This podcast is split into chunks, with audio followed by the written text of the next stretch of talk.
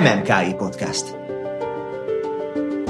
Az MMA Kutatóintézet Kultúrsok című műsora művészetről, újdonságokról, aktualitásokról.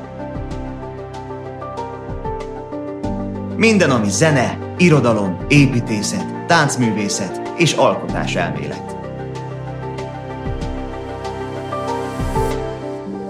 MMKI Podcast. Jó estét kívánok! Veselényi Garai Andor vagyok, a Magyar Művészeti Akadémia Művészetelmélet és Módszertani Kutatóintézetének munkatársa. Önök a Hirdesték című beszélgetés sorozatot hallják, amelynek a mai vendégét nagyon-nagyon változatos és picit idióta humorokkal lehetne fölvezetni. Lehetne róla azt mondani, hogy a mai vendégünk az, aki két dolog nem szeretett volna lenni életében, építész és tanár, épp ezért különlegesen izgalmas köszönteni Vasára Zsolt építészmérnököt, a BME-nek a tanárát, de lehetne azt is mondani, hogy körülöttünk, közöttünk van a magyar Indiana Jones, ez majd ki fog derülni, hogy miért, illetve ez egy ilyen építészes poén lesz, a rudabányai Olgyatti. Egyébként ez a beszélgetés sorozatnak a célja a, tényleg a magyar fiatal építészet miben létét, az lenne a célja, hogy fel, feltérképezzük, hogy létezik a ma Magyarországon fiatal építészet. Az én előfeltételezésem az, hogy igen, létezik, és hogy kik ennek a fiatal építészetnek a, a, a képviselői, és ebből a szempontból meglepőnek tűnhet, hogy Zsolt, aki, aki építészet értelemben fiatal, a korosztályát tekintve nem annyira fiatal, mégis mérül itt ebbe a fotelba, és ennek az oka, amit ő maga is el fog majd részleteiben mesélni, tulajdonképpen a karrierje.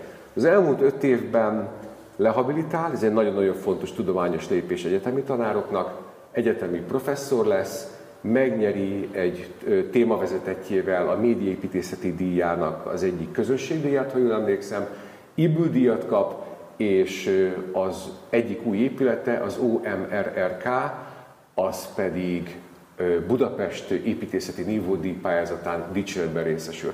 Tehát nagyon úgy tűnik, hogy a karrierje az elmúlt öt évben repülőrajtot vett, és ez a frissesség, ez a hirtelen megjelenés úgy véltem, hogy mindenképpen indokolt, tehát azt, az, hogy beszélgessünk vele arról, hogy például hogyan tetszettek az eddigi műsorok, hogyan alakult a karrierje, milyen érzés az egyetemen dolgozni, stb. stb. De mielőtt ebbe belevágnánk, mielőtt indult volna a stream, szóba került, hogy elindult a digitális oktatás. Egy éve küzdködünk, küzdködtök, küzdködöm ezzel a médiummal, különböző újságokban, interneten, tanulmányokban, precízebben meg nem határozott hivatkozások nélkül, de két ellentétes véleményt lehet hallani. Az egyik az azt mondja, hogy át fog alakulni mindenképpen a munkavégzésnek és az oktatásnak a világa, a másik pedig azt vallja, hogy ez egy teljes és totális csőd. Mi a helyzet kifejezetten az építészet oktatásban, a ti szempontotokból? Hmm. Hogy, hogy működik? Jobbak lettek a tervek, rosszabbak lettek a tervek? Mi a helyzet? Nagyon szépen köszönöm a felvezetést, és én is köszöntöm a hallgatókat, nézőket. És köszönöm ezt az első kérdést, ez egy elég, elég húsba vágó dolog, és van róla véleményem. Véleményem is van, meg tapasztalatom is van, ráadásul két olyan fél év után vagyunk túl, amelyik mindegyik valahogy így egymásnak az inverzei voltak, hiszen tavasszal nagyjából a fél év feléig jutottunk el, és utána volt a lockdown, szeptemberben pedig a kicsit több, mint a fél év feléig jutottunk el élőben, jelenlétében, és utána, utána zártunk le. Tehát, hogy ilyen, ilyen illetve hát mind a két fél évben persze jelenlétibe kezdtünk, de valahogy más volt a kettőnek a, a, az eredménye meg a hangulata. Meglepő dolgot fogok mondani, vagy hát akik benne vagyunk az oktatásban, talán annyira nem meglepő, de a, hallgatók azt hiszem, hogy sokkal jobban vették ezt a, ezt a dolgot, és nyilván nem csak azért, mert hogy nekik kütyűjük van, meg, meg telefon, meg talán vagy biztos otthonosabban mozognak mindenféle szoftverekben, programokban, hanem valahogy a tavaszi fél évben legalábbis azt tapasztaltuk, hogy, hogy az az idő, ami megmaradt, úgy tűnik, hogy nem jártak be úgymond az egyetemre, hát ugye ez egy szomorú dolog, de nem élhették a megszokott életüket, buli, utazás, és hogy ez az idő, ez beforgatódott viszont a tervekbe. Tehát, hogy nem akarok túlzásokba esni, szoktam, de ezzel nem fogok, hogy, hogy, hogy az év végén az ilyen komolyabb ráfutású terveknél, komplex diplománál, ugye a tavaszi fél évben nekünk az van, határozottan azt láttuk, hogy hát Szóval ilyen soha nem látott minőség kidolgozottságban, grafikában új rafinériák, mert hogy volt rá idő, uh-huh. és, és hogy valahogy az egésznek így a, tehát hogy olyan, olyan megnyugtató volt.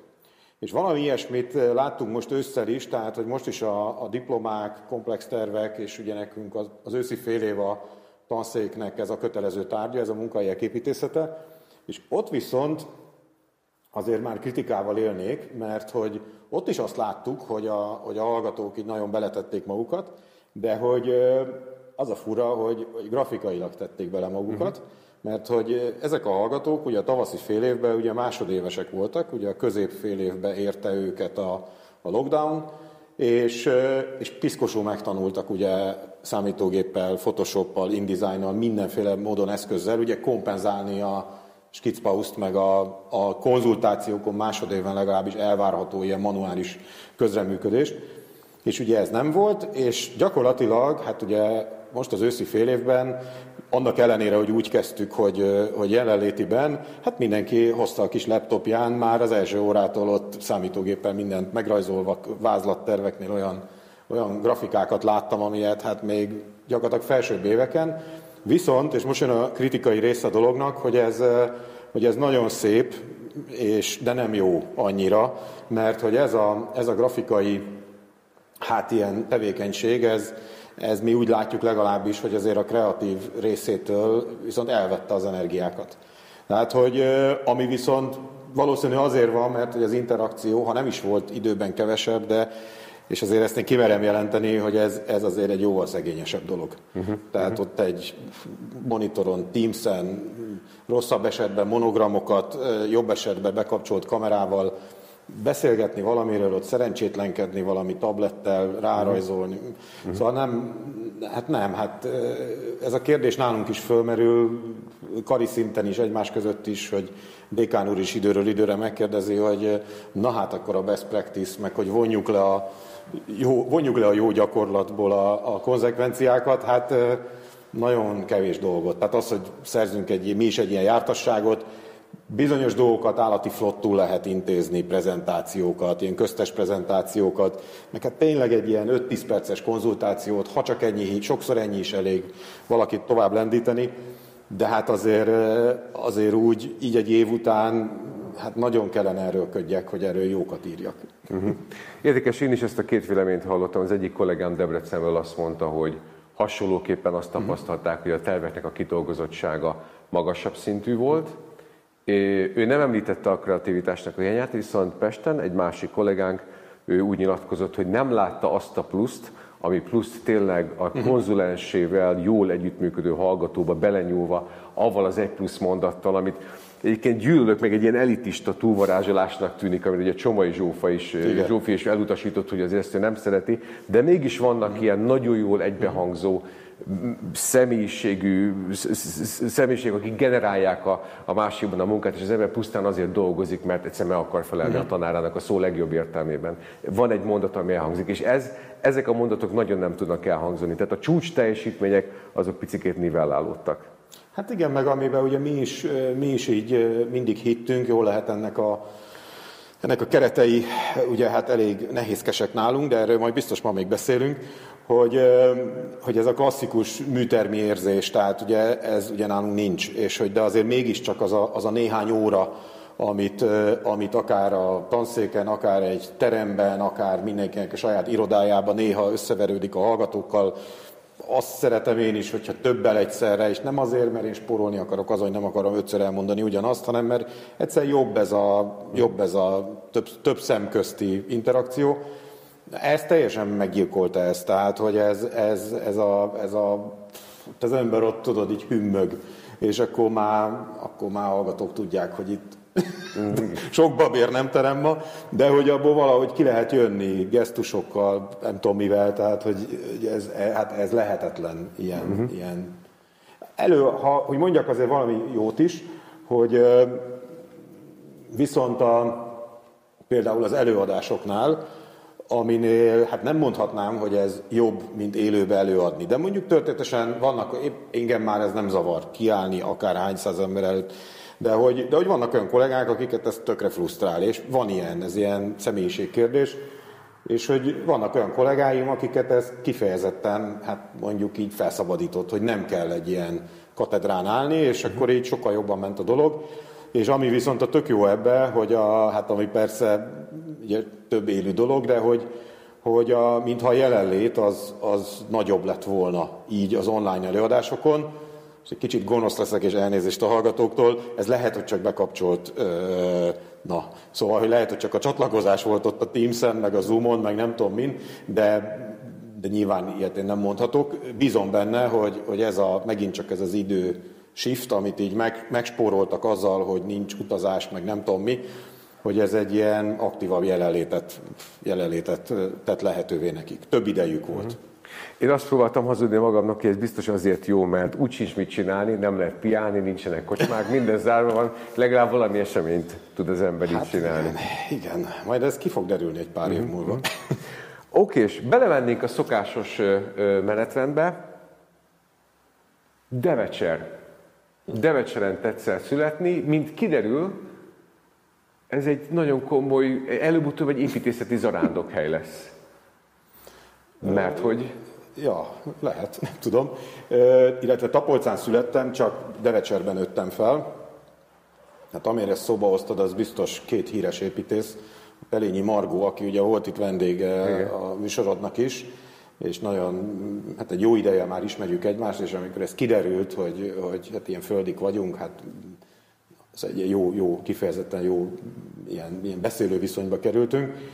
Meg hát ugye a híres Kefi, ugye Gulyás Zoltán, ugye tanszékünk egykori büszkesége, iparterv egykori büszkesége, ő is Devecserben született, amennyire én tudom, és hát az hely lesz azt nem tudom. Oké. Hogyan, mik, van egy ilyen meghatározó élmény, amitől kezdve érzed, hogy építész akarsz lenni? Mi az a pont, ezt mindenkitől megkérdeztem eddig, hogy mm, oké, okay, építészet. Uh-huh. Hát ez, ez valamikor így középiskolába dőlt csak el, de volt két versenytárs, a, uh-huh. a régészet meg a geológia. Geológia futott így, így általános iskola végéig, és akkor középiskolában már csak a régészet futott, meg, a, meg az építészet de olyan nagyjából párhuzamosan, és akkor ez valamikor, nem tudom, olyan harmadéven, amikor ugye el kellett dönteni ilyen fakultációk, Igen. meg mit tudom én, hát akkor biztos eldőlt, de már nem, ez olyan össze, összefolyt, de hogy olyan körül eldőlhetett. Ez aztán utána már nem volt, nem volt kérdés. De a régészet azután visszajött? Hát persze visszajött, mert ugye amikor másodéves voltam az építészkaron, akkor, akkor még felvételiztem is régészetre, és ami hát szerencsére nem sikerült, mert hogy elnézést a régészektől, nem azért, mert nem, mert nem akartam igazán, hanem mert hogy végig is ilyen jobb, jobb fordulatot vettek utána a dolgok. Mi volt ez a jobb fordulat? hát, hogy engem, engem ez a közel-kelet érdekelt, és hát, és hát a régészetre akkor felvételizni kellett, akkor az eltén az egy úgynevezett ászak volt, Ugye ma már ilyen nincsen, a, az egyiptológia, ami meg a közel-keleten belül igazán érdekelt, meg ott volt egy nagyszerű professzor, Kákosi László, aki, aki hát tényleg azért abban az időben hát az ókortudományt is, meg hát az egyiptológiát mindenképpen meghatározta, személyiségével, tudásával, elismertségével, és igazából Ugye az meg egy úgynevezett B-szak volt, ahova felvételizni nem lehetett, csak beiratkozni, akkor, ha valahol van már egy A-szakod, vagy egy azal ekvivalens szak, és akkor ott egy kicsi ilyen kanosszát kellett járni, hogy nekem az építész kar, az megfelele A-szaknak, és akkor ezt ott elfogadták, és én ilyen állati boldog voltam, hogy akkor harmadéves lettem a, az építészkaron, akkor az a párhuzamosan ott tudtam járni. Onnantól kezdve az egyiptológiára, de nem fejeztem be. Ez egy, ez egy lehet, hogy buta kérdés, de úgy egy bizonyos szemszögből nehezen összeegyeztető az, hogy az ember foglalkozik kortás, kreatív problémákkal, a jelennek épít, a jelenkor embereinek, és ha egy módja van, akkor elbúrja az összes régészeti leletet az útból azért, hogy megépítesse maga felhőkarcolóját. Másik oldalon pedig van egyfajta érdeklődés, egyfajta archeológiai megszállottság, most itt túlzást tudom, de a múlt irányába. Tehát ennek a kettőnek a dinamikára lennék kíváncsi. Tehát, hogy hogyan tudja az ember persze nagyon sokfélék vagyunk, összeegyezteti magában egy középülettervezés rajzolásnak a közepén, ráadásul ugye a középülettervezési tanszék az egy nagyon fajsúlyos valami, ami végig kíséri az egész harmadévet, az, hogy ő közben elkezdjen foglalkozni egyiptológiával, egyiptom. Illetve van ebben valamiféle, nem tudom, romantikus, a gyerekkorból megőrzött fajta elvágyódás? Vagy nem akarok szádba adni semmit, csak a, a dologhoz való hozzáállásnak a különbsége, vagy látszólagos különbség eléggé szembetűnő. Nek tűnik.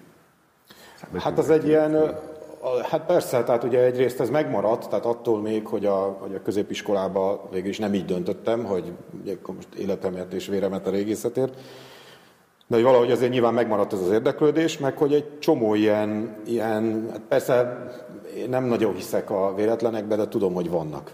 Ez nem tudom jobban kifejezni, már ilyen hermeneutikai, vagy nem tudom milyen kérdés volna. De hogy ott, hogy ott azért ott az első két évben ott azért történt egy csomó olyan dolog az egyetemen, ami, ami ezt így visszaerősítette. Például volt akkor egy, egy például az éptöri tanszéken az Istvánfi tanár úr nekem ilyen, nekem ilyen nagyon fontos személyiség volt. Aztán később eltávolodtunk egymástól, nem vesztünk semmi ilyen csak hogy valahogy úgy, aztán így, aztán így, nem tudom, kiszerettünk egymásból, vagy nem tudom, más lett a véleményünk bizonyos dolgokról, meg hát nem elváltak, elváltak az útjaink, de ott abban az első két évben nekem ilyen állatira ilyen fontos volt. Így bejártam hozzá, dumáltunk, mit tudom én, és meg hogy ott volt egy ilyen, egy ilyen ugye milyenek a véletlenek, hogy, hogy a középülettervezésből nagy tétény volt nekünk a helyszín, a római tábornak a területe, oda kellett tervezni és a, a Cságoli Feri volt a konzulensem, és úgy kisorsoltuk, hogy ki mit tervez, de már is emlékszem, hogy még panzió, meg hajóállomás, meg posta, és volt egy múzeum a római romok fölött. Hát most ugye a, ilyen, van ilyen eleve elrendelés, Hát én ugye becsuktam a szemem, hát tudni, hogy postát fogok tervezni, és már most utálom, és hogy, és hogy nem, és akkor Cságoli Feri mondta, hogy akkor én nála leszek, és múzeumot. És akkor úgy, és akkor egyből úgy, úgy kér, mondta, hogy, hogy ennek járjak utána. És akkor utána jártam, még nem volt internet, megkérdeztem Istvánfi tanár urat, mit lehet erről tudni, menjek be a Hajnócihoz, ugye akkor még ilyen professzorok voltak sokan az egyetemen, és akkor Hajnóci tanár úrhoz bementem, a maga kéretlen stílusába, mit akarsz, hozzá egy pogácsát a büféből, utána beszélgetünk. ugye jól indult az ismerettségünk. És aztán, és aztán mondta át, hogy menjek be a Nemzeti Múzeumba, ez az övék, és hogy ez nem egy akvinkumi terület. Tehát ilyen, olyan dolgokat tudtam meg akkor, ami hát nem lényegesek, de aztán később ennek mind lett jelentősége, és akkor lényegében bementem a Nemzeti Múzeumba, volt egy, volt egy, egy nagyon kedves régész, a Nagy Mihály, és tovább irányított a Kocsis Lászlóhoz, aki éppen akkor kezdett újraásatásokat nagytéténybe, és akkor egy csomó anyagot, napokat eltöltöttem ott, megmutogattak mindent, és hát persze csináltam egy piszok jó tervet, mert hogy, mert hogy ezekkel így szerintem a legjobb tervem volt az egyetemen, mert hogy annyi, és akkor itt, amit kérdezel, hogy, hogy, hogy én, ilyen, én ilyen vagyok, tehát én nem, én nem tudok, vagy sokszor nem tudok ilyen ilyen izéket csinálni, hanem, hanem én ilyen analitikus vagyok. Aha, ez, ez micsoda? Nem tudom, ilyen ívet húzni, vagy mit tudom én, tehát hát, amit szoktak, ilyen Aha. hatbés, vagy hogy Aha, hívtuk mi annak idején, igen, most igen. ezt nem tudják a fiatalok. Lobogóhajú. ja, a lobogóhajú a hatbés ceruzával. Igen. Ja, úgyhogy, úgyhogy erre mondtam, hogy volt ebbe azért egy ilyen, egy ilyen kicsit ilyen sorszerűség, hogy, uh-huh. hogy ez, hogy igazából nem kellett sokat, egy négyfél évet várni, és akkor ez így össze, össze, összesodródott ez a dolog. Van egy, ez talán már a műsorban esett erről szó, volt egy ilyen mondás a mi egyetemen, hogy a lakóépülettervezési tanszék dönti el azt, hogy kivégzi el öt év alatt az egyetemet, a középülettervezési tanszék dönti el azt, hogy kiből lesz építész. Ez egy nagyon sikeres harmonikus együttműködésnek tűnik Cságoli Ferenccel. Uh-huh. Mégis az egy interjúidban azt nyilatkozol, hogy diploma után te kilősz, és nem gondoltad volna, hogy építész leszel. Mi történik ebben a két évben?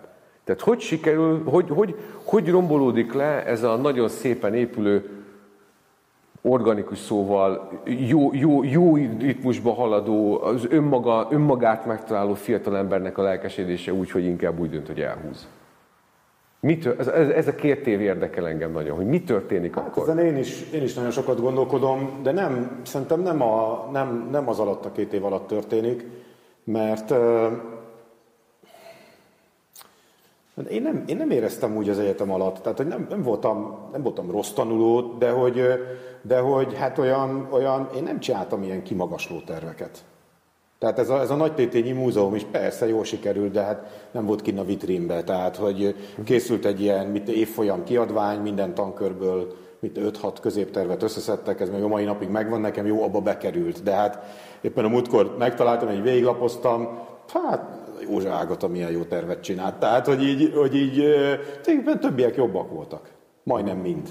Tehát nem, nem volt rossz, de hogy nem volt egy ilyen, hogy mostanában szoktam mondani a diákoknak, hogy ilyen izzószárnyú főnix madár. Tehát annak egyáltalán nem éreztem, és nem is voltam az.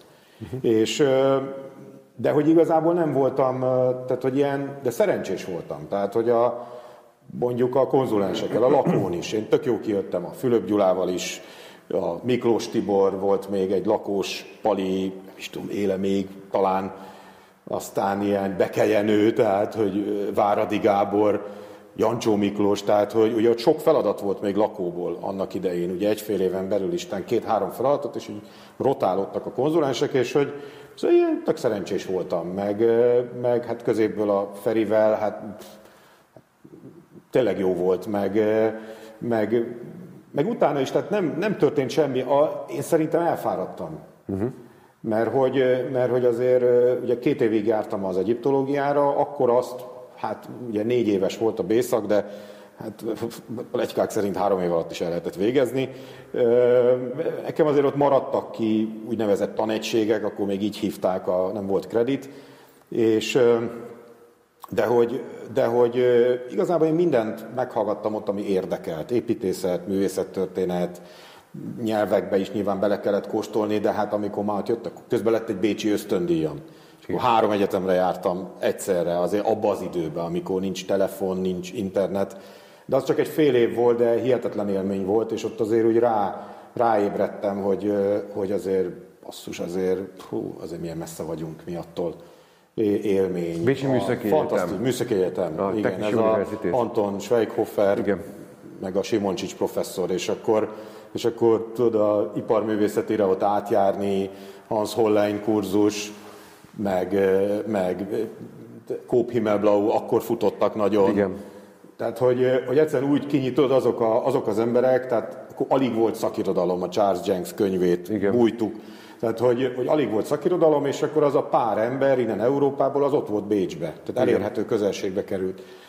És hogy de hát ez ilyen megterhelő volt, és, és aztán valahogy azért lement ez a, ez a, ez a negyed ötöd év, meg ugye volt egy ilyen iszonyú, volt bennünk egy ilyen félsz, hogy, hogy én ugye öt év alatt végül is elvégeztem, és ugye, de hogy utánunk jött a kreditrendszer. És akkor ott valahogy ilyen béna volt ennek az adminisztrációja, és azt láttuk, hogy, hogy aki lebukik a kreditrendszerbe, az akkor egy ilyen két-három évet így visszabukik. Most kicsit kiélezem, de hogy, de hogy nem volt, valahogy ez a konkordancia nem volt kitalálva, és, uh-huh. és az ilyen, hát az ilyen nagy bukó volt, ha valaki, valaki megbukott, és ez olyan, olyan terhes volt már a végén, már úgy szenvedtem, tényleg szenvedtem, de nem, és valószínű ez, de hogy nem, tehát nem, nem keletkezett ilyen zsigeri gyűlölet, hanem így egyszerűen így, pff, így ki, kimerültem. És, és szerintem ezért, ezért volt az, hogy meg ott ilyen szerencsétlenül alakult egy csomó minden, nem, nem lényeges dolgok, de ilyen sok minden ilyen fárasztóan alakult ott 97-98 között valahogy a diploma után, és aztán ezért azt mondtam, hogy na jó, akkor ez, most elmegyek szerencsét próbálni. És itt kezdődik el Köln. Igen. Ja, hát igen, de az is azért furán kezdődött. Hogy kezdődött? ne, hát jó, hát az egy, az egy DAD ösztöndíj volt, uh-huh. ilyen első generációs DAD ösztöndíj, egy, talán egy éve volt, vagy egy pár éve. mondtam ezt a DAD-t? Ez a Deutscher Akademischer Austauschdienst, uh-huh. ez valahogy ez a német akadémiai csereszolgálat. Uh-huh. És az, mint kiderült, az egy ilyen mega, mega A mai napig volt. van egyébként. Hogy, hogy igen. kiváló ösztöndíj egyébként, ajánlom mindenkinek. Egy hónapos, három hónapos, egy éves, két éves, és nekem sikerült egy egyéves ösztöndíjat szereznem, ami kifejezetten ilyen posztgraduális diploma utáni kutatói ösztöndíj, és egyébként a csavar a történetben, hogy, hogy az egyik, az egyiptológia tanszéken az egyik professzor ajánlására, akivel nagyon jóba lettem, és ő, ő vele sokat beszélgettem, és így hát panaszkodtam neki, hogy nekem én nem leszek építész, és el és nem tud-e valamit, és És ő meg mondta, hogy menjek Kölnbe, az most az egyik legjobb, az egy régészeti intézet, ne lepődjek meg, csak hogy találjak ki valami klasszika, klasszikus témát. És akkor, és akkor a nagy tétény, középterv, római kapu, hogy lehet rekonstruálni, akkor ez még ilyen gyerekcipőbe járt, hogy romokból, és akkor Hajnóci tanár úrhoz vissza, mit javasol, ah, itt ilyen nagy vonalúan kell ezt csinálni, nem kell. Tehát, hogy... és akkor egy ilyen kis projektet írtam, és csodák csodája megkaptam az egyéves ösztöndíjat, és hát, hát az, az nagy, nagy flash volt. Hadd egy kérdést, akkor Hajnóci, ugye a, erről még fogunk majd a későbbiekben beszélni a mi emlékfelújításokról, ugye Hajnóci akkor ezek szerint élőben is képviselte azt az álláspontot, amire egyébként Ságoli Ferencnek egy nagyon híres szövege, előadása és tanulmányra is hivatkozik, hogy nem a hite lesség, hanem a hihe tőség a fontos. Tehát ezt akkor már gyakorlatban is képviselt, amikor mondod, hogy nem kell ezt ennyire görcsösen lehet ezt nagyvonalúan csinálni. Igen, de én ezt, én ezt jól vettem, vagy jól, én azt hiszem jól értettem, és, mm.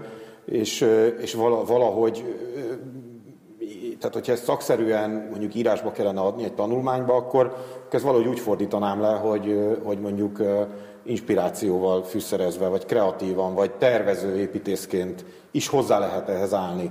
Mert hogy, mert hogy, mert hogy ez a, a, a tiszta anasztilózis között ott vannak hiányok. Tehát azt, azt nem tudja egy olyan ember, és akkor jön vissza, tehát azt nem tudja egy olyan ember meghúzni, aki, a, a, tehát ez a fragmentum az nem ad ki mindent. Uh-huh. És szerintem, hát ezért volt ő valahol zseniális. Hát persze lehet vitatni, hát közben kiderült, hogy nem jó ez, nem jó az, de hát ez nem azt jelenti, hogy ő hülye volt. Hát egyszerűen akkor ő, biztos vagyok benne, hogy a legjobb tudása szerint, az elérhető szakirodalom szerint, ugye beutazta a fél világot, ami akkor elérhető volt, hát ugye az ókorkönyvben látjuk az iraki fotóit, meg tehát, hogy tényleg tehát szerintem ez tök jó, hogy, hogy ő ezt megcsinálta, tehát számomra ő egy ilyen, hát egy ilyen, egy ilyen hiteles, hiteles uh-huh. ember mindenképpen, minden hibájával együtt. Hát most persze, hát ki nem.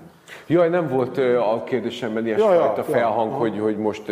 Vegyük csak, a keresztvizet. Vegyük, nem, nem, csak hogy, hogy szóba kerül, ugye ezt én magam is uh-huh. szoktam sokat idézni ezt a hihetőség, uh-huh. versus hitelességet, uh-huh. és úgy gondoltam, hogy rákérdezek, hogy ez vele való ilyen típusú beszélgetésben. Uh-huh. Engem is tanított Vitrubizul, és nekem is csupa jó élményeim Aha, vannak jóra. Úgyhogy... Hát nem nagyon értettem az előadásait, mert emlékszel te is, hogy volt. tízből kilenc szó az ugye hát valami görög szógyökű, valami érthetetlen, hát akkor még, most is nagy része, de hogy ja, az jó, jó élmény volt. Megérkezel Kölnbe. Hát igen, én semmit nem Régészek tudtam. között építészként. Igen, és az volt a szerencsém, hogy én voltam az egyetlen építész ott abban abba a régészeti intézetben, ami egy elég, mint utólag kiderült néhány hét után, hogy ez egy ilyen, hát ez egy ilyen kultikus hely Németországban, tehát hogy azóta is tartjuk a kapcsolatot nagyon sokakkal, most már több mint húsz éve, együtt öregszem ott az ottani kollégákkal, és hát ugye itt a német, német régészek körében van is egy ilyen szólásmondás, ez a Kölner maffia, tehát hogy, uh-huh. hogy, hogy, ilyen, hogy ilyen vezetőképző lett. Tehát, hogy aki ott diák egyszer abból tuti, hogy valaminek az igazgatója, nem tudom, Berlini intézetnek a nem tudom milyen fő adjutánsa lesz, mert hogy, mert hogy egyszerűen olyan volt a légkör, és olyan tényleg ilyen, amikor tudod, ott megérkezel a könyvtárba, és akkor ott nézed a valami érdekel, és akkor ja, hogy ez a professzor, ja, hogy ez ő. és akkor ott a könyvek gerincén a szerzőknek a nagy része az ott ült. És hogy, és hogy marhára örültek nekem, mert hogy, mert hogy nem, mert hogy nagy, jó pár évvel korábban volt ott építész ösztöndíjas, és éppen nem volt építészük, és, és hát ők is kérdezték, hogy mik a terveim. Mert ők azt hitték, hogy én egy ilyen nagy kutató vagyok, nem pedig egy ilyen bukott építész, vagy nem tudom, bukott fiatal építész, és hogy, és hogy hát aztán ott elkezdtek ellátni mindenféle, mindenféle feladatokkal, amiket én úgy viszonylag könnyedén megcsináltam. Ők azt hitték, hogy, hogy én ennek például a pályázatom alapján ezzel a, ennek a római rekonstrukciók világának, amit ott nagy tétényben a középtervem kapcsán kicsit ugye elmerültem, meg utána azért azzal foglalkoztam, hogy, hogy én ennek egy ilyen nagy szakértője vagyok. Vagy hát legalábbis, hát egy tudományos ösztöndíjas, hát biztos ért hozzá. Hát persze, hogy értettem hozzá, de hát ugye akkor még nem volt számítógép, tehát nem, meg én nem, nem tudtam, azóta se tudok nem kell. És hogy, és hogy amikor ott kaptam ilyen nagy asztalt, és akkor felfeszítettem ilyen nagy papírt, ott vittem egy párhuzamvonalazót, biztos, ami biztos, mai napig nem tudom, hogy került be az autóba, de hogy vittem egy párhuzamvonalazót, és akkor kaptam egy ilyen feladatot, hogy mit tudom én a passzaui Bolyotró nevű római, késő római erődnek, hát rajzoljak már ennek egy ilyen rekonstrukciós rajzot, hogy szerintem ez milyen lehetett. És hogy, és hogy, és hogy ott odaadták az összes anyagot, hát én valahogy érted, persze, itt tudtam én rajzot olvasni, olyan ömlesztették annak a régésznek a hagyatékát, hogy akkor pff, nem tudják. Felmérésekről, töredékekről, cserepekről, kiskékről. És akkor ott én azt hogy kiválogattam, és akkor először is rajzoltam egy alaprajzot, hogy az egyik tornya hiányzott, és akkor az összes rekonstrukció rajzom, mint én ötszögletű torony volt. Hát mondom, ez, ez baromi furcsa egy római erő, de én ilyet még nem láttam, hát nem láttam az összes. És ott, ott, ott lehetett éjszaka dolgozni, volt egy kis kávézó, volt ilyen tanszék is, intézeti söröző, tehát hogy, tehát hogy szuper hangulat volt, és hát a könyvtárban ugye ilyen marha nagy terek voltak, mint itt, és akkor a, az asztalok között e, ilyen üvegvitrinek voltak, eredeti görög vázákkal. Uh-huh. És hogy tehát egy, egy ilyen múzeumi-szerű könyvtár volt. Tehát fantasztikus hangulata volt az egésznek. Na most nekem az egy tök új világ volt. Tehát attól még, hogy jártam az egyiptológiára pár évet, meg jártam be sokat a Nemzeti Múzeumban, de hát azért egy építésznek azért nem ez a közege. És akkor tudod, jobbra nézel, akkor ilyen szelinunti terrakották, balra meg ilyen fantasztikus vázák, és meg ott van a világ legnagyobb régészeti könyvtára, talán, vagy egyik legjelentősebb. És hogy hát én mint egy három nap alatt kiszerkesztettem egy új alaprajzot, hogy ez a torony, ez csak így lehet, és hogy a nagy tétényi tapasztalataim alapján az is egy korszakban nagyjából ott volt, és úgy felszerkesztettem erről egy ilyen perspektívát, de egy, hát a jó öreg ilyen két iránypontos módszerrel, meg még egy ilyen egy iránypontost is csináltam az udvarról. Uh-huh. És akkor azt láttam, hogy amikor negyedik napon megyek be, hogy ilyen marasok ember van a könyvtárban, és ott hogy állnak az asztalom körül, hát én, én, lát, én nem ott vagyok, mert nézem őket, és, és aztán ott megyek oda, hogy hát itt hagytam, tűz volt, vagy nem tudom mi volt, és hát ott így ezt így nézték, és az intézet igazgató, a von Hesberg professzor, meg a Thomas Fischer, két ilyen, tényleg ilyen állati nagy nevek a, a régészetben, és akkor ott nézik, hogy hát ez, ez, ez, ez, hogy én ezzel már évek óta, hát nem, hát mondom, hétfőn ezt kaptam feladatnak, hát csütörtök van, hát még hát, tusrajzot is csináljak, vittem csőtollat, minden. És akkor ezen úgy meglepődtek. És akkor onnantól kezdve, hát aztán persze kaptam a feladatokat így sorba, másik római erőd, tudom én, a Castel Gandolfoi színház, pódiuma.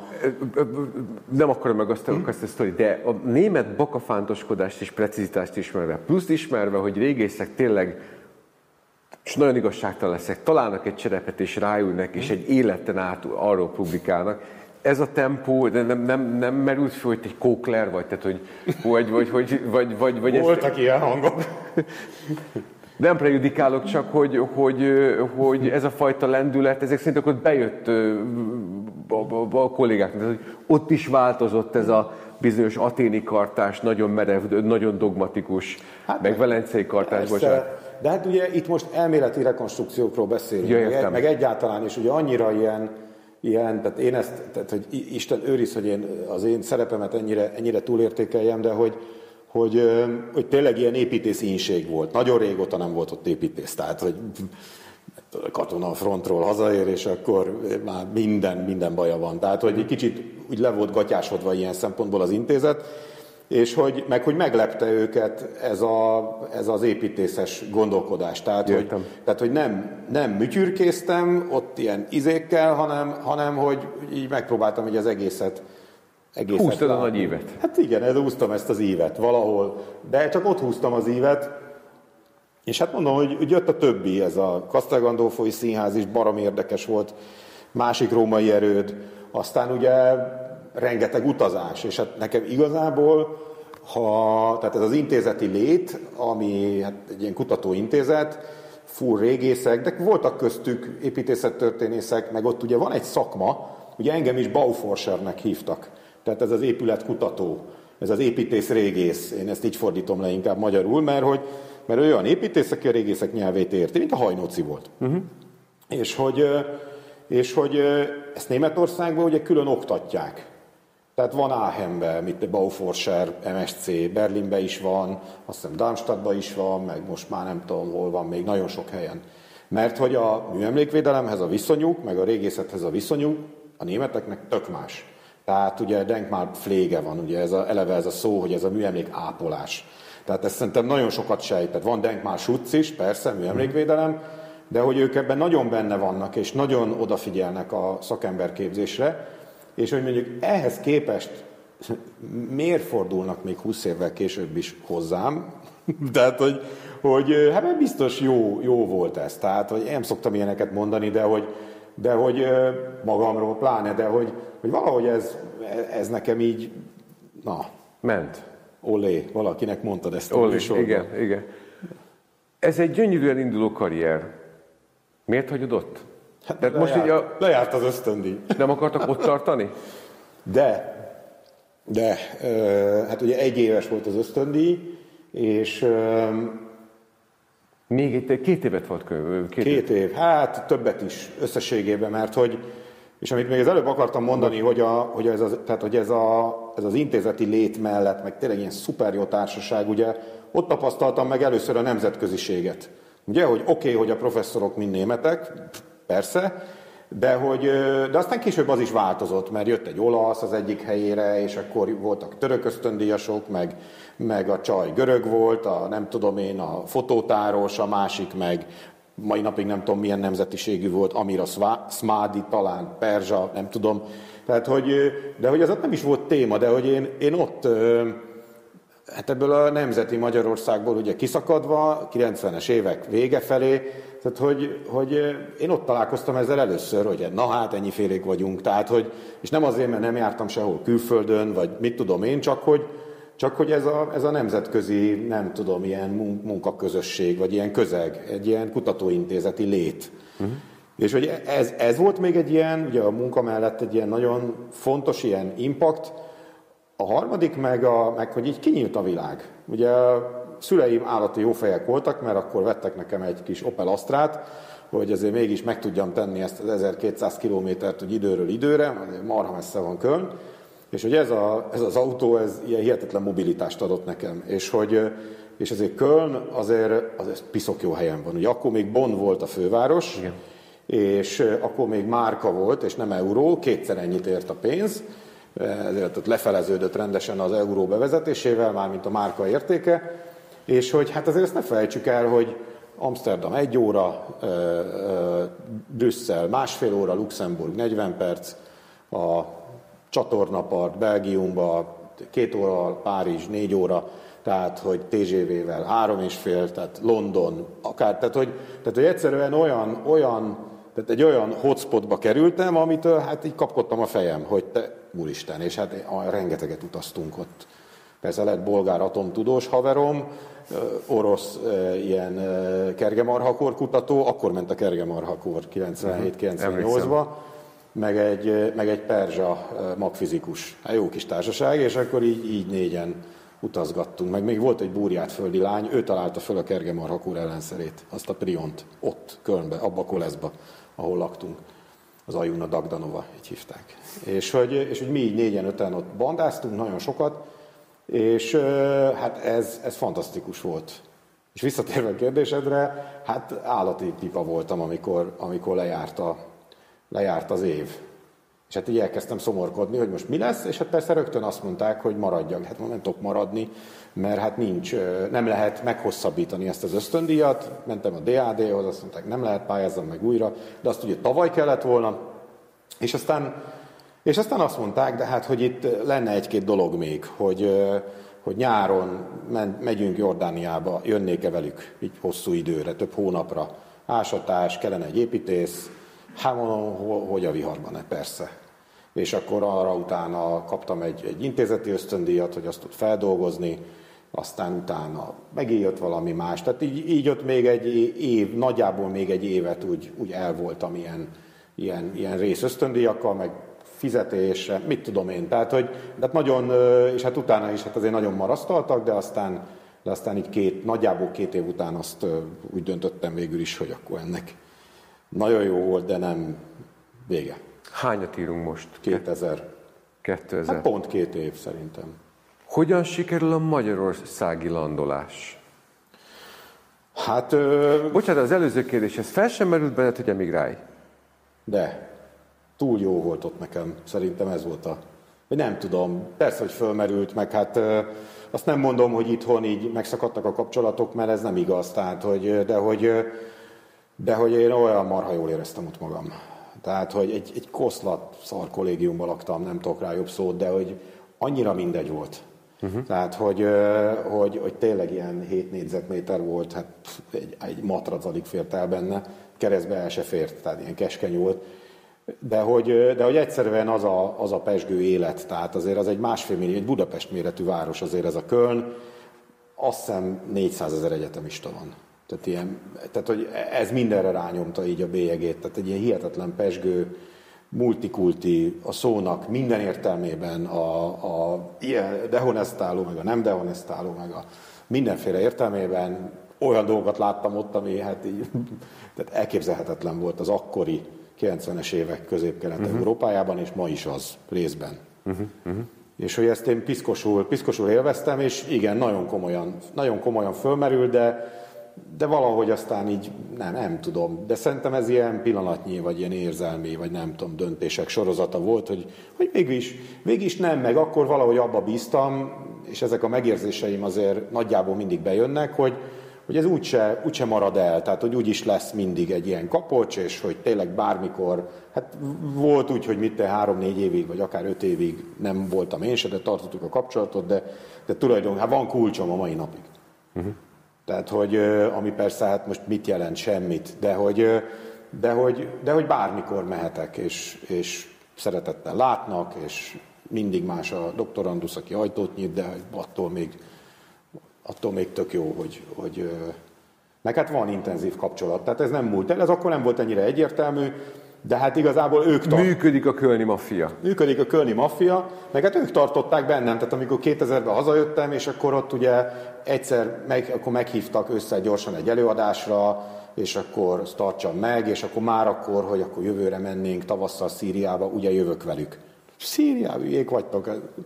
És, hogy, és akkor már tavasszal Egyiptom után mentem ki egy hónapra Szíriába velük, és akkor azt is utána fed. Tehát ez nem, tehát ez nem szakadt meg, és sőt egyre intenzívebbé vált így a, uh-huh.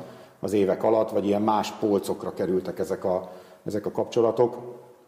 Szóval, hogy izgi volt, egy szuper hely. Uh-huh. Tényleg, semmi, semmi rossz emléket nem érzek. Hogyan lehetett megúszni, amikor hazajöttél a kemény landolást? Hát, Kemény landolás alatt azt értem, hogy, hogy néhány kollégámmal láttam, akik hosszabb időt töltenek külföldön, és amikor visszaérkeznek Magyarországra, akkor úgy landol a gép, hogy nincs kiengedve a futómű. Uh-huh. Kihullottak a, az ismeretségi baráti és szakmai köreikből, picikét elidegenednek ők maguk is a, a korábbi, a frissen megszerzett műveltségük miatt, és a korábbi lehetőségeik miatt. Idehaza is picikét idegenül tekintenek rá, hogy mint aki kiesett a dolgból, és nagyon sokáig tapasztalok, ez lehet, hogy ez egy abszolút rossz percepció részemről, de hogy nehezen állnak vissza azok a kollégáink, akik hosszabb időt töltenek Fulbright-tal itt ott, mm. ott vagy pedig, vagy pedig egy, egy szögletes zárójel marad a karrierben, és nincsen folytatása, és a lehető leggyorsabban vissza akarnak akklimatizálódni a hazai körülményekhez. Tehát, hogy ez egy, ezt a kemény landolást hogyan sikerült megúszni? Vagy milyen volt? Hát nem volt olyan kemény, mert, mert igazából hát én nem, nem úgy mentem el, hogy, hogy, hogy hát igazából nem volt veszteni valóm. Uh-huh. Tehát nem, mondhatnám azt, de persze ez nem igaz így, hogy, hogy nem hagytam itt semmit. Ami, Értem. tehát, hogy, tehát, hogy oké, okay, hogy kimaradt két év, vagy kicsit több, mint két év, de hogy így nem, tehát nem az volt, hogy akkor itt hagytam valami már fölépített dolgot, és, és nem tudom. Tehát, hogy szerintem ezzel, ezzel nem volt gond, de hogy, de hogy alapvetően hát azért ilyen tényleg a, a szerencsés véletlenek sorozata, vagy hát a szerencse, vagy nem tudom. Azt mondta nekem a Cságoli közép fél évből, hogy, hogy, eh, hogy eh, ugye akkor az építés stúdiónak is azért az a 94. Ez a csúcsidőszak. Akkor, Akkor kezdődik, robban be. akkor robban be, így van. És ugye én úgy emlékszem, hogy mi voltunk az első tanköre. A három csak hogy így hogy relativizáljam a dolgot jó irányba, abszolút, hogy a, a tankörünkben a három oktató, a Karácsony Tamás, a Cságoli meg a Balázs Misi voltak. És hogy ilyen, hát mi voltunk a mázlis tankör. Tehát, hogy, hogy tényleg, tehát, hogy, hogy hihetetlen kritikákat úgy le voltunk alázva sokszor, de hogy így, de hát egyszerűen annyira, annyira találó volt, mind, mind a hárman, amik... Igen, igen, én is húzok egy évet, hogy a automata. Igen. És hogy és ezt nagyon sokszor elmondta nekünk, hogy, és biztos azért, mert az építés stúdióba akkor, akkor rob, robbogtak így be, hogy, hogy, ez a minden, hogy ez a minden munka munka, és hogy mindent meg kell csinálni. És hogy, és hogy, és hogy csak az utolsó pillanatban enge, engedd el, ha már tényleg nem bírod. Hát ez azért egy-kétszer úgy bejött, úgy nem, rossz értelemben is bejött, hogy majdnem belehal az ember egy dologba, de hogy, hogy ezt így azóta is erre, erre nagyon emlékszem, és nem fogod elhinni, de megint a kampóna meg a nagy tétény fog, fog vissza, ez engem életem végéig fog kísérteni ez, a, kísérteni ez a dolog. Meg azért az igazsághoz az hozzátartozik, hogy, hogy, hogy azért 97-ben, amikor én diplomáztam, ugye 5 év, 5 év után, akkor, ugye akkor indult az egyetemen a doktori képzés. A PhD talán ment két éve, a DLA meg talán egy évvel előtte indult. Tehát azért az nem, a, nem olyan volt akkor a doktori képzés, mint manapság. Tehát egy kicsit olyan, hát még olyan kezdeti, kezdeti stádiumban volt. És én ugye jelentkeztem a doktori képzésre, és, és nekem volt egy ilyen, és én kaptam egy PhD ösztöndíjat. Annak ellenére, hogy ilyen ki voltam égve, meg mit tudom én. De hogy ezt, ezzel Sokan úgy... szeretnének Zsolt ilyen kiégést maguknak. De, de, én, ez, én, de nem előttem van az érzés, de úgy szerintem sokan szeretnének ilyen nem, kiégést. Nem, nincs igazad. Na, de Nagy hogy... kiégésbe elmentél egyiptológiát hallgatni, utána egészen Kölnig égtél ki, majd tovább égtél Szíriába, nem a, Egyiptomba. Nem a Köln, az a, tudod, a sugárhajtású gépeken van az utánégető, tehát mhm. az, az, olyan, az olyan volt inkább.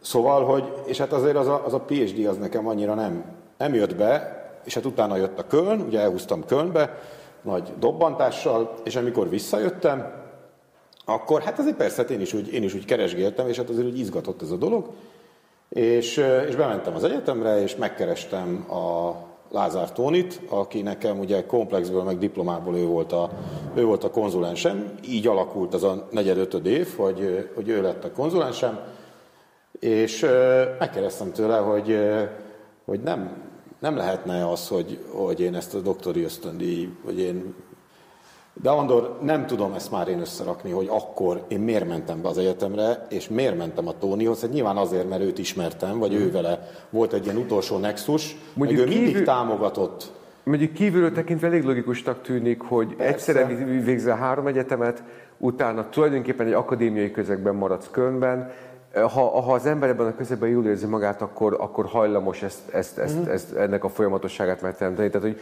így az én, én kicsit hasonlóképpen vagyok, mm. lásd ugye ez az intézet is, de nem hiszem hangsúlyt, tehát nem tűnik ördögtől szajtottnak, hogy ezt Magyarországon úgy szintén akadémiai közegben akartad folytatni.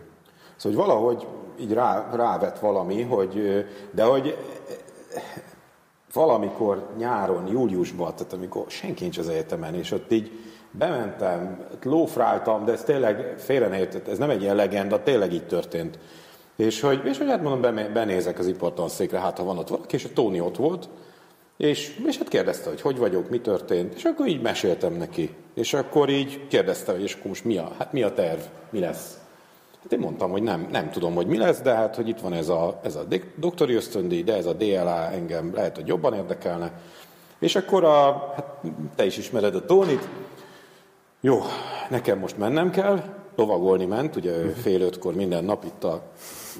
És hogy nagyon ment volna, én meg ugye mondtam, mondtam, mondtam, jó, akkor, akkor gyere be holnap az AD stúdióba, adok neked munkát, mert hát, hát az utolsó márkáimat váltottam át forintra, adok neked munkát, én nem kértem, de hogy mondta, hogy biztos jól jön nekem, és hogy, és hogy beszél a Zöld Andrással. Akkor ő volt ugye Igen. a doktori képzésnek a...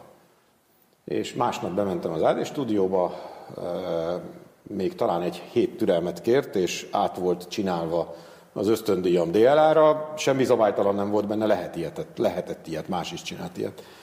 És szeptembertől folytattam, vagy újra kezdtem, vagy már nem tudom, mit csináltam a doktori képzést, akkor már az ipartanszéken, uh-huh. És harmadnaptól meg bejártam az AD stúdióba. Hát durván egy, egy fél évet dolgoztam ott. Az volt az egyetlen munkahelyem életemben. az a fél év. Ez volt a landolás. Tehát, hogy egy, uh-huh ez, ez, ez könnyű landolás, tehát, ez hogy, nem döccent, ez, ez tehát oda, egy picit odaverte, de... De ez, ez sima, igen, ezt, ezt, megszoktál, sima. ezt megszoktál tapsolni ezt az utasok. Igen, ezt még megtapsolják, értem. Oké. Okay. mikor indul el a Narmer? A Narmer stúdió, uh-huh. kedves feleségeddel, Bihari Satoltával és öcséddel jól Igen. tudom vezetett közösépítész irodátok. Ráadásul nagyon izgalmas építészet, mert te, mint mérnök végzettséggel, DLA, hmm. doktorátussal, Saci Momén művész végzettséggel, belső építészként úgy szintén hmm. DLA doktorátussal, egy nagyon komplex irányból. Hmm. Hát az mindekkor kulminálódik. Hát a céget, azt, azt 2000-ben, pont most volt 20 éves a cég, és lett volna a fugába kiállításunk, kész van az egész installáció, de a Covid elsodorta, majd valamikor megcsináljuk rá most tavasszal. Ugye 2000-ben csináltuk a céget, és, és azért, nem fogod elhinni, megint nagy és kampóna, mert hogy az, a, az a, az első munka, mert hogy mire csinál az ember céget, hát egy, egy, egy munkára. És azért is említettem az előbb, hogy azért nem volt kemény nagyon a landolás, mert hogy én nem, nem kezdtem bele semmibe.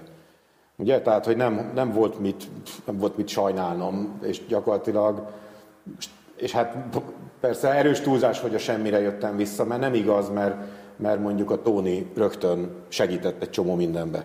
De hogy azt én rögtön láttam, hogy állati, állati fontos, hát most, most képzeld el úgy beülni az AD stúdióba három évvel a diploma után, hogy építészként egy percet sem dolgoztam, nem értettem az archikethez, hát mindenki izé, de hogy, de hogy kaptam olyan feladatot, hogy megtaláltam a, megtaláltam a feladatokat, de hát mit tudom én már következő de januárban, februárban én mondtam a Tóninak, hogy ez egyszerűen nem fog menni, mert egyrészt az egyetem mellette ez nekem sok, meg én szeretnék utazni, most elmennék két hónapra Egyiptomba, kaptam egy ösztöndíjat, és onnan megyek át Szíriába, ha azt is túlélem, akkor még egy hónapot szeretnék Kairóba maradni, és utána jövök haza. Ez és akkor, így, és akkor így szerintem akkor ne gyere többet. De egy fél évet becsülettel ledolgoztam, tök jó volt, tehát én ott annyi mindent tanultam egyébként, ami így később így marha hasznos volt ilyen, ilyen, ilyen irodai menedzsment, Stocker Gyuri dolgozott akkor ott, uh-huh. szóval, hogy ilyen, szóval ilyen marha jó volt. Na és akkor, hogy, hogy egyszer csak fölhívott a, mert hogy így indult a Narmer, hogy egyszer csak fölhívott a, Kocsis László, ő volt, aki a Nagytétényi Kasztrumnak a régésze. Én egyébként vele nagyon jóba lettem, így a középtervem okán, és hogy nyaranta, amíg ment Nagytéténybe az ásatás, ott én minden nyáron kimentem talicskázni, tök jó volt. Söröztünk, csajok, hát tudod milyen egy ásatás. És, nem tudom, de ezek szerint de, söröztünk csajok. Hát ilyen fiatal korban, hát meg talicska. Talicskásnak lenni jó, mert vársz, és akkor amire megtöltik, ott az kipepecseli, föllapátolja, és akkor 20 percenként mész egy kört. És közben ugye leégsz meg. Hát szóval nem olyan jó, inkább így, így zárom ezt a, így zárom ezt a gondolatot. Talicskásnak lenni jó. Na jó, nem olyan jó. Nem olyan jó. Kicsit unalmas.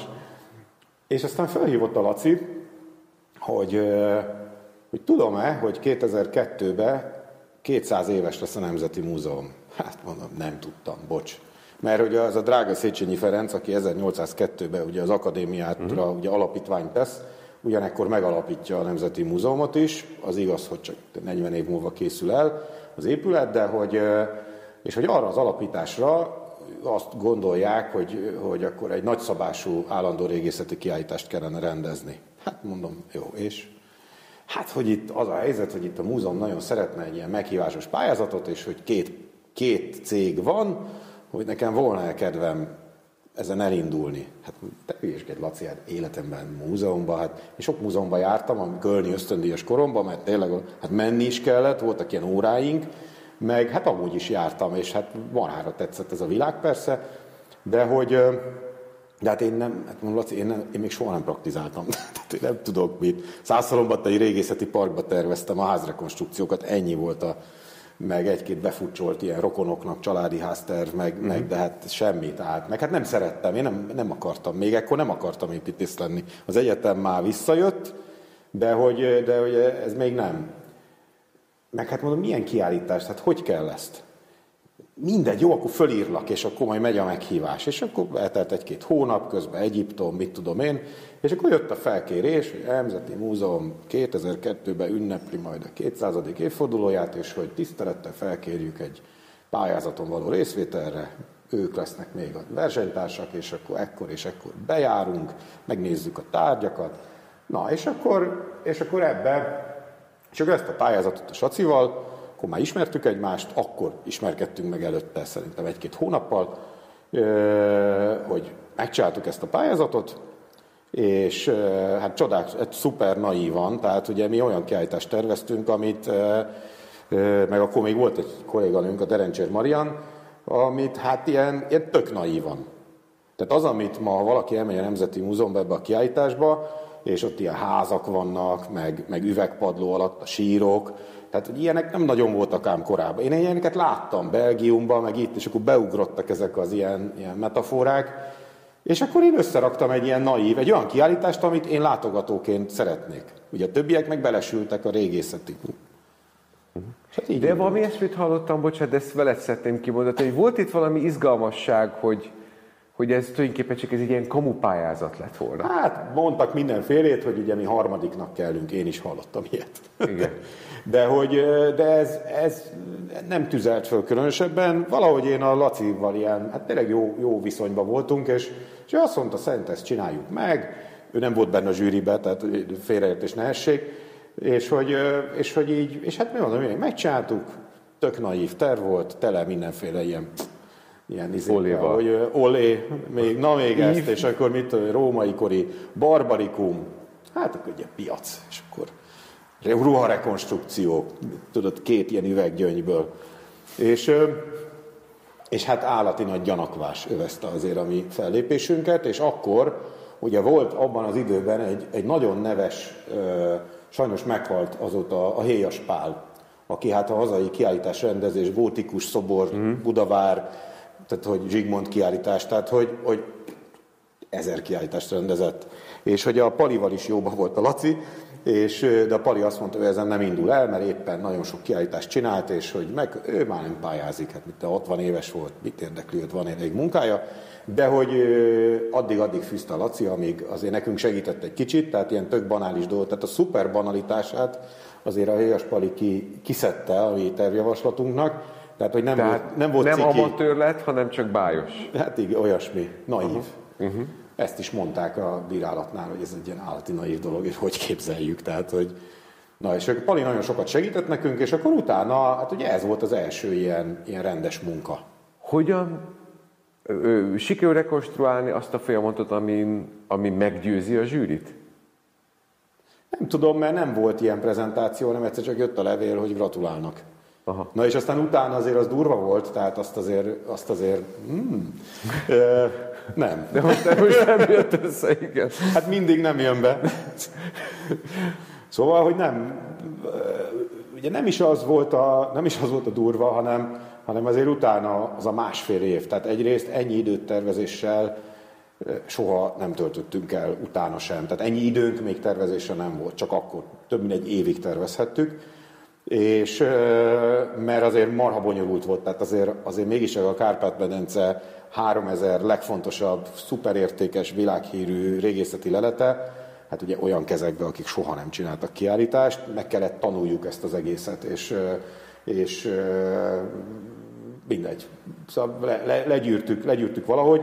Igazából a nagy tanulság az egészbe, hogy, hogy egyrészt, hát nyilván innen jön ez az egész, tehát egyrészt a Narmernek is, meg nekem is ez a, ez a múzeumi, múzeumi szcéna.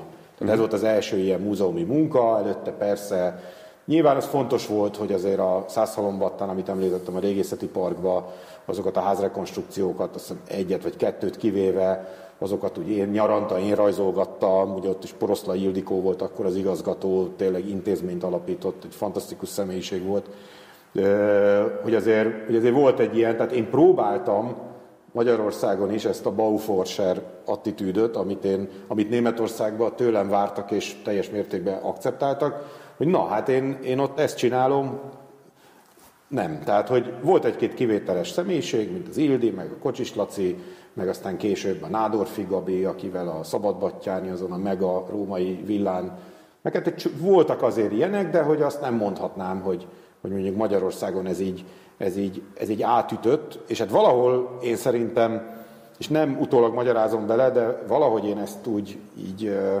nem tudom, így stratégiailag én ezt így éreztem, hogy ebből Magyarországon most ilyen egyszerűre lefordítva megélni soha nem fogok. Tehát, hogy valamit kell csinálni, és igazából az nem volt benne a, pakliban, hogy nem volt benne, hogy, én, hogy most egy építésziroda lesz. Nem. De ha már bele, igazából bele, belecsúsztunk ebbe a, ebbe a Nemzeti Múzeumi projektbe, és akkor az akkori körülmények között egy nagyon tisztességes honoráriumot kaptunk. Uh-huh. És abból egyszerűen, hát persze elfogyott, mert számítógépeket kellett venni, meg irodát bérelni, meg fölvenni embereket, de hogy, de hogy egyszerűen el tudtunk indulni, és én, én végtelenül hálás vagyok ezért az egészért, bármennyire is pokolian nehéz volt, 40 kurátorral, nem bíztak bennünk, illetve nem mindenki bízott bennünk, de volt két ember, a Koás Tibor, a főigazgató, és a Rezikató Gábor, aki akkor egy fiatal főigazgató helyettes volt, élveztük a bizalmukat, és ment előre a projekt. Miben manifestálódik ez a bizalmatlanság? Nem tetszik a koncepció, nem. Nem, nem, nem tudják elképzelni azt, hogy ezt az 1500, 2000, 3000 hmm. négyzetmétert be tudjátok tervezni, hogy jó karban tartjátok ezt a több ezer darabos hmm. lelet együttest, tehát hogy mik voltak a főbb csomópontjai? Vagy pusztán a kor? Igen, szerintem fiatalok voltunk, tapasztalatlanok voltunk, hát amikor kérdezték, hogy hány kiállítást csináltunk eddig, hogy mi itt azt mondjuk, hogy ez így legyen, hát mi egyet se. Hát akkor köszönjük szépen. Tehát, és ezt mondjuk ilyen 60 éves akadémikus bácsiknak, néniknek, mert mondjuk a szakma színe javát ott felvonultatták kurátorként, hát tök hiteltelenek voltunk. De lépésről lépésre nagyon megrázó volt néhány pillanat. Tehát, hogy hát nagyon-nagyon sokszor kiakadtam, a lányok sírtak, tényleg, szóval, mert hogy meg, megalázó volt egyszerűen sokszor, azok a helyzetek, amikbe belekerültünk és belesodródtunk. Nem hibáztatom a kurátorokat, mert most már vén fejjel értem, hogy, hogy őket ez frusztrálta. Hogy mi ennyire nem értünk valamihez, de, de mi meg azt gondoltuk, hogy hát basszus, nem, nekem nem azt a rohadt bilifület kell nekem, én nekem azt nem kell tudni, hogy az a, nem tudom, a Tiszafüredi 1435-ös jelzetű bronzkori temető sírja alóli vagy felőli avar sírból, vagy nem tudom honnan kerül elő, én nekem ezt nem kell tudni. Tetszik tudni? Én, én, én ezt csinálom. Uh-huh. És hogy, de aztán belejöttünk, és hát én azt hiszem, hogy, hogy minden feszültség és minden konfliktus ellenére nagyon nehéz volt, és ugye a kivitelezést is végig kellett kísérjük, nem mi kiviteleztük, mert nem értettünk nyilván ahhoz se, de hogy, de hogy, hogy végig kísértük, végül is ez egy olyan, ez egy olyan ez egy olyan tapasztalattá vált, meg egy olyan ilyen, ilyen hát egy ilyen olévá vált, egy ilyen biankó csekké vált, ami hát gyakorlatilag ez tök egyértelmű, hogy ebből, ebből lett ez a, a, ugye a Narmernek ez a idestova 250 kiállítása, amit azóta, azóta csinált. Mert aztán jött a következő, meg a következő, meg a következő. Ennek kapcsán merül föl, hogy ezt meg szoktam sokszor kérdezni, de nem úgy ö, ö, ö, volt a, a beszélgetőségnek a dinamikája, hogy ez szóba kerüljön, de hogy megjelenik valamikor egy olyan külső építészeti A, apafigura, B, mesterfigura, C, példakép, ami azért elhangzott diszkréten, hogy István tanár úr, Hajnonci tanár úr, Cságuri Ferenc, akár külső példakép, aki elkezdesz magadban követni, akikkel elkezdesz az életművükkel foglalkozni. Tehát, hogy kialakul, kialakul valami ilyesmi.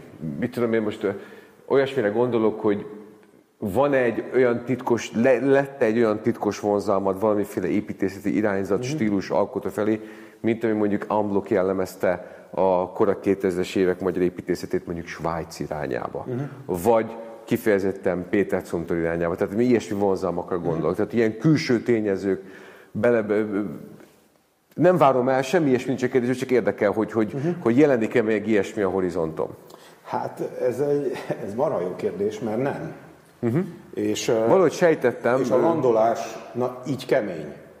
Mert hogy tehát ebből a szempontból kemény volt a landolás, mert, mert én úgy, úgy mentem el, vagy hogy, hogy is mondjam, tehát 97-ben lediplomázok, utána egy év tingli-tangli, PhD ösztöndíj, mit tudom én, és utána két egész év kimarad, és hogy én, én Kölnbe, a, a Jean Nouvel tervezett valamit, a, a, egy ilyen fura tornyot, mit tudom én, Zaha Hadidnak ott épült valamilyen. Igen. Kiváló építészek voltak ott, tehát hogy, hogy és én, én olyan szinten engem ilyen hideg elhagyott. Uh-huh. De én nem, egyáltalán nem foglalkoztam az építészettel. Uh-huh. Tehát, hogy, hogy, hogy, és ezt igazából azóta se tudok. Tehát ez olyan, mint hogyha ilyen ké, három évig én ilyen építészeti kómába lettem volna. Na és ezért kemény a landolás, mert hogy az viszont nagyon sokáig, lehet, hogy ez még ma is hiányzik. És az a három év, ami ugye a diploma után egy fiatal építésznek mondjuk, meg hogy akkor is azért szerintem nem volt ennyire ilyen pörgős a világ, mint manapság. Tehát azért úgy történtek a dolgok, de amikor meg szokták tőlem kérdezni, hogy, vagy amikor mit az irodába fiataloknak szoktam mesélni, de milyen volt a 90-es évek, hát azért hát az nem kell közgazdásznak lenni, hogy hát az volt az aranykor. Tehát ugye az a, az a és hát ugye a 2001. szeptember 11-hez, hogy ugye az, és akkor onnan aztán mentek mindenféle hullámok, de hát azért igen, hát ugye Nyugat-Európának, meg hát a Németországnak is, hát a gazdasági csúcs, tehát hogy, hogy ott mindenre volt pénz. Félzen a DAD ösztöndíjon 60 ezeren voltunk ösztöndíjasok egyszerre. 60 ezer. És mondjuk majdnem 2000 márkát kaptunk havonta. Ez most egy docensi fizetés. Tehát, hogy, hogy, hogy ilyen, tehát egy olyan, olyan aranykora volt az még Európának, hát amiben persze Magyarország semmit se érzékelt, hiszen nálunk meg még így ment le, vad privatizáció, micsoda sztorik voltak akkor. És hogy az építészet is hát olyan Bánferi színháza akkor nem épül meg, tehát uh-huh. hogy ilyen, át ilyen, ilyen, ilyen, de hogy én azt se tudtam, tehát, hogy ilyen, tényleg ilyen filmszakadáson volt három évig, totál nem érdekelt. De nem, nem hiányzott, még úgy se, hogy azért Kölnbe, meg mit akkor épült Maastrichtba, azt hiszem a Rosszinak egy ilyen nagy, a Bonefanten múzeum. Igen, gyönyörű. Elmentem megnézni, és akkor évekkel később mondom, basszus, ezt a Rossi építette. Hm? És hogy így totál, tehát hogy, hogy ilyen nem, nem érdekelt, vagy így nem, nem volt fontos, na és ezért volt azért kemény a landolás, és ezért volt egy ilyen hihetetlenül ilyen, ilyen sorsszerű, vagy ilyen szerencsés kombináció a kampónai középtervtől, a, a Kocsis Laci ajánlására a Nemzeti Múzeumban egy ilyen belépő kártyát venni ezzel a, ezzel a kiállítással, aminek végül is jó fogadtatása lett, nagy siker lett a múzeumnak is, nekünk is, és, és aztán elindított egy csomó mindent, és akkorra már ugye már öt év maradt ki. Andor, én nem ismertem senkit. Uh-huh. Tehát én az évfolyam társaimmal alig, alig ismertek meg. Tehát, hogy így tartottuk a kapcsolatot, volt nekünk ott a második emelet végén egy ilyen elég, elég masszív kommunális közösségünk, tehát hogy ővelük persze, meg, meg tartottuk a kapcsolatot, de, de hát én, én, nem, én nem követtem, pláne még a hazai építészetet se követtem, és ebből kifolyólag igazából, tehát ez a, ez a fajta ilyen, és, és nagyon remélem, hogy senki nem fog ezen megsértődni, de nekem nincs ilyen mesterem. Uh-huh. Tehát, hogy, mert hogy, mert hogy a Tóninál oké, dolgoztam fél évig, és nem győzöm hangsúlyozni, mennyire, mennyire ilyen, ilyen, ilyen életmentő volt az akkor. És utána is, hogy a, hogy a tanszéken is, hogy, hogy, hogy egyszerűen én nagyon bírom azt az embert. Tehát egyszer tényleg olyan végtelen korrekt volt, olyan éles meglátásai voltak. Nekem csak segített, ezt tudom mondani. Uh-huh. Értem, köszönöm szépen. De hogy ez a szakmai köldögzsinór, ez, ez nincs, ami egyébként, még annyit hadd mondjak, hogy én ennek totál láttam akkor a hiányát, meg éreztem a hátrányát, uh-huh. meg, meg azóta is, hogyha ez így eszembe jut, néha már pedig eszembe jut, akkor, akkor tudok mondjuk így irigykedni azokra, akik viszont kaptak egy ilyen szapportot. De hogy pont ezért az, a, mondjuk a, a nem tudom, lehet, hogy pont ezért, mert hogy meg nyilván, ha az ember építészként végez, és régészkedhetek én akármennyit, meg, meg járhatok Egyiptomba minden télen, meg, meg minden szuper, de hogy, de hogy valahogy meg annyira, egy idő után aztán hiányzott. És aztán ahogy megcsináltuk a céget, meg megcsináltuk ezt az első egy-két, egy-két munkát, kisebb dolgokat, aztán utána aztán beindul, megjött az étvágy uh-huh. az építészetre is. Uh-huh. Érezted magad valaha kiközösítve? Hmm.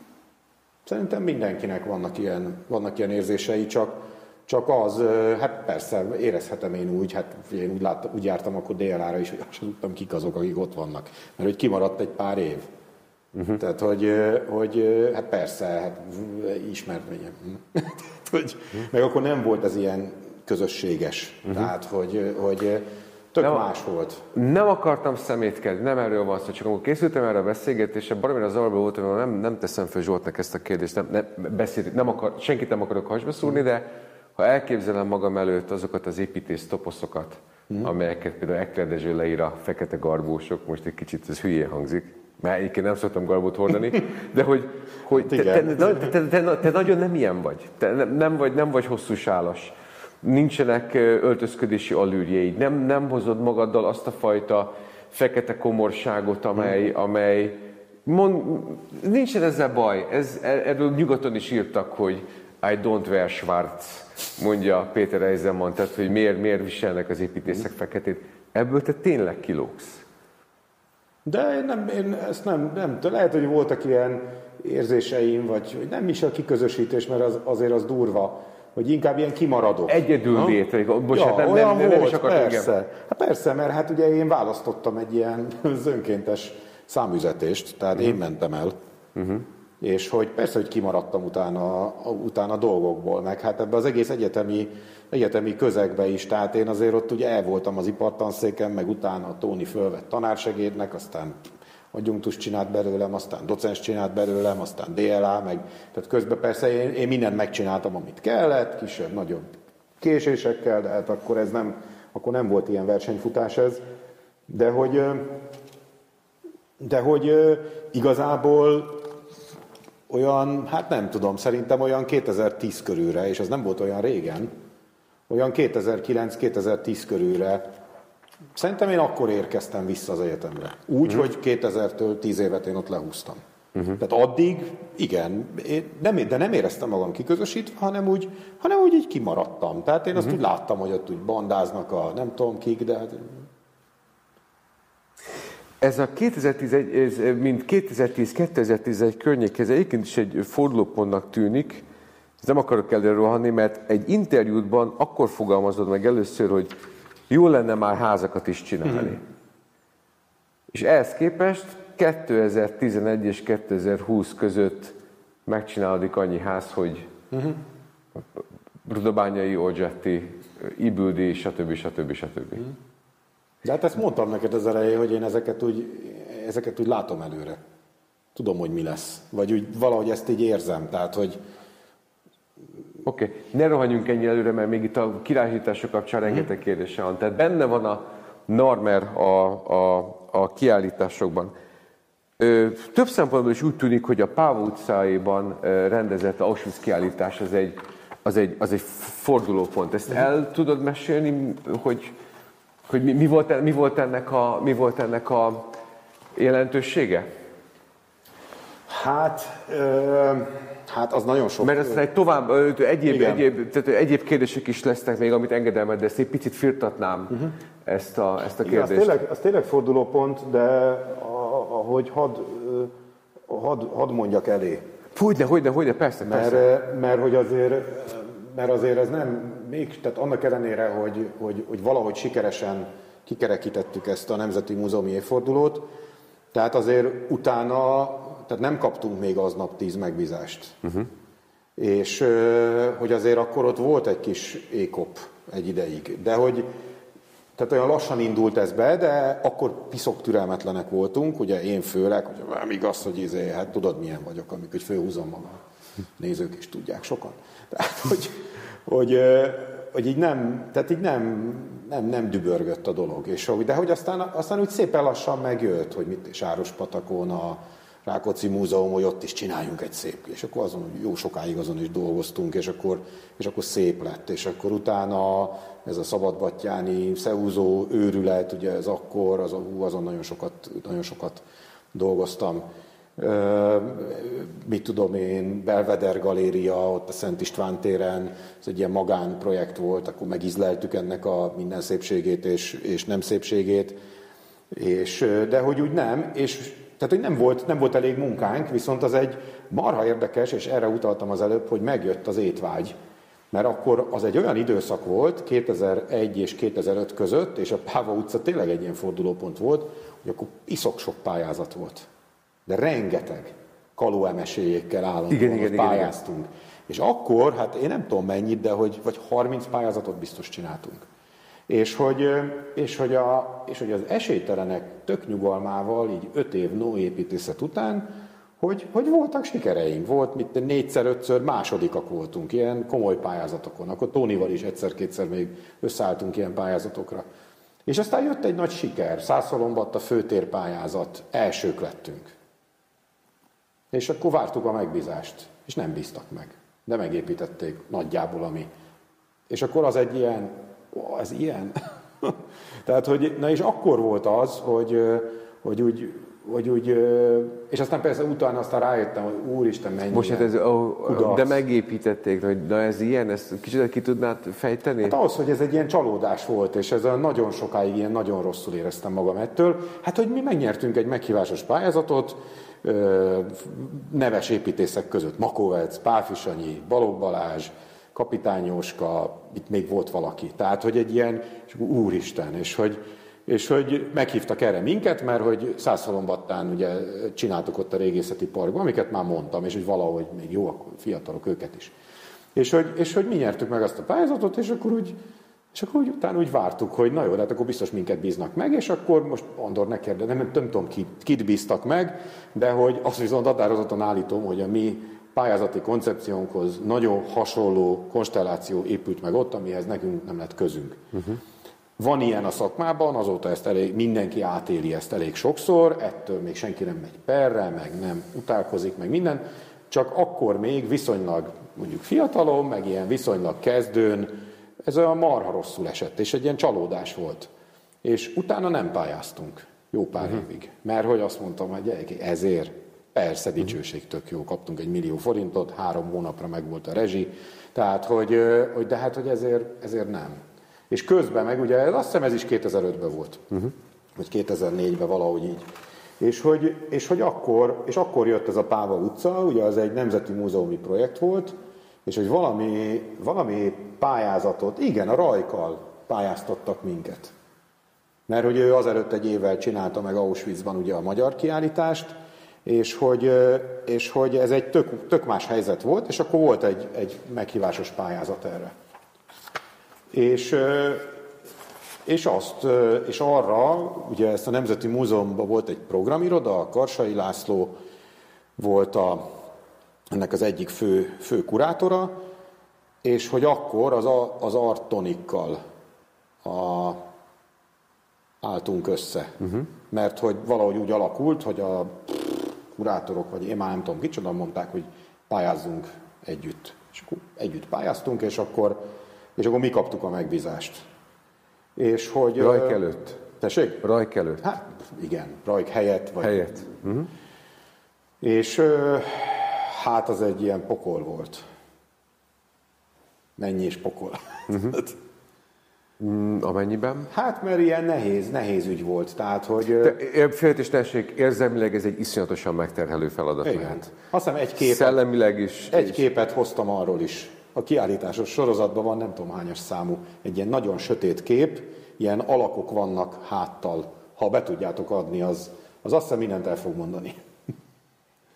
mert, hogy, mert hogy az egész téma ú, nagyon Hát azért az, mert úgy, úgy kellett bemutatni, és attól, attól feküdtünk mi ki, különösen a, különösen a Saci és a Marian, aki aztán azután el is távolodtunk egymástól, nem mi vesztünk össze, csak úgy valahogy így a Mariant ez, ez nagyon megviselte, pedig egy kiváló, kiváló, szuper kreatív kolléganőnk volt. Mert hogy egy olyan kiállítást kellett csinálni, ami Auschwitzról szól, és hogy, de hogy úgy emlékszem, hogy úgy volt meghatározva, hogy a kiemelt célcsoport felső tagozatos általános iskola és középiskola. És amikor ott tudod, így esténként, mert hát mikor él a gyermektelen építész, akkor még este, és akkor ott így lapozgattuk a, a, az archívumoknak ezeket a borzalmait, meg elmentünk persze Auschwitzba tanulmányútra, hát ilyen borzasztóan uh-huh. hangzik, és hogy ott végignéztük, amit végig lehetett, és hát, az, hát ez nagyon durva. És hogy, és hogy volt egy nagyon kemény Molnár Judit, eszembe jutott, ő volt a főkurátora a Karsai Laci mellett a kiállításnak, és, hogy, és voltak, még, voltak még kurátorok, akikkel nagyon-nagyon rossz volt a viszony. Mert hogy, hát nem, nem, így ebben semmi titok, én vagy mi egyikünk se voltunk ebbe érintettek. Tehát, hogy családilag nem. És hogy volt egy ilyen, volt egy ilyen attitűd, de nem az, hogy, hogy, hogy azt ránk fogták, hogy mivel mi nem vagyunk túlélők, unokái, gyerekei, emiatt mi ezt nem tudjuk megélni. Ez így nem hangzott el, de ez így csapódott le bennünk. Menjünk uh-huh. a fenébe. Mi ezt nem tudjuk megcsinálni. Uh-huh. És, és soha nem felejtem el azt a, azt a ö, sajtótájékoztatót, amikor egy kicsit ilyen, ilyen előrehaladottabb stádiumban, ott a Páva utcai központban a sajtónak be kellett mutatni a mi nyertes koncepciónknak a terveit, és azt én rábíztam, Saci, vagy Saci és Marian mutatták be, nem én bíztam rá, így alakult, meg, meg nem tudom ki volt ott, és hogy, és hogy hát már biztos nem élnek, de a kuratóriumba a, ennek az alapítványnak, aki az egész létesítményt működtette, tehát gyakorlatilag a megrendelő volt, volt három nagyon idős bácsi, túlélők, auschwitz túlélők. És igazából, hát nyilván ők választották a tervünket. És, és amikor véleményezték, és én akkor mondtam azt, hogy na, innentől kezdve viszont ezt meg tudjuk csinálni, és amikor azt mondta az egyik bácsi, soha nem fejtem el, hogy hát, hogy egy véleménye lenne, meg egy kérése. Hogy, hogy az a véleménye, hogy ez a, hogy ez a kiállítás azért jó, mert hogy mi egyetlen egy ilyen, tehát hogy tartózkodtunk a borzalmas képektől. Egyetlen egy ilyen húsvérkép van kint, meg amikor a fő szemétládát, azt hiszem ezt a Baki Lászlót így felakasztják, ilyen picibe kint van. De hogy, de hogy nincsenek ezek a, ezek a klasszik ö, elnézést, ilyen Auschwitz toposzok, mert hogy hát basszus, hogyha ide hatodikasok jönnek, hát ez, ezt nem lehet. És, és amit mi kritikát előtte kaptunk, az tulajdonképpen erről szólt, hogy a mi kiállításunk az, hát bocsánat, szoftos. Uh-huh.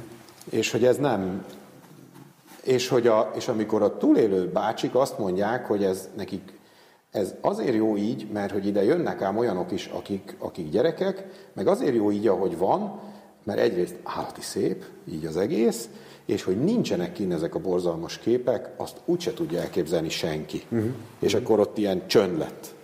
Uh-huh.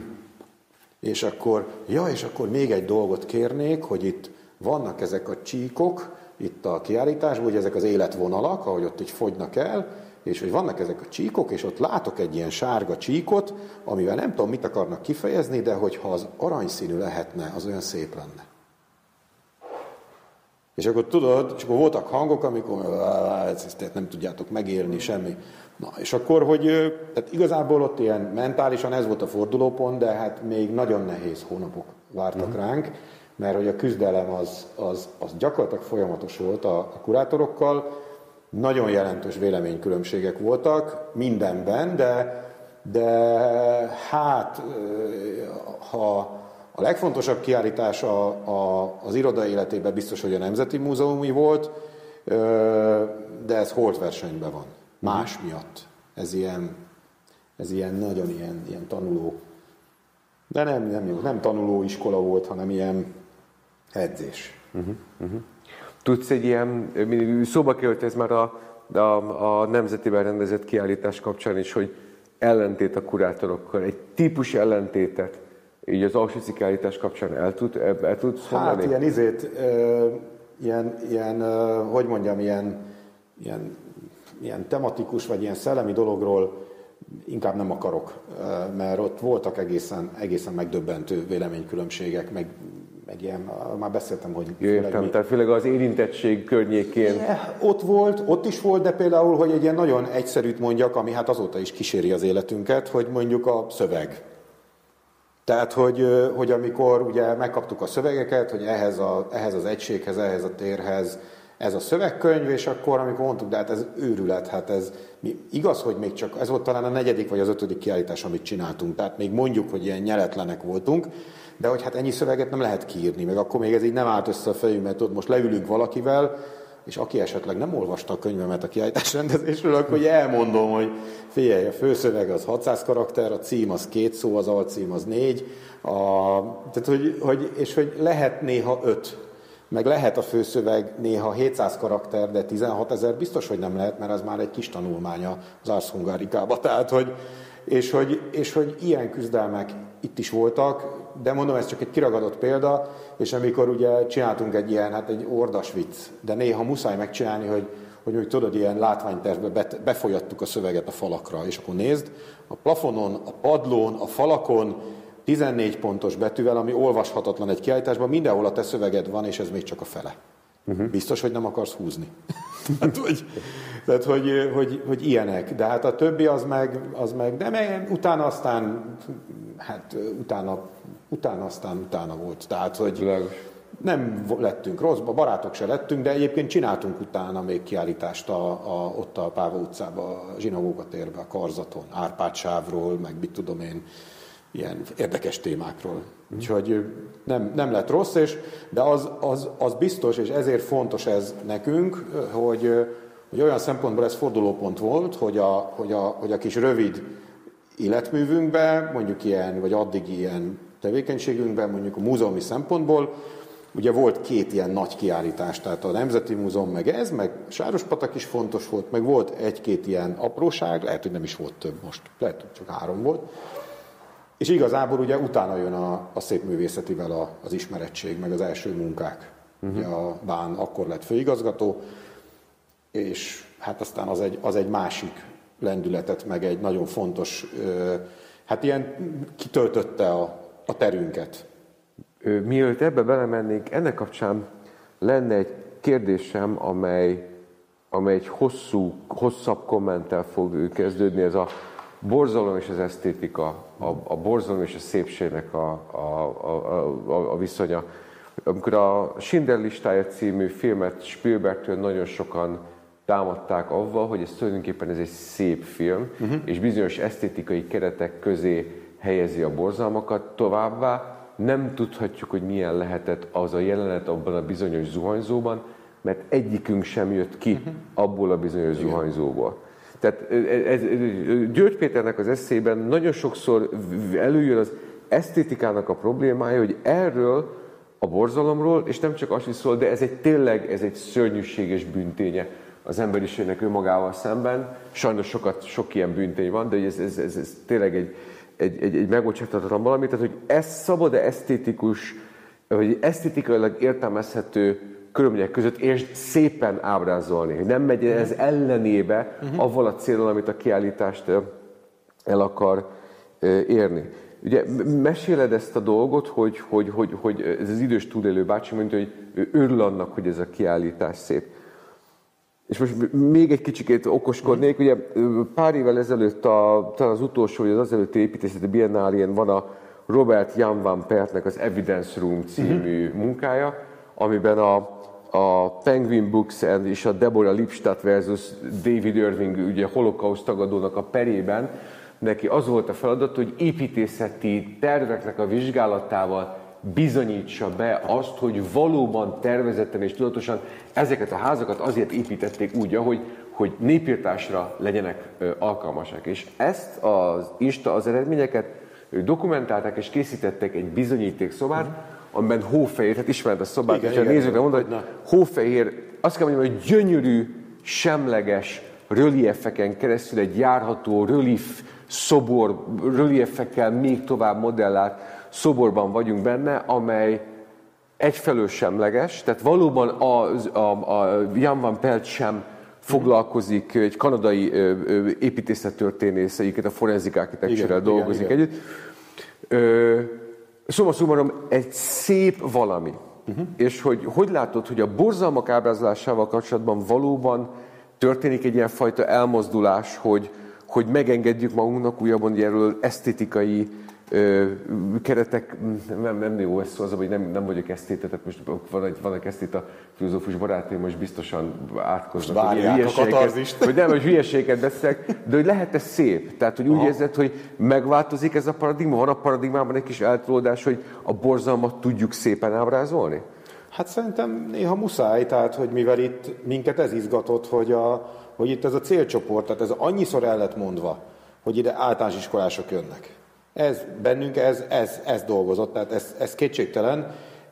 Meg a másik meg az, hogy, a, hogy ugye kimentünk, kimentünk Auschwitzba, és megnéztük ott a, az összes kiállítást. Ugye nem csak a, a, a táborba, ugye hát ott ilyen, hát ott, ott in situ vannak bizonyos, bizonyos dolgok, barak, meg ugye az a Kanadának hívott ilyen borzasztó ilyen helyiségcsoport, ahol tudom már mik történtek, de, de szörnyű dolgok, meg ugye volt a, azt hiszem az a munkatábor része volt, volt az a másik barak rész, ahol megvannak a barakok, és ott ugye különböző országoknak vannak ilyen különböző módon tematizált, vagy más narratívájú kiállításai.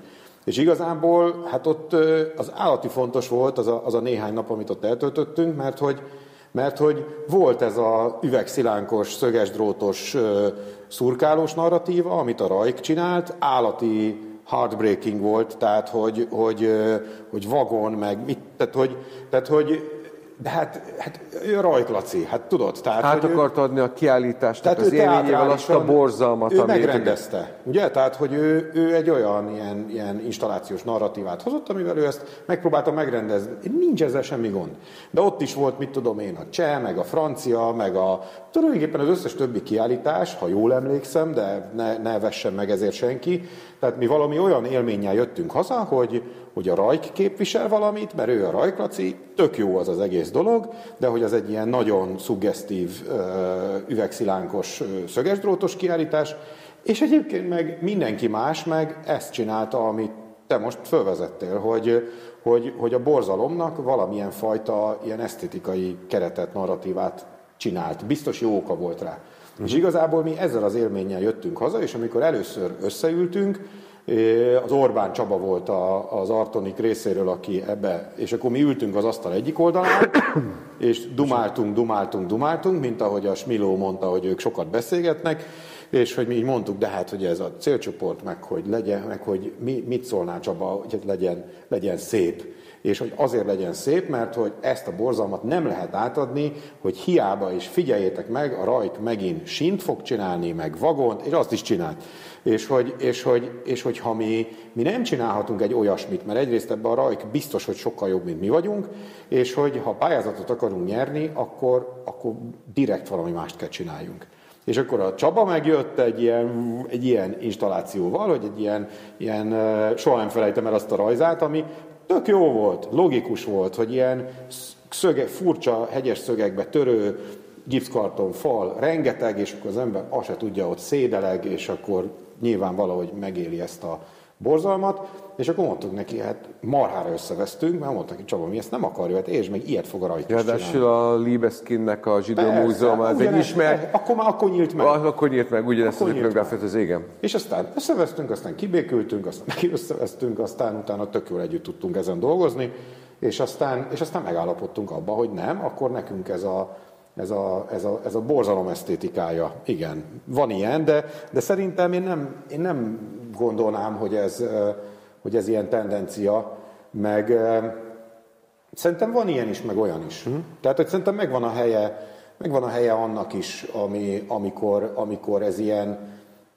ugye azt hiszem Ruandában van egy ilyen, egy ilyen múzeum, a, a, egy ilyen fantasztikus kiállítás ugye a, a népírtás emlékére, hogy a, hogy a visszatérő családoktól mindenki hozott egy dunsztos üvegbe egy kis földmintát arról a föld, abból a földből, ahonnan elüldözték. És akkor van egy ilyen nagy terem, és akkor ilyen szivárvány minden, tehát tényleg ilyen, Persze ezt el kell magyarázni, tehát kell egy 600 karakteres szöveg, meg egy jó cím, de utána hát most mit kell erről többet? Tehát most akármennyi fotót kiraknak ott a szerencsétlen lemészárolt egész nemzedékekről, hát most ettől... Uh-huh. Ja, persze ez az én nézőpontom, valaki meg azt mondja, hogy meg Hát most nézd, én nem nézek horrorfilmeket, mert egyszerűen nem, nem érdekel. Tehát, hogy meg, meg, meg, meg, nem, meg nem, én nekem az nem kell. Valaki meg hát imádja horrorfilmeket, mert szeret borzongani. Most egy ilyen attitűdű embernek nem tudod azt megmagyarázni, hogy egy Auschwitz kiállításban miért nincs kint panorámába a gázkamra. Uh-huh. Tehát, uh-huh. hogy szerintem ez szerintem ez valami ilyesmi. Értem. Kicsit grillezhetlek, vagy viszont te is megcsináljátok, vagy ti is megcsináljátok a magatok szöges drótos kiállítását a Málenki robotnál. Ja, igen. Bocsát, van is egy képünk a Málenki robotról. Arra a, de én úgy emlékszem, hogy van. Málenki robot emlékműbe készített, de hogy nem. Ferencvárosi pályaudvarra, itt van. Te küldted. De, de. Én arról nem küldtem. De.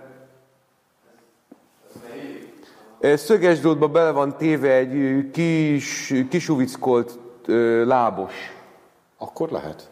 Én küldtem? Igen, hát mester, vagy a munkatársad, aki ezt küldte. Tehát viszont a, a Párkányi Péternek és Birkás Gábor, jaj, most mondja a butaságot, igen, igen, igen. a Ferencvárosi pályaudvarnak a bunkerébe installált kiáll, tehát az óvóhelybe installált kiállításnál, ott viszont megvan a, a szöges drót. Igen. Ott, Mondjuk ott valóban Párkányi Rabnak azért igen. nagyon szenografikus, ő már ő eleve oda tette a vagont. Igen. Igen, ezt a Sági Gergővel követtük uh-huh. el, ezt a, ezt a kiállítást. Hát nézd, ez egy, ez egy másik, másik narratíva. Nem tudom, tehát akkor valahogy, valahogy ez így alakult. Uh-huh. Tehát azért nyilván ott az egy másfajta, ennek is voltak kurátorai, többi uh-huh. is, akivel ezt így végig lehetett, végig lehetett beszélni. Valahogy ez egy ilyen érdekes dolog, de hát, de hát azért az talán, talán érthető, vagy evidens sokak, sokak számára, hogy azért egy ilyen kiállítást megcsinálni, azért az egy ilyen elég kreatív is, meg innovatív is, meg, meg ilyen szubjektív is, meg objekt, sokféle tud lenni, és ez nagyjából azon múlik, hogy, hogy a tervező milyen impulzust kap. Mennyire hagyják, vagy mennyire nem hagyják. Mert olyan is van, hogy, hogy a kurátornak van egy teljesen világos víziója erről, és azt, és azt megcsináljuk, és igazgatjuk, és tök jó lesz. Uh-huh. Olyan is van, hogy a kurátornak nincs víziója, és mondhatnám azt, hogy ez a legjobb, de nem ez a legjobb. Az a legjobb, amikor a kurátornak van egy víziója, csak nem tudja elmondani. Uh-huh. Nem tud hozzá képeket társítani, ha ezeket a képeket mi társítjuk hozzá, ez a szuper sikertörténet. Uh-huh. És minden más, az már nehezebb ügy. Uh-huh. Uh-huh. És és valahogy, amikor, ahogy emlékszem erre a Málenki robotos bunkeres kiállításra, valahogy az egész, és hogy azt nagyon... Mondjuk az, az egész ház, az egész táj bugyuta, tehát hogy nem tudom, nem tudok rá ilyen, vagy valahogy olyan, és tényleg nem, félre ne értse senki, ugye pont ezért van az az egész emlékhely, meg ezért van az egész kiállítás, hogy ezek a ezek a borzalmak, mert ugye ez a Málenki robot, az nem ugyanaz, mint a gulág, és nem ugyanaz, mint a hadifogság, és nem ugyanaz, mint a munkaszolgálat, és nem ugyanaz, mint a holokauszt. Borzalmakat soroltam. Egyik rosszabb, mint a másik. És se egy előségjelet nem szeretnék közéjük tenni, sem pedig relativizálni egyiket a másikhoz képest. Ez az egész Málenki robotos ügy, ez a, a, a magyar, vagy hát ez a kelet-közép-európai történelem egyik legfeltáratlanabb ügye. Tehát, hogy itt tudunk talán a legkevesebbet az elhurcoltak számáról, hányan élték túl, amikor visszajöttek, agyonverték őket, számkivetettek voltak. Tehát, hogy, hogy még rosszabbul bántak velük, mint a hadifoglyokkal, mert azok a szerencsétlenek legalább azt mondták rájuk, hogy nácik voltatok, vagy, vagy, vagy harcoltatok a vörös hadsereg ellen, puff nem érdemeltek más. De hát ezeket a szerencsétlen málenki robotosokat, hát ugye incidensszerűen fogdosták össze az embereket az utcán, és, és vitték őket, és a nagy részük soha nem tért vissza. És hogy, és ez egy borzalmas történet valahol, és hogy, de hogy az egésznek mégiscsak van egy ilyen, és ezért scenografáltunk ott mindenféle dolgokat, mert hogy valahogy ez a, ezt a tök homályt, ezt úgy gondoltuk, hogy ezt muszáj ezekkel a bugyuta tárgyakkal uh-huh. valahogy materializálni. Szerintem a holokausztot nem kell. Uh-huh. Valahogy az hát evidensebb. Mert már valószínű itt már benne van, de ez nincs. Uh-huh. Értem. És, és szerintem inkább, amit az előbb mondtál, hogy, hogy, vagy felvetettél, hogy milyen egy kiállítás, hogy van-e ilyen tendencia, hogy, a, hogy, hogy ilyen összefüggések, hát ha innen nézzük, szerintem ezt a tematika felől kell nézni, uh-huh. és ott biztos, hogy van. És ugye ebbe illeszkedik bele szerintem, vagy valamelyest azért a, azért az Eisenman is. Meg hát Igen. hát valahol a Libeskinnek is ez a beton rengeteg. Hát az, hát az, az, az, az egész épület válik egyszerre kiállítási tárgyal és memorialá, akár csak az ember. Tehát, Igen. Hogy, hogy persze, hogyha ránézek Google Earth-on, akkor ül, micsoda. De hát ha ott vagy, ezt nem érzed. Igen. Amit szeretnék ennek kapcsán kérdezni, hogy hogy... Oh, elfelejtettem, pedig fontos. Ilyen Jaj, pedig kiállításhoz a második kérdés az, hogy, hogy építészeti kiállítás hogyan, hogy, ja igen, a szenografikusság miatt. Ugye megnézzük F. Kovács, és nem, nem, nem kritikaként, hmm. de hogy hol van az a határ, ameddig a dolog, tehát hogy honnan válik szenografikussá. Hmm. F. Kovács Attilának Terrorháza Múzeumban az a kevés kép, amit lehet látni a, a, a meg nem írt sorsok, ja, igen. igen meg a hódmezővásár. Meg a hódmezővásár, ez egy világ, és ez egy nagyon erős, a szó legszebb értelmében díszletileg, az Attilának a, a, a filmes munkájuk, és ez egy nagy generáció, a Bakmannal, Rajk, Szegő, F. Kovács Attila, akik ugye a műegyetemről kikerülve tulajdonképpen a filmben mm. valósítanak meg fantasztikus víziókat, tehát hogy mennyire lehet egy kiállítás szenografikus, vagy mennyire engeded annak lenni? Vagy szükségképpen díszletszerű lesz mert hogy kell egy atmoszférát sugalnia. Nincsen prokencepcióm, csak kérdezem, mert te magad mondtad ezt a, igen, ezt igen, a igen. szenográfiát. Hát szerintem ez, ez én nem, nem, nem tudok erre ilyen, ilyen általános, hát ez a, a helytől függ meg a tematikától. Uh-huh.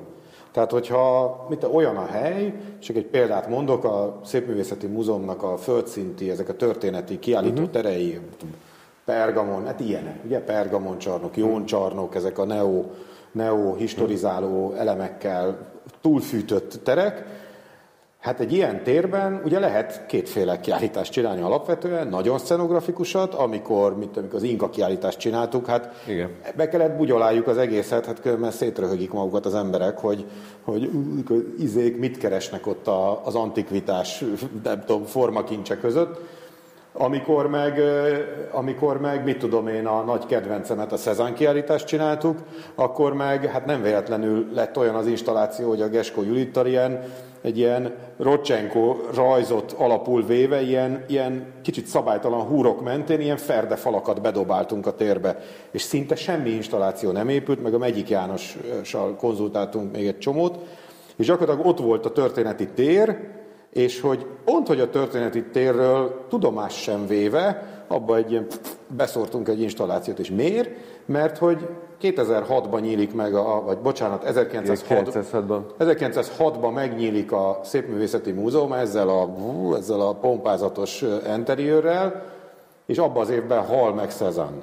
Ugye? Tehát a modern festészet megteremtője már halott, amikor mi még ugye ilyen cikornyás, meg mindenféle pompázatos épületeket tervezünk és építünk, és úgy gondoltuk, hogy ehhez az a megfelelő narratíva vagy scenográfia, hogy erről ilyen ez... Úgy összezár robbantja szét a festészeti hagyományokat, robbantja szét ez a kiállítás azt a teret. Hát igen. Most egy ilyen nagyon... Így van. Ö... És ugyanakkor meg volt olyan kiállítás, mit tudom én, egy, egy, egy Caravaggio kiállítás, vagy, vagy egy, mit tudom én, Tiziano kiállítás, amikor a Jón Csarnok oszlopsora, meg annak az a perspektívája, ott egy ilyen kanalettó képnek a velencei vedutájával, hát...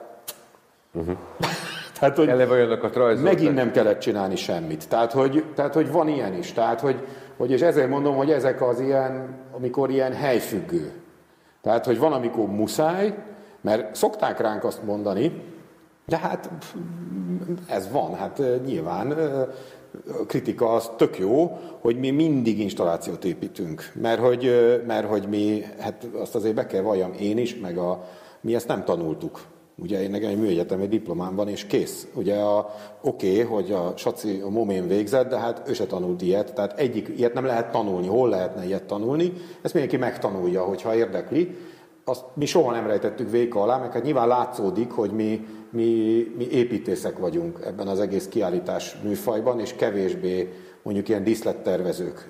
Szerintem ez látszik. Nagyon ritkán csúszunk bele abba, és ez nem érték. Mi ilyet tudunk. Uh-huh. De, hogy, de hogy az, hogy az, hogy aztán mi lesz egy, egy tematikából, én azért azt megmerem kockáztatni, hogy, és ezért állati fontos, mindig azt kérdezik, és hol lesz ez a kiállítás, mert hogy az ott eldől az irány, hogy mit kell csinálni.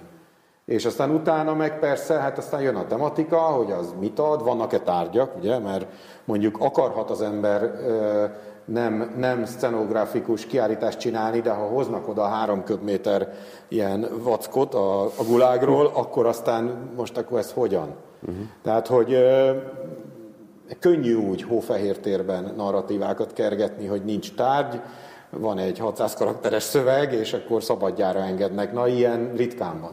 Uh-huh. De hát mondjuk az építészeti kiállításoknak azért egy jelentős része azért ilyen. Sokszor látni ilyet a Biennálé, mondjuk a fele ilyen. Itt van, itt van, itt van a, itt, hirtelen két kérdésem lesz, és hogy a másodikat elfelejteném föltenni, akkor kérlek emlékeztes rá. Kezdjük az elsővel. Miért van az, hogy az építészeti kiállítások rendre folyamatosan, iszonyatosan bénák? Fárasztóak, unalmasak, plakátokat néz az ember, olvassa, képszöveg, fotó. Ma, ma, az még istenes, amikor makett. Az, az, már, az már tök jó, amikor makett van. Mm. De hogy miért van ez a rettenetesen poros, Na, leviszem a hangsúlyt. Nem tudom, mert magunknak csináljuk, nem tudom.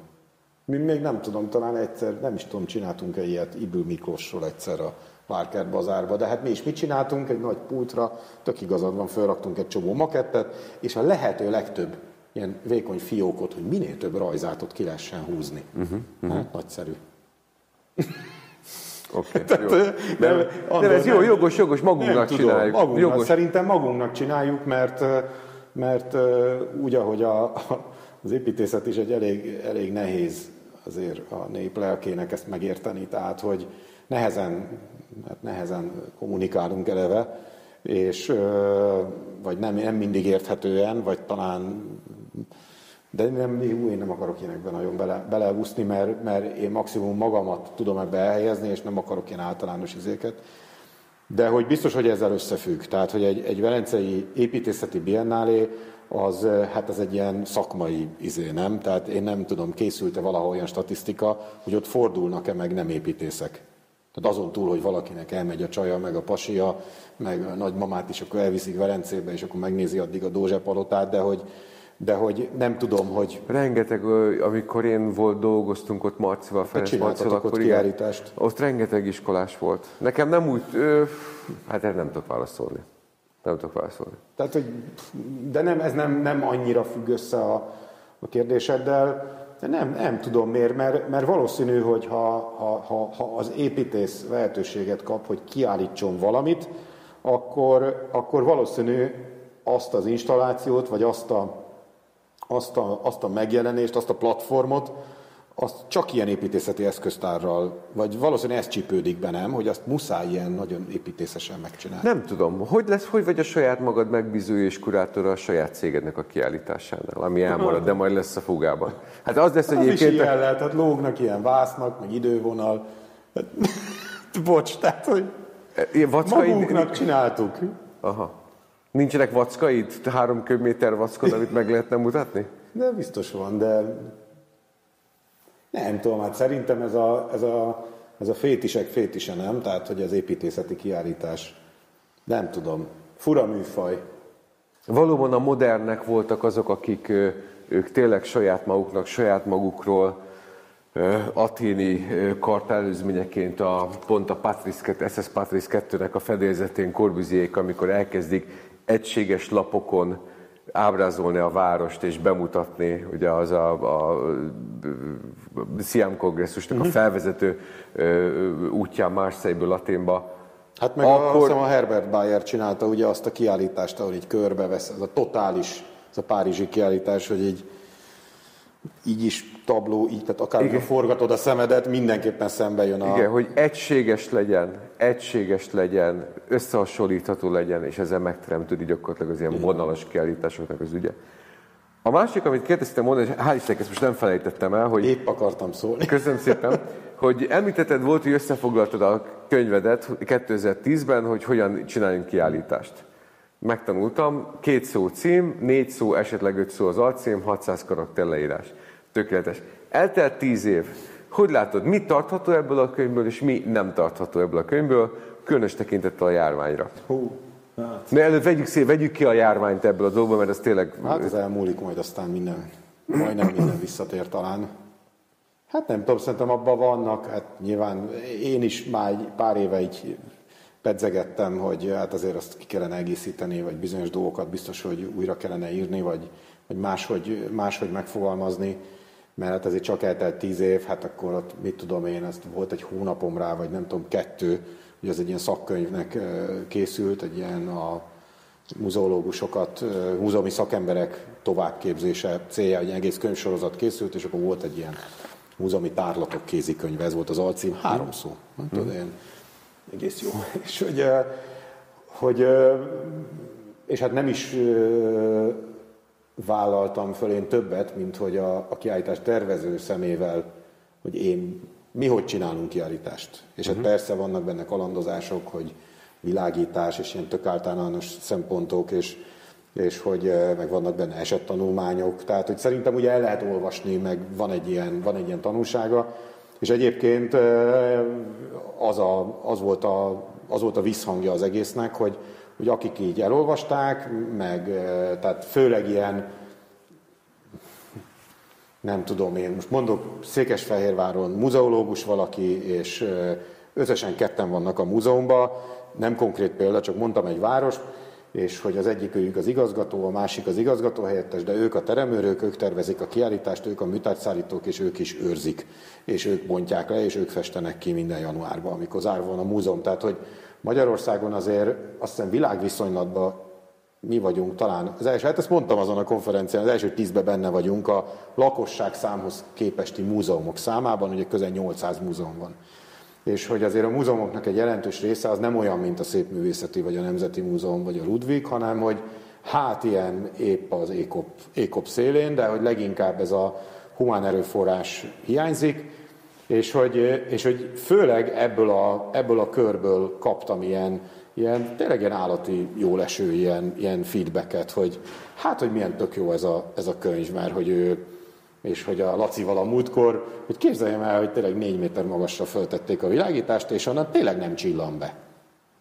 Tehát hogy, tehát, hogy az egészen ilyen szintű dolgoktól, meg hát vannak benne, mit tudom én, kicsit néha eleresztettem magam ilyen muzeológiai dolgokkal, lehet, hogy nem kellett volna, de hát azokról meg lehet, lehet vitatkozni.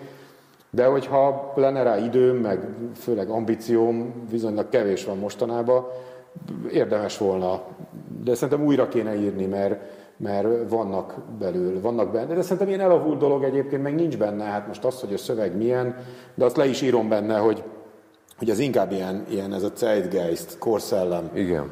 Hogy, hogy néha felesküsznek a muzeológusok, és úgy mennek egymás után, hogy akkor nem kell szöveg, hát a tárgyfét is, utána jön, hogy akkor nincs tárgy, hát akkor azért szöveg kell, vagy akkor az sincs, tehát hogy, hogy szerintem tehát így így nem lehet neki ülni egy ilyennek, hanem hát van ilyen is, meg van olyan is, van olyan kiállítás a csend, és akkor ott nincs semmi, meg, meg van, meg igen, van olyan is, amikor, amikor meg, mit tudom én, tényleg a, a zsúfoltság, és amik, tehát ez, hát ez már persze, hát ez a szakma, meg a kurátor, meg hogy ki mit akar, Ja, hát volna kedvem egyébként újraírni. Ahhoz képest, hogy mondjuk azért azt meg kell hagyjam, hogy hogy, hogy azért a, hogy nagyjából ott a könyv készült el után még egy-két évig, hát amíg nem jöttek az építészeti munkák, de aztán amikor jöttek az építészeti munkák, azért, azért a kollégáim az irodában azért sokan magukra maradtak a kiállításokkal, tehát uh-huh. hogy azért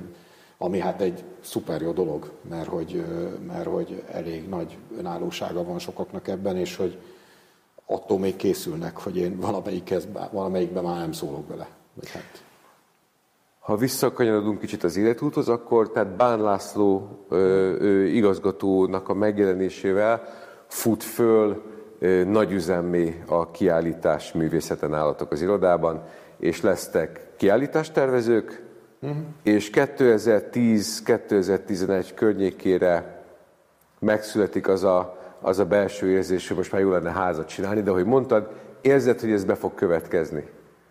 Uh-huh. Hát igen. Hát igen, azért a, azért a szépművészeti azért az más szempontból is fordulópont volt. Hát egyrészt azért ott is elkezdtük valahogy, ugye egy-két kis kiállítással, de hogy uh-huh. ott az azért, azért volt fordulópont, mert egészen addig mi csak terveztünk. És meg ugye csináltuk ezeket a tervpályázatokat, voltak kudarcok, voltak izék, akkor abban az időben egyébként csináltunk egy-két ilyen külföldi tervpályázatot, mert azért olyan nagyon gyorsan azért ez nem futott föl, de hogy igazából ami akkor az óriási kihívás volt, az, hogy, a, hogy olyan pörgést hozott, ugye a, a Bán Lászlónak a megjelenése a uh-huh. Szépművészeti Múzeumban, hogy a, évente ugye a két-három nagy kiállítás, meg lent az alaksorba pörögtek másfél havonta a kamarakiállítások, mit tudom én, száz éves volt a Szépművészeti Múzeum, ugye 2006-ban, akkor volt egy ilyen őrületes sorozat, aztán jöttek az inkák, meg minden, tehát hogy, hogy, hogy iszonyat pörgés volt, és, és hát amikor mi ott mondtuk, hogy jó, hát akkor tervezünk, nagyszerű, jó, és akkor ekkor megkapjuk a kiállítóteret, ekkora kell megnyílni. Hát mondom, jó, és ki építi? Hát ti.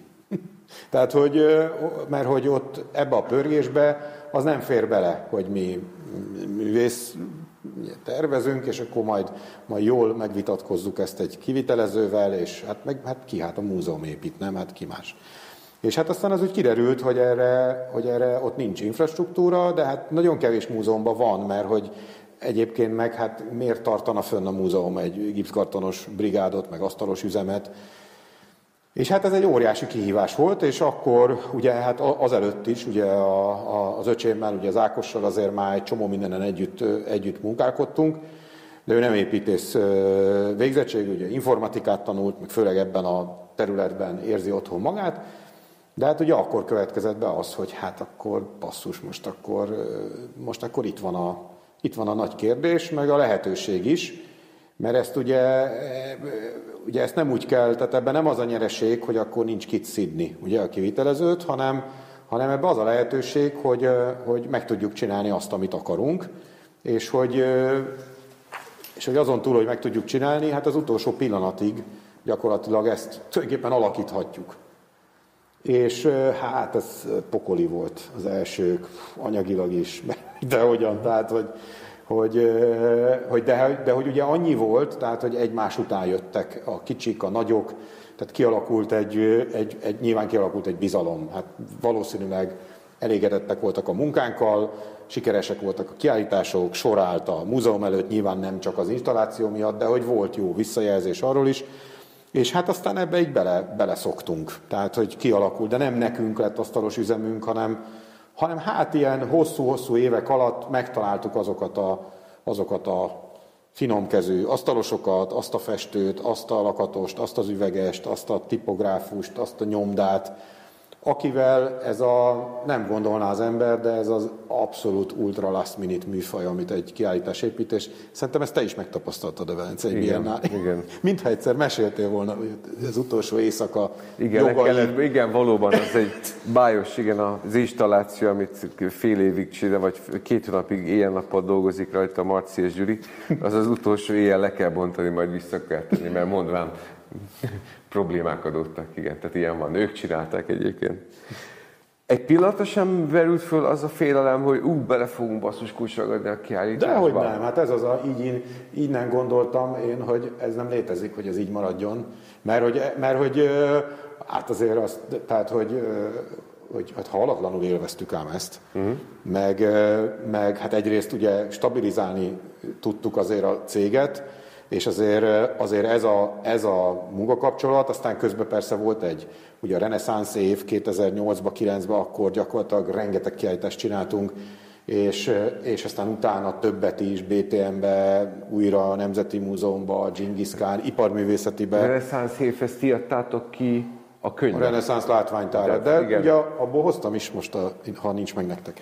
Nagyon szépen köszönjük. És hogy igen, ugye az a Nemzeti Múzeumnak volt a kiállítása, és hogy igazából azon túl, hogy stabilizáltuk a céget, gyakorlatilag ez a, ez a klasszik idősáv, ugye ez a 2008-9-től 13-ig talán, ugye amit az építőiparban egy óriási válság volt, nagyon sok praxis tönkrement izé, tehát hogy nekünk tulajdonképpen az volt a csúcspont. Uh-huh. Mert hogy akkor, hát most ahogy itt összeraktuk tavaly ugye az irodának az összes projektjét 20 év alatt, ugye közel 500 projekt jött ki 20 év alatt, és, és hogy kiállításból, mit tudom én, nem tudom, 250, nagyjából a fele, ez nem minden valósult meg persze, de hogy ez a, tulajdonképpen a válság alatt dolgoztunk a legtöbbet. Tehát akkor, akkor épült, akkor készült a legtöbb, legtöbb dolog, és ez ugye ilyen szempontból, hát Isten őriz, hogy én ezen panaszkodjak, hogy hát fúj, kiállítások meg untuk.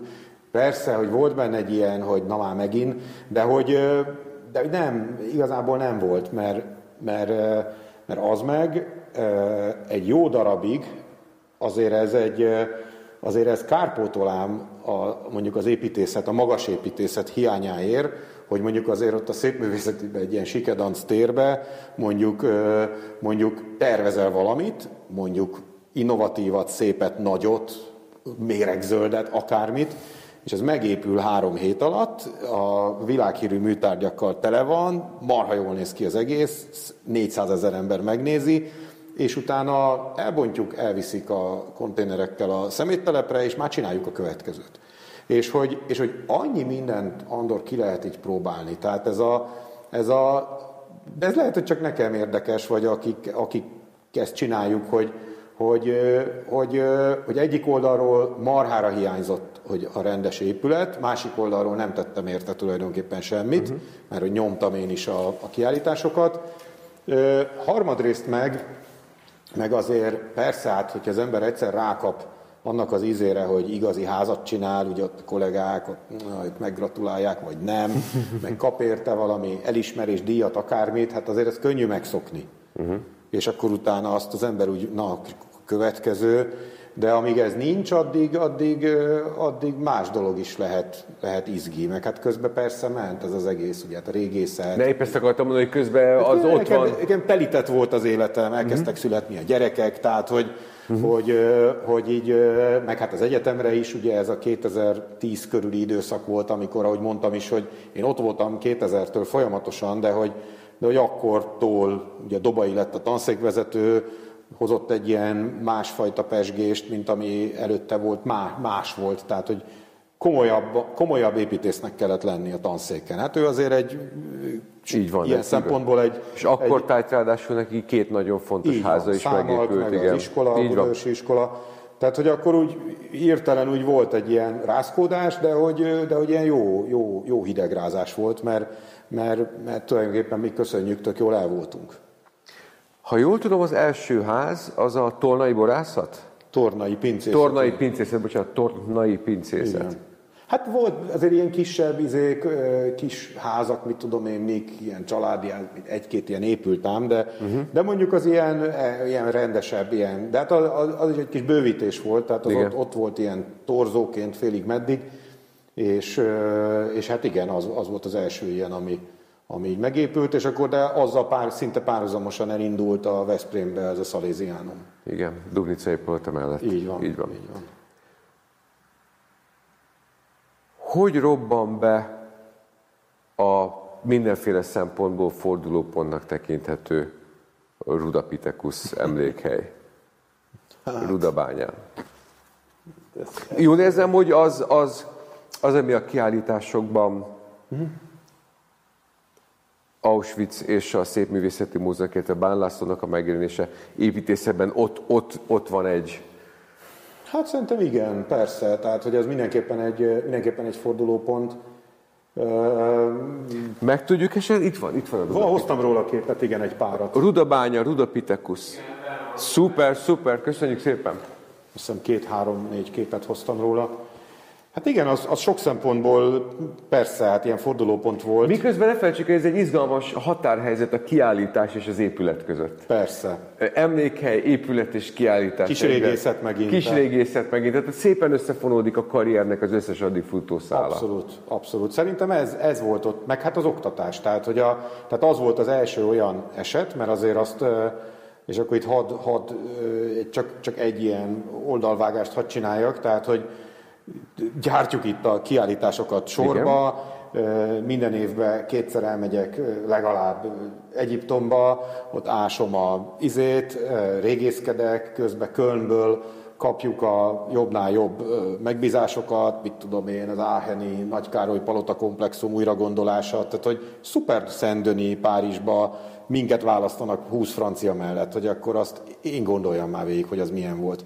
Tehát, hogy ilyen, tehát, hogy ilyen hát, az ember esze megáll, hogy mi közöm nekem ehhez, és akkor István Fiton, nagy vonalúan. És akkor, de ez nem azt jelenti, hogy az ember kamuzik, tehát ezt még egyszer mondom, tehát ezek nagyon komoly, ottani, helybeli szakemberekkel, régészekkel, történészekkel való közös munka, és nem, nem, nem mi vagyunk az ő ceruzájuk, hanem, hanem, hanem a mi ceruzánk inspirálja őket, hogy a tudományos fragmentumokat máshogy lássák.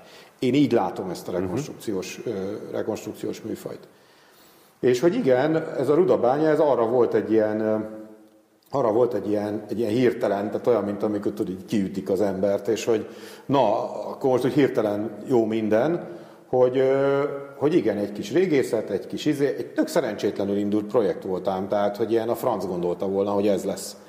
És hogy, de hogy valahogy úgy minden a helyére kattant. Tehát, hogy nagyvonalú megbízó, nem feltétlenül anyagilag, de arra se lehet, lehet a, a projekt lehetőségeihez képest tulajdonképpen Bocs, nem dolgoztunk a történetét? Hogy, hogy volt ez? Igen, az úgy Meg hogy úgy mi volt, ez egyáltalán, aztán elépül egy dél, nem akarom lelőni a poén, de... Igen, mert itt ugye ezt úgy szokták mondani, hogy a közönségtől előzetes tudást feltételeztem. Igen, de igen, nem, tehát nem nyugodj, igen, tehát hogy...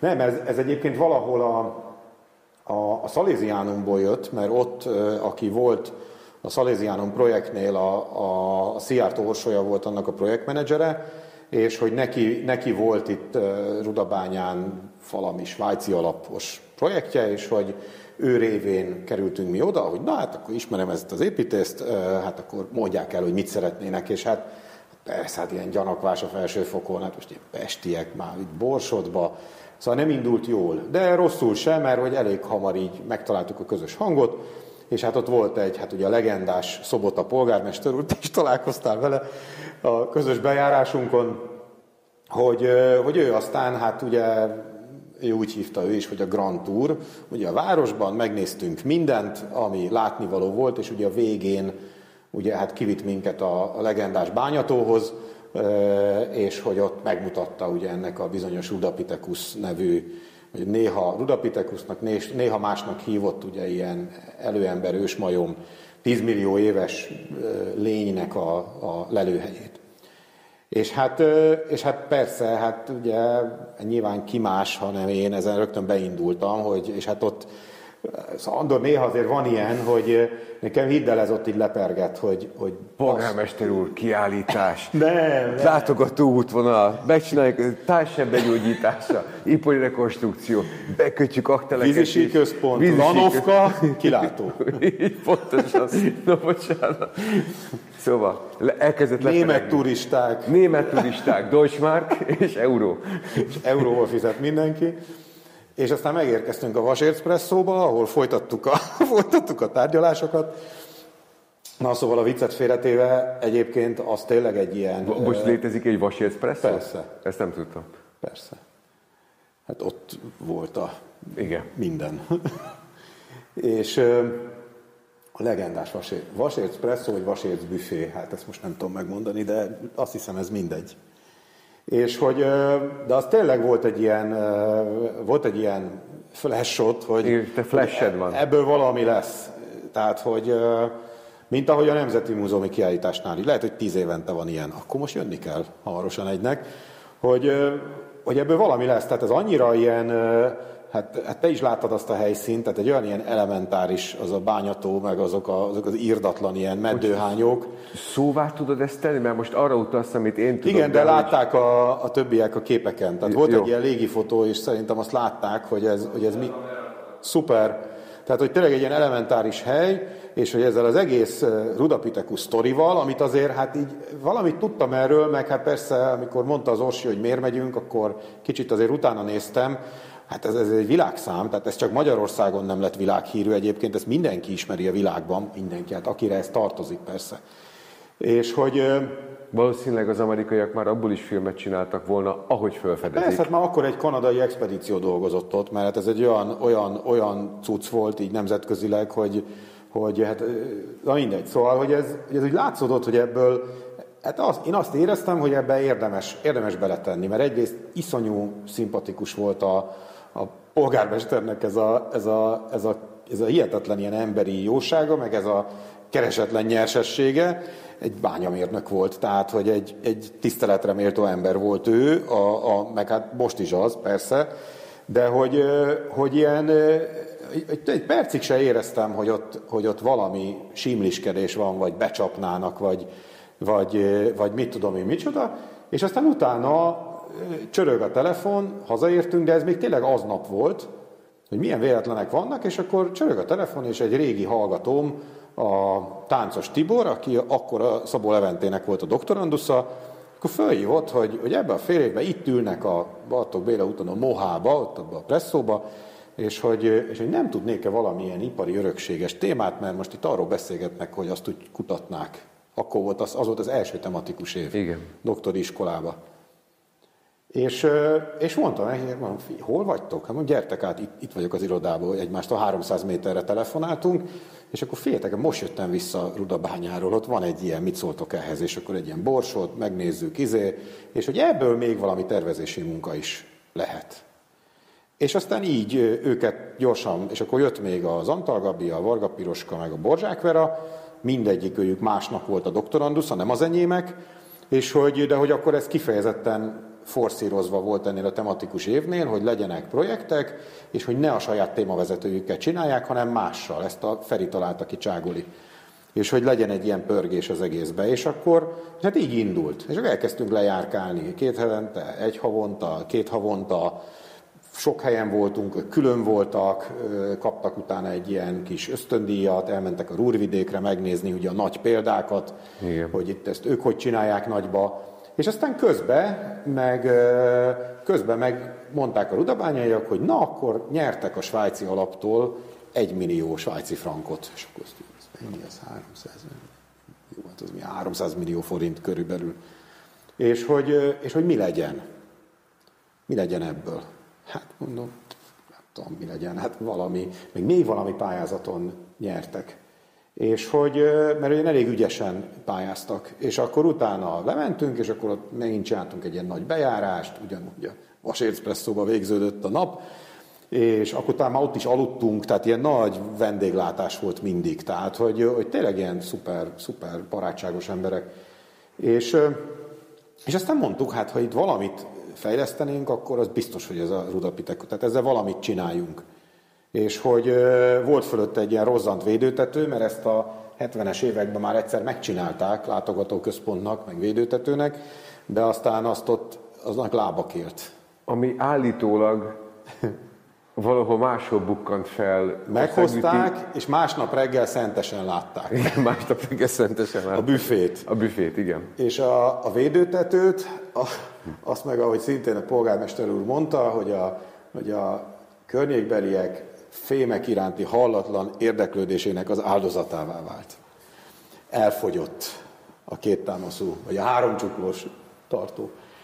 És, és aztán azt mondtuk, hogy ezzel kellene valamit csinálni, abból a pénzből ez talán, talán ki is jön, és közben ugye a doktoranduszok járták Borsodot, nézték Kazincbarcikát, meg, meg mit tudom én, Ózdon, ugye Csontos Györgyinek akkor indult a projektje, tök jókat beszélgettünk vele is, tehát ott volt, tehát azért mondom, ez egy olyan, olyan szuper szinergia volt, hogy, hogy mi építészként, vagy én építészként hitelessé tudtam ott válni, elfogadták a kollégáimat is, elhitték ezt az egész borsodos DLA-s kutatást, közben meg lett a pénz, megcsináltuk a terveket, tényleg ilyen álomszerű volt az egész dolog, és akkor hirtelen jött a hideg zuhany, hogy mégse adják oda a pénzt. Nem nyert mégse a pályázat, miután kész volt minden kivitelítés szinten, közben DLA-ba tanulmány, publikáció, ta, utazások, tehát egy ilyen sikersztori, és egyszer csak jött a, jött a hideg zuhany, és akkor, és akkor közben egy Vekter Balázs nevű pali lett az egész projektnek a menedzsere, és akkor, és akkor ő is valahogy úgy annyira megszerette ezt az egész dolgot, hogy elkezdődött egy ilyen végtelen fellebbezés, hogy akkor dehogy nem, hogy mi az, hogy ez nem nyer, nem áll, hogy ez, és akkor izé. És aztán egyszer csak hát egy ilyen jó egy év kitartó munka után valamikor, mint 2014 körül, akkor lett az, hogy na, akkor megvan a pénz, és akkor lehet indulni, és akkor mint egy év, egy év alatt akkor el is, el is készült. És akkor úgy, piros beton, hát volt azért abban sok, sok ilyen izé, meg hát azért ez egy borzasztóan nehéz terep volt, tehát ez egy külön, még nincs publikálva, de én nagyon nyomasztom a statikusokat, hogy az egésznek ezt a szerkezeti zsenialitását, azért ott vannak nagy konzolok, meg, meg, meg brutál dolgok, hogy ezt azért meg kell írni, mert nagyon sok tanulsága van. Uh-huh a dolognak. És akkor ez ebből, ebből lett, és hát ilyen, ami azért, persze azért, amikor azt ott elkezdték építeni, meg úgy, amikor már nem volt visszaút, tehát hogy, hogy amikor már nőttek ki a, a falak, meg látszódott, hogy ez mindenképpen meg lesz, akármilyen, nem lehet elrontani, tehát egy, egy tiszta monolit vasbeton dolgot, hát legfeljebb csúnya lesz, hát néhány helyen nagyon ronda lett, de hát kit érdekel egy vasércbányába, tehát hogy még jót is mhm. tesz. Dévényi Tamás mondta egyébként, amikor ott voltak a mesteriskolával, hogy, hogy biztos nem direkt vannak ezek a lecsorbulások, de azt mondja, a kutyát nem érdekli, hogy ez Igen. ilyen.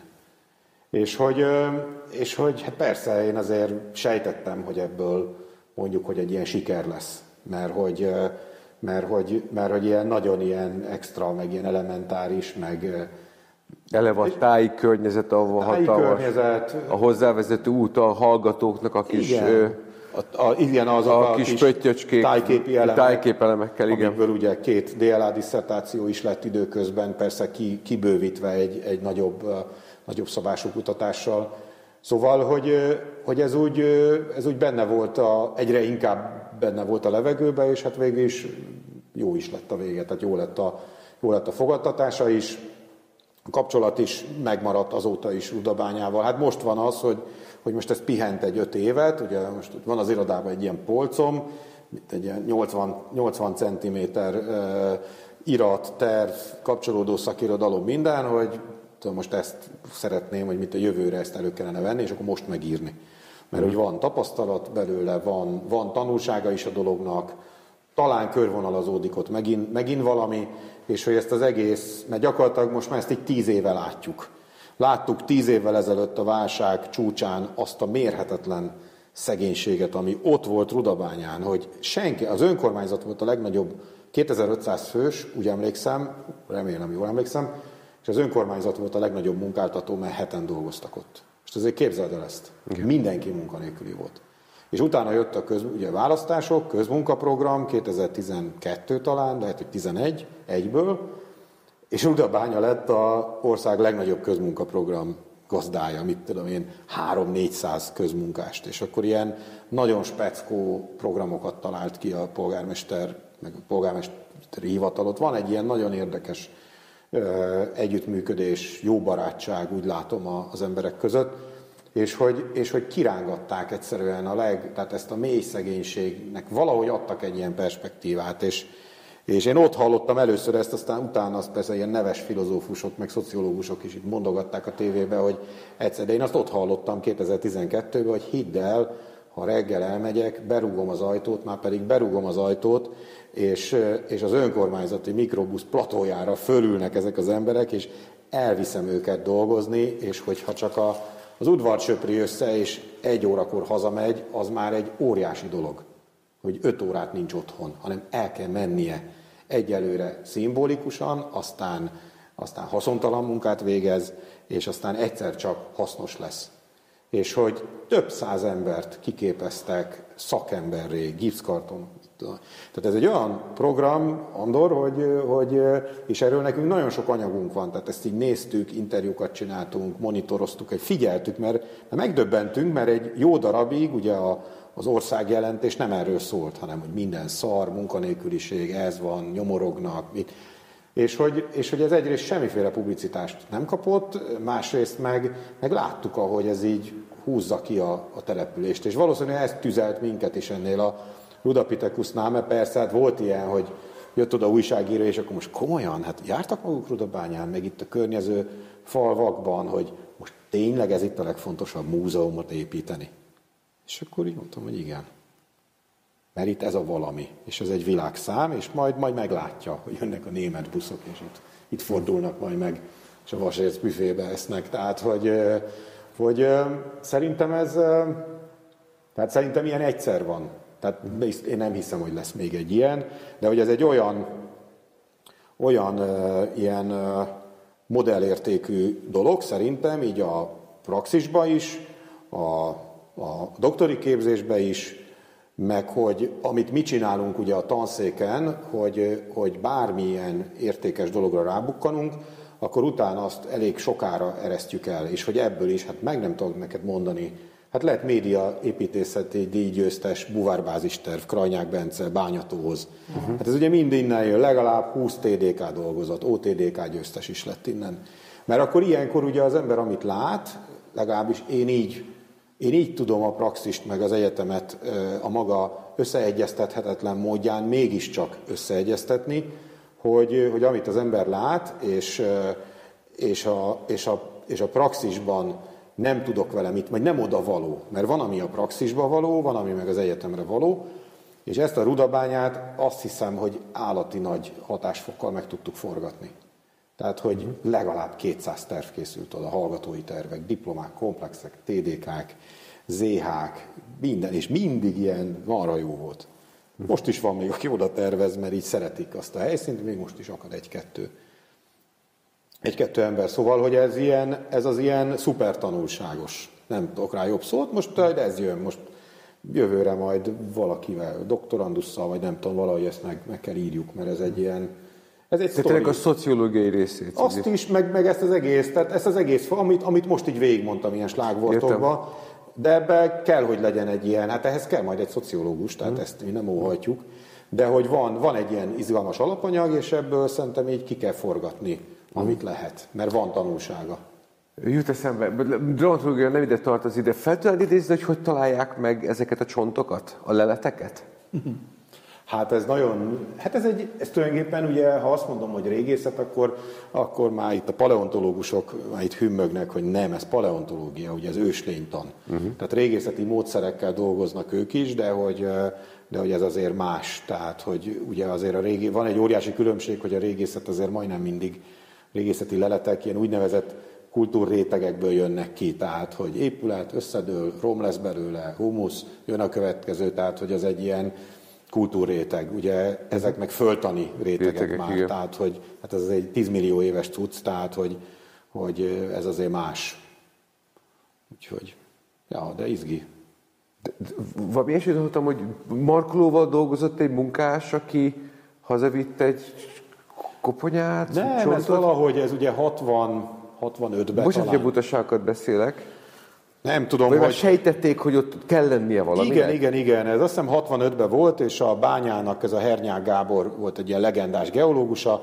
Igen, őróla mesélték, hogy, hogy ő tulajdonképpen annyira, annyira professzionális volt föltamba geológiába, hogy így, hogy hát egyrészt ezt is ő fedezte föl, ugye ez egy ilyen valamilyen összenyomódott, ilyen lignit rétegbe, egy ilyen elszenesedett cuccba, mert hogy máshol nem lehetnek a csontok, és hogy Ja, igen, igen. Igen, és hogy, és hogy utána már, amikor a bánya művelés bárhol folyt, akkor ha ilyen réteg jött, akkor ő már lenyúlt, és ott, ott volt a következő lelet, de hogy óriási szerencse is volt, tehát nem sokon múlott, hogy ez, meg hát ugye hát ez egy teljesen ismeretlen, ez tényleg a evolúciós láncszem, tehát ennek a jelentősége óriási, hogy, hogy ez ott megvan, fontos, nagyon.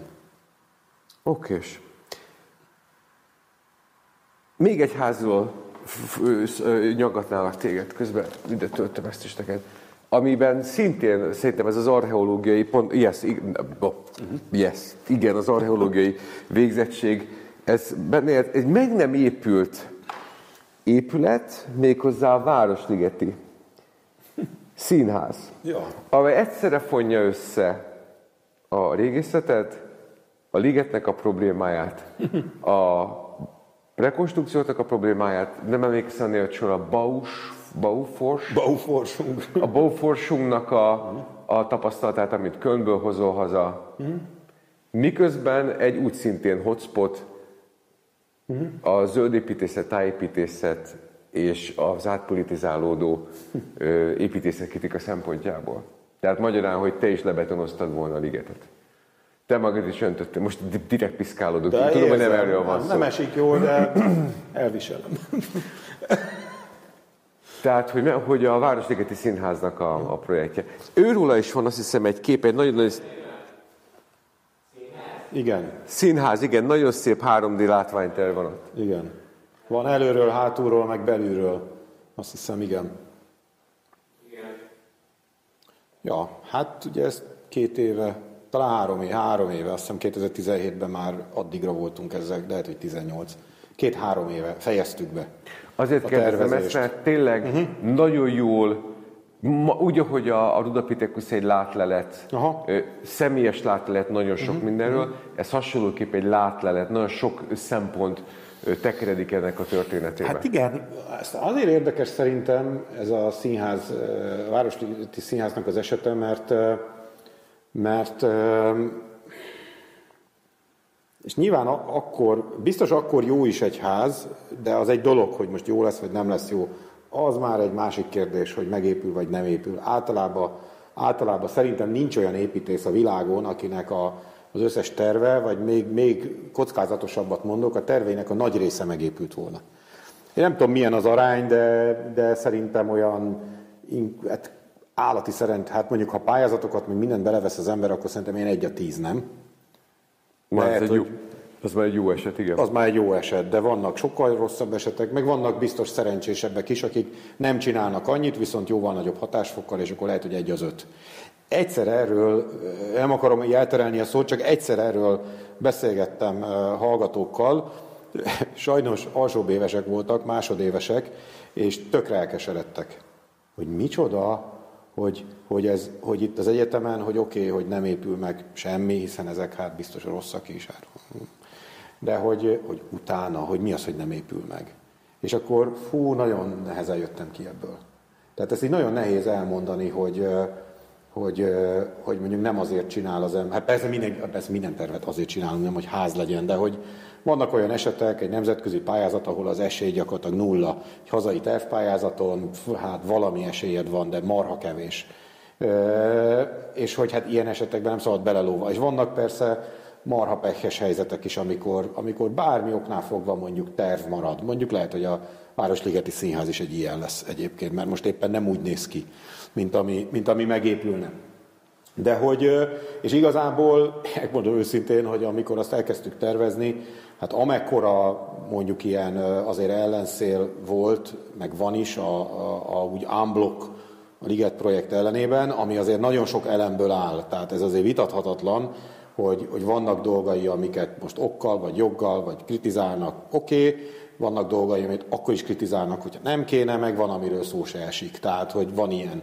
Ugye nyilván a színház is belekerült ebbe a fúj, mi ez, miért kell, izé vonalba, és ezzel mondjuk mi tisztában voltunk, amikor, amikor ezt elkezdtük, elkezdtük tervezni, és, és nem azért... Bocsánat, kezdjük előről, tehát, Igen? hogy mi ez?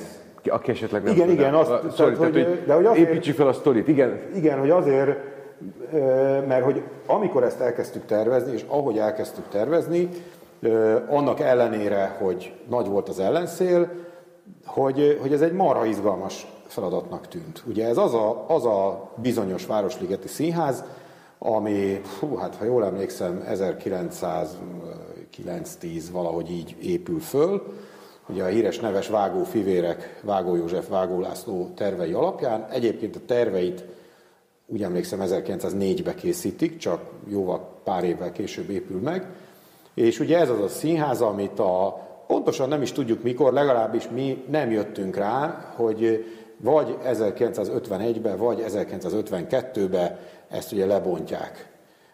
Ez ugye ott az Ajtósi Dürer sor és a Dózsa György út sarkán állt valamikor, és azért bontják le, mert akkor talán ugye 1950 május 1-én van az első olyan felvonulás, amikor már jelentékeny haditechnika felvonul, és vagy rá egy évre, vagy rá két évre már olyan méretű, nem tudom, ballisztikus rakétákat cibálnak ott ilyen kraz talpakon, hogy, hogy azokkal már ott ugye ez problémás volt organizálni.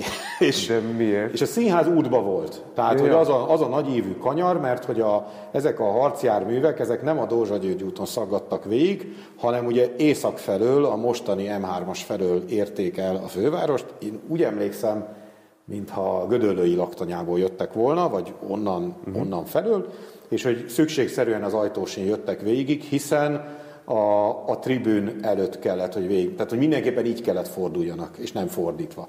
és hogy, és hogy ezt vagy 51-be, vagy 52-be lebontják, azért nem Mert tudjuk, hogy nem mikor, tudnak befordulni. Nem tudnak befordulni. És mégis milyen kínos hát, lett van ott hát marhára, tehát marhára útba volt ott ez a dolog, de hogy, de hogy igazából ez, ez egy picit spekuláció ám, mert hogy ez, erről nincs semmi. Annyira nincs semmi, hogy az 50-es, 51-es és 52-es május 1 csak olyan fotók vannak, amiken ez a sarok nem látszódik. Tehát tényleg végigtúrtunk mindent, nem tudom megmondani, melyik évben bontották le. A, szegény Arnold Sam mondta, hogy ő emlékszik erre az épületre. Sam, mikor bontották le? Azt nem tudom. Hát, hogy, uh-huh. Na, de hát ez egy, ez egy tök marginális része a dolognak. Annyiban érdekes a sztori szempontjából, hogy ugye ezt a, ez nem sérül meg 56-ba, hiszen nem éri meg 56-ot, nem nagyon sérül meg a háborúba, a második világháborúba, eléggé le van pukkanva, tehát hogy le van amortizálódva, erről vannak feljegyzések, Bajor Gizi Színész Múzeumból, innen-onnan, de hogy, de hogy ez úgy ott viszonylag, tehát játszható állapotban van, és hogy ezt kizárólag azért bontják le, mert a, mert a kommunista parádéknak egyszerűen útba van. Tehát ez egy hát ideológiai okokból mondhatjuk, vagy egy ilyen ideológiai ügynek egy ilyen szük, ugyan szükségszerű, de mondjuk következménye. És hogy, és hogy ahogy ebbe, és hogy ennek a, ugye úgy döntött, most pff, bocsánat az ilyen közlőnyszagú bizéjér, úgy döntött a nem tudom ki, a Liget projekt, hogy, hogy ezt, a, ezt a színház épületet az eredeti helyén, vagy majdnem ott, amennyire lehet ugyanott, ezt rekonstruálja gyermekszínház céljából, és hogy egyrészt a ligetbe visszahozza ezt a színjátszást, mint egy ilyen régi tradíciót, hiszen itt több színkör is, színjátszókör is, épülettel rendelkező színjátszókör is működött a 19. században. Ugye ez épül át kőbe, ugye 1909-ben, ugye emlékszem, és hogy, és hogy közben ugye a Kolibri színházzal, ugye Novák igazgató úrral, ugye tárgyalások folytak, hogy akkor itt az ő két játszóhelyük helyett vagy mellett, ugye a Lisztéren meg az Andrási úton, itt akkor egy igazi gyerekszínház épüljön, abban a köntösben, és ez egy, és egy, egy elég direkt kifejezés, amit a vágófivérek ide megálmodtak. Na és akkor ugye innen, innen jön az, hogy ez tulajdonképpen rekonstrukció. Ugye úgy szólt a megbízás, hogy a fellelhető eredeti tervek alapján kell ugye a rekonstrukciót elkészíteni. Ugye a közbeszerzéshez beadandó pályázati anyagban kell, szerepelt, hogy kell, tehát egy koncepciót is kellett adni, hogy ezt mi alapján és hogyan lehet rekonstruálni. Akkor már látszódott, hogy, hogy nincsenek eredeti tervek, tehát voltak bizonyos tervlapok, de az, azért az költői túlzás volt, hogy a színház összes tervlapja megvolt. De hogy, és akkor mi kerültünk ki győztesen ebből a közbeszerzési folyamatból, és akkor elkezdtük a tervezést. És hát marhára meg voltunk lőve, mert ugye hát vágó, vágó, vágó, ugye van az Arnel Amrixnak egy ebben a építészet mesterei sorozatban egy vág, most az már nem tudom, hogy vágófivérek, vagy vág, szerintem Vágó Józsefről uh-huh. szól a könyv, mert ugye ő futotta be aztán a nagyobb karriert, utána Rómába, Népszövetség, palotapályázat, Igen. minden egyéb, és, és hogy hát az volt, meg ugye hát a nyakunkba vettük nyilván a Fővárosi Levéltár, Színészmúzeum, Nemzeti Múzeum, Fotótár, Levéltár, Hadtörténeti Múzeum, légifotósorozatai, Szerettük volna megtudni, hogy pontosan mikor épült és mikor bontották le. Egyiket se sikerült kideríteni. A magyar építőművészetnek a, az elődje, azt te biztos tudod, mi volt az. Nem, a, nem térésforma, hanem valami folyóirat, ami 1906-7-8-ban, most a Szegő Gyuri ne figyeljen, hogy itt van, akkor jelent meg néhány szám évente, az lehozta ezt. Tehát, hogy volt benne izé, de hát hogy lesz ebből színház? Volt egy sorozat alaprajz, egy a 200-ba a Fővárosi Levéltárba, és volt egy majdnem ehhez hasonló a Bajorgizi Színész Múzeumban összegyűrt pauszokon. Volt öt darab fotó, fekete-fehér fotó, jellemzően előről mutatta a színházat. Fogalmunk nincs arról, hogy milyen volt a hátulja, mert hogy egyetlen egy fotó se készült, valószínű csúnya volt. ezt sejtettük, de ez megint ilyen ösztön, hogy, hogy basszus, ez biztos azért nincs lefotózva, mert hogy ez való, nem készült el. És akkor ahogy így belementünk a, belementünk a sztoriba, drága Köz, Klöz György, ugye, lefo- lefotózta a Városligeti színkört 1800, nem tudom, 80-90 valahányba, ami egy ilyen, egy ilyen, egy ilyen fakverkes, úgy nézett ki, egy ilyen fakverkes épület volt, mint egy vasútállomás, egy ilyen nagyobb, ilyen vasútállomásnak a középrésze. Igen. És elől volt két ilyen izé, interneten valaki beüti Városligeti színkör, akkor ezt kidobja. És akkor, és akkor nézegettük ezt a fotót, és arra lettünk figyelmesek, hogy a fővárosi levéltárba lévő tervrajz sorozaton megjelennek ilyen, ilyen pici kis pillérek. És hogy nem mondom végig az egész ilyen gondolatkört, mert végtelenül ez, ez elég hosszú volt, hetekig, hónapokig tartott ez a töprengés, de hogy a lényeg a lényeg, az derült ki, azáltal, és ugye ez egy ilyen kis, ugye kis nyereség, egy ilyen sajátos archeológiai izé, hogy az derült ki, hogy a, hogy a régi városligeti fakverkes színkört nem bontották le a vágóik, azért van a Városligeti Színháznak ez a kiemelt középrésze, mert azt csak bestukkózták, és köré építettek rendesen téglából, kőből, üvegmozaikból, azt a, azt a díszes ilyen premodern, inkább már premodern, mint hogy Késő szecessziós. Tehát Keveredik rajta minden, de hogy, de hogy egy ilyen, gyakorlatilag kapott egy burkolatot. Előcsarnokkal, lépcsőházakkal, mindennel. Ezt láttuk az alaprajzokon. És hogy szerintem ez egy ilyen tök jó, tök jó találás, hogy hát ez azért ilyen. Na de milyen a hátulja? Ugye arról nem volt, nem volt, semmilyen, nem volt semmilyen képünk, és ugye közben, hát ugye a, azt is lehetett tudni ezekről a régi rajzokról, mert egy-két ilyen belépőkártya, meg ilyen szórólap is előkerült valamelyik levéltárból, hogy több mint ezer férőhely volt ebbe a színházba. Na most ettől... Sok. Sok. Ugye többször leégett, vagy tűz volt, hát nem csoda. Tehát, hogy... ö, ö, és hogy ez csak azért volt érdekes és megdöbbentő adat, mert hogy a, azt szerette volna a, a megbízónk, és a Kolibri Színház is, hogy János is, Novák, hogy meg hát ugye a klasszikus, ugye az építészeknek manapság ilyen fontos vezérfonal a katasztrófavédelem, 300 főnél lehetőleg ne legyen nagyobb semmi, mert az már ugye töme, az Puskás stadion lépték. Nem lehet, nem lehet ki- megcsinálni a menekítést, tűzoltást, semmit, de hát egyébként meg ezt mondta János is, hogy Hát, hogy 300 főnél nem kell nagyobb gyerekszínház, tehát egyszerűen elveszti az egésznek a bensőségét. Na most képzeld el, Andor, hogy a, abba a kubatúrába, amit hát azért nem egy nagy ügy mondjuk felszerkeszteni, abba a kubatúrába igazából ezt a 300 főset alig tudtuk belegyömöszölni. Most hogy fért el ott 1048 ülőhely, és még 300 állóhely is volt? Tehát valami elképzelhetetlen. Feltett szándékunk volt, csak aztán így elsodortak a, elsodortak a munkák, meg ennek is a befejezése, hogy valahogy megpróbáljuk ezt a belső nézőteret rekonstruálni, hogy egy mondjuk a 30 centis székekkel, vagy valahogy. Mert ugye ez egyszerűen elképesztő, de hát adtak el több mint ezer jegyet oda. És hogy, és hogy mi a 300-at alig tudtuk belepréselni, de nem azért, mert bénák vagyunk, hanem mert egyszerűen a mai igények, a légköbméter, a, a nem tudom micsoda.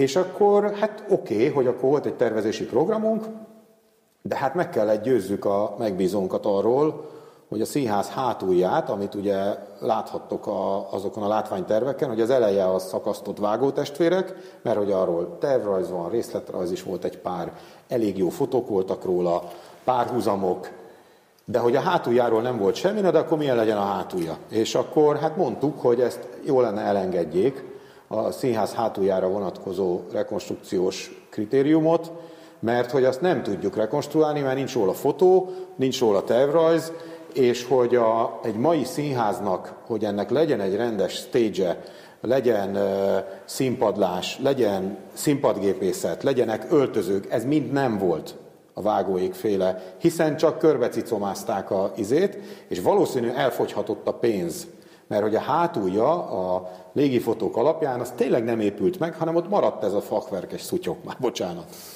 És, hogy, és, hogy, és egyébként sem tudjuk, hogy milyen volt. Na és akkor erről nagyon hosszú viták voltak, sok prezentáció, sok kétség, és akkor végül is eljutottunk oda, hogy építhetünk egy kortárs hátulját, hogyha, jelent, hogyha nem lépjük túl az eredeti kontúrt, tehát azon belül kellett maradjunk, lefelé lehetett ugye építeni, meg hátrafelé én azt hiszem, hogy egy kicsit talán hosszabb lett, de nem sokkal, és hogy akkor ott természetesen ott használhatunk valami, valami mai vagy mai, mai formanyelvet, és akkor így jött ki ez, a, ez az egész dolog.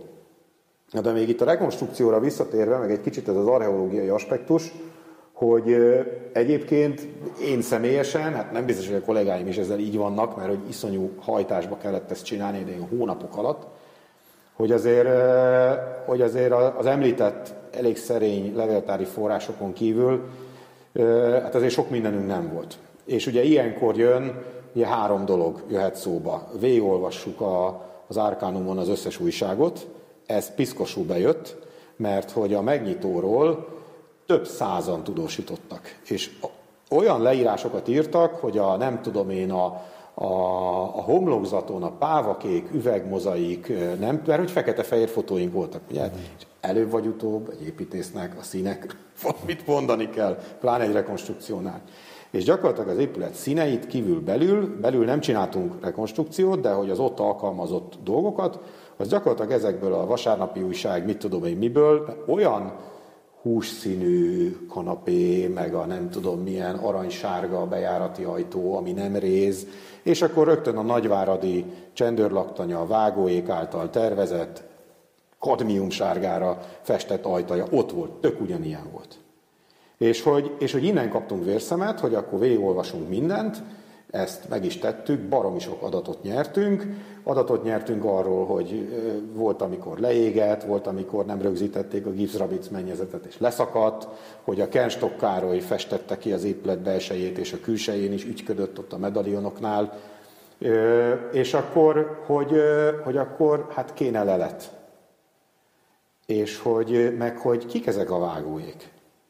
És akkor a, egy vágóházat kivéve, Szabadkán, a, azt nem tudom miért nem mentünk el oda, valahogy az már nem fér bele, de hogy Budapesten, vidéken és ugye Nagyváradon, ahol ők nagyon sokat tevékenykedtek, gyakorlatilag az összes házat felkerestük, meglátogattuk, bementünk a lépcsőházakba, az összes részletet végigfotóztuk, 30 ezer fotó. Tehát, hogy egy ilyen bődületes anyag jött össze, és rájöttünk, hogy ezek a vágófivérek ott az 1900-as évek elején, ott az utolsó bellepok konjunktúrába, hát ők bizony ott marhára nyomták, rengeteget rajzoltak, van egy csomó nem megvalósított tervük, és hát bizony ebbe a, ebbe a későszecessziós premodern világba az a, az a sajátos formanyelv, amit kidolgoztak, az azért ilyen sajátos, mert hogy gyakorlatilag kitaláltak egy ilyen toolkitet, egy ilyen eszközkészletet, és akkor az ajtó, a vasalat, az ablak, a tök egyformák, vagy nagyon hasonlóak, típusok. De hát az ibül is típusokkal, meg még a hild is szerintem, ahol itt ülünk. Tehát, hogy, és hogy ez, ez, ez adott egy ilyen nagy, nagy sungot az egésznek, mert addig tudod, hogy még ott Engternél, hát jó, hát ott, ott maszatol az ember az ablakkal, de hát amikor kiviteli terv kell, meg agatos konszignáció, meg, meg ott van az a fantasztikus előtető, egy ilyen függesztett acél, vagy valami domborított lemezüveg előtető, hát ez mit tudom én milyen, hát egy fotó van róla, hát ezt nem lehet, ezt nem lehet tudni. És, és akkor ezek a, ez a túra, ez sokat segített, és aztán bejött az archeológia is, mert hogy egyrészt két, két dolog, hogy láttuk, hogy valami, nyilván a Liget projekt egészével összefüggésben, ott valami közműkiváltási munkálatok folytak, ezen a telken, mert egy igazából azt se tudtuk pontosan, hogy hol van a színház. Továbbá, aztán ez utána jutott még eszembe, hogy hát ugye nekünk is, hát talajmechanika, ugye? És attól paráztunk, hogy ha valaki megnézi az interneten ezeket az említett kommunista felvonulásokat, ugye a május 1 meg november 7, akkor is volt ilyen páncélos parádé, hogy akkor úgy nézett ki a felvonulási tér, hogy, hogy ilyen iszonyatos nagy ilyen betonlapokkal le volt betonozva az egész. És hogy, és hogy azt, amikor ezt mondtuk a talajmechanikusoknak, hogy hát akkor itt kéne fúrni, mondták ezt nem. Az, hát, hogy, hát, hogy a tankok alá ők úgy tudják, hogy olyan, olyan betonlemezek készültek, amit hát ezt, ezt nem lehet átfúrni. Itt klasszikus módszerrel kell, fel kell tárni, ugye egy mit, kétszer két méteres gödör, egy méter, közműmentesítés, lőszermentesítés, és majd onnan indul a gép. Uh-huh. És akkor hát jó, hát akkor ezzel bízunk meg titeket, és akkor hát ilyen jó, jó pénzért, mert ugye hát ott aztán a 30 centis vasaltbetont. Na most az a furcsa, hogy semmiféle vasaltbeton nem volt, az valamikor eltűnt. Ugye milyen érdekes, hogy így a földből eltűnik ilyen több ezer köbméter beton. Senki, semmi nyomát nem találtuk, hogy ezt ki és mikor szedte föl. Az a kockakő, amit ott látunk, vagy lát, még most is van egy-két helyen, vagy ami ott volt, az a nagy parkoló, uh-huh. mindenki megesküdött rá, hogy az alatt ott van ez a betonplac. És nem volt ott. Azt valamikor fölszedték. Na most ez tök jó volt, mert gyakorlatilag órák alatt ott kiásták a, az árkot, és hát ugye ott voltunk ilyen megfigyelőként, meg hát ugye szóltak az első ilyen kapavágásnál, hogy hogy figyeljetek, gyertek, mert itt ilyen fura, ilyen kék színű, ilyen vakolat. Na és aztán akkor mentünk, táskákkal, ládákkal, mindennel, és hát gyakorlatilag az első ilyen alapgödörből a Kenstok Károly freskó töredékei, a vasárnapi újságban megírt gipszrabic, leszakadt, átégett gipszrabic mennyezetnek a profillált töredékei, a mit tudom én, azbestpala töredékek, ugye ez volt az első palás épület Budapesten, linoleum darabok, ezt leírták, hogy az első olyan középület, amiben linoleum van, valamelyik újság ezt írta, és hogy gyakorlatilag egy ilyen, egy ilyen nagyon furcsa, egy ilyen régészeti kontextus állt elő, hogy egy, tulajdonképpen egy ilyen csomó ilyen szírszar, ugye, ami sit, gyakorlatilag az épületnek a sitje, és hogy nagyon tüstig módon bontották le, mert aztán előkerültek az alapfalak is, téglából, nagymarosi, tég, lepencei téglából falazott alapfalak, és hogy az utolsó téglasorok voltak meg, tehát addig ezt szép módszeresen lebontották, tehát ezt nem lehet buldózerrel, és, és valószínű ez a reszli,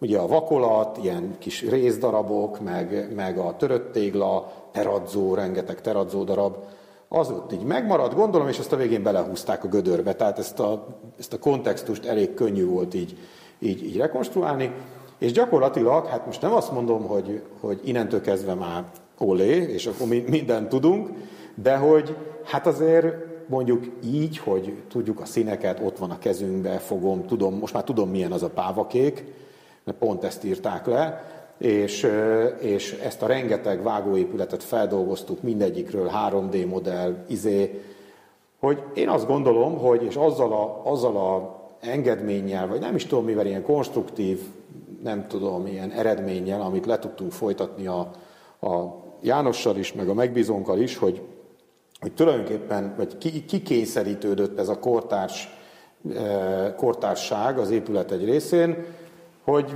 végül is egy ilyen, tehát én ilyen tökre élveztem ezt, meg hogy, meg, hogy tehát számomra, vagy ott, az, vagy ott az irodában számunkra egy ilyen, egy, ilyen meg, egy ilyen megnyugtató, vagy egy ilyen, nem tudom, egy ilyen korrekt eredmény született, mert, és nem azért, mert hogy most ez, most ez szép, vagy nem szép, vagy most szabad, vagy nem szabad, vagy, vagy tényleg ez egy olyan értékes vágóépület, vagy amit most meg kell építeni. Ezt én nem tudom, ezt nem én döntöm el. Mi megcsináltuk ezeket a, ezeket a terveket, szerintem ez, ez, ez, ez fölvállalható, szerintem hozza azt, a, azt az izgalmat, amit egy ilyen gyerekszínháznak tudni kell, elég profi színháztechnika a, került volna bele, vagy kerül bele, ha megépül, netán nem tudom. És igazából én úgy gondolom, hogy ha csak nincsenek valahol lappangó Városligeti Színház kiviteli tervek, akkor, de mivel a vágóéknak ekkor építőipari vállalkozása volt, tehát ők maguk építették, ők maguk felügyelték, én szerintem ezekből a fővárosi levéltáras tulajdonképpen pallér tervekből nyomták ezt mhm. végig. Tehát, hogy szerintem nincsenek kiviteli tervek. Vagy nem, nem hiszem. Mondjuk a nagyvárári csendőrlaktanyáról van, tehát arról, arról, de azt lehet, hogy muszáj volt. A csendőrség olyan megrendelő volt. Itt meg a Feld, Tata, vagy aki a, színház eredeti tulajdonosa volt, vagy a megrendelőjük, ő meg, ő meg ezzel nem foglalkozott, hogy, hogy legyen. Tehát, hogy tiszta, nekem tiszta így a szakmai lelkismeretem, hogy, hogy ennél többet szerintem építészként egy rekonstrukcióért nem lehet tenni.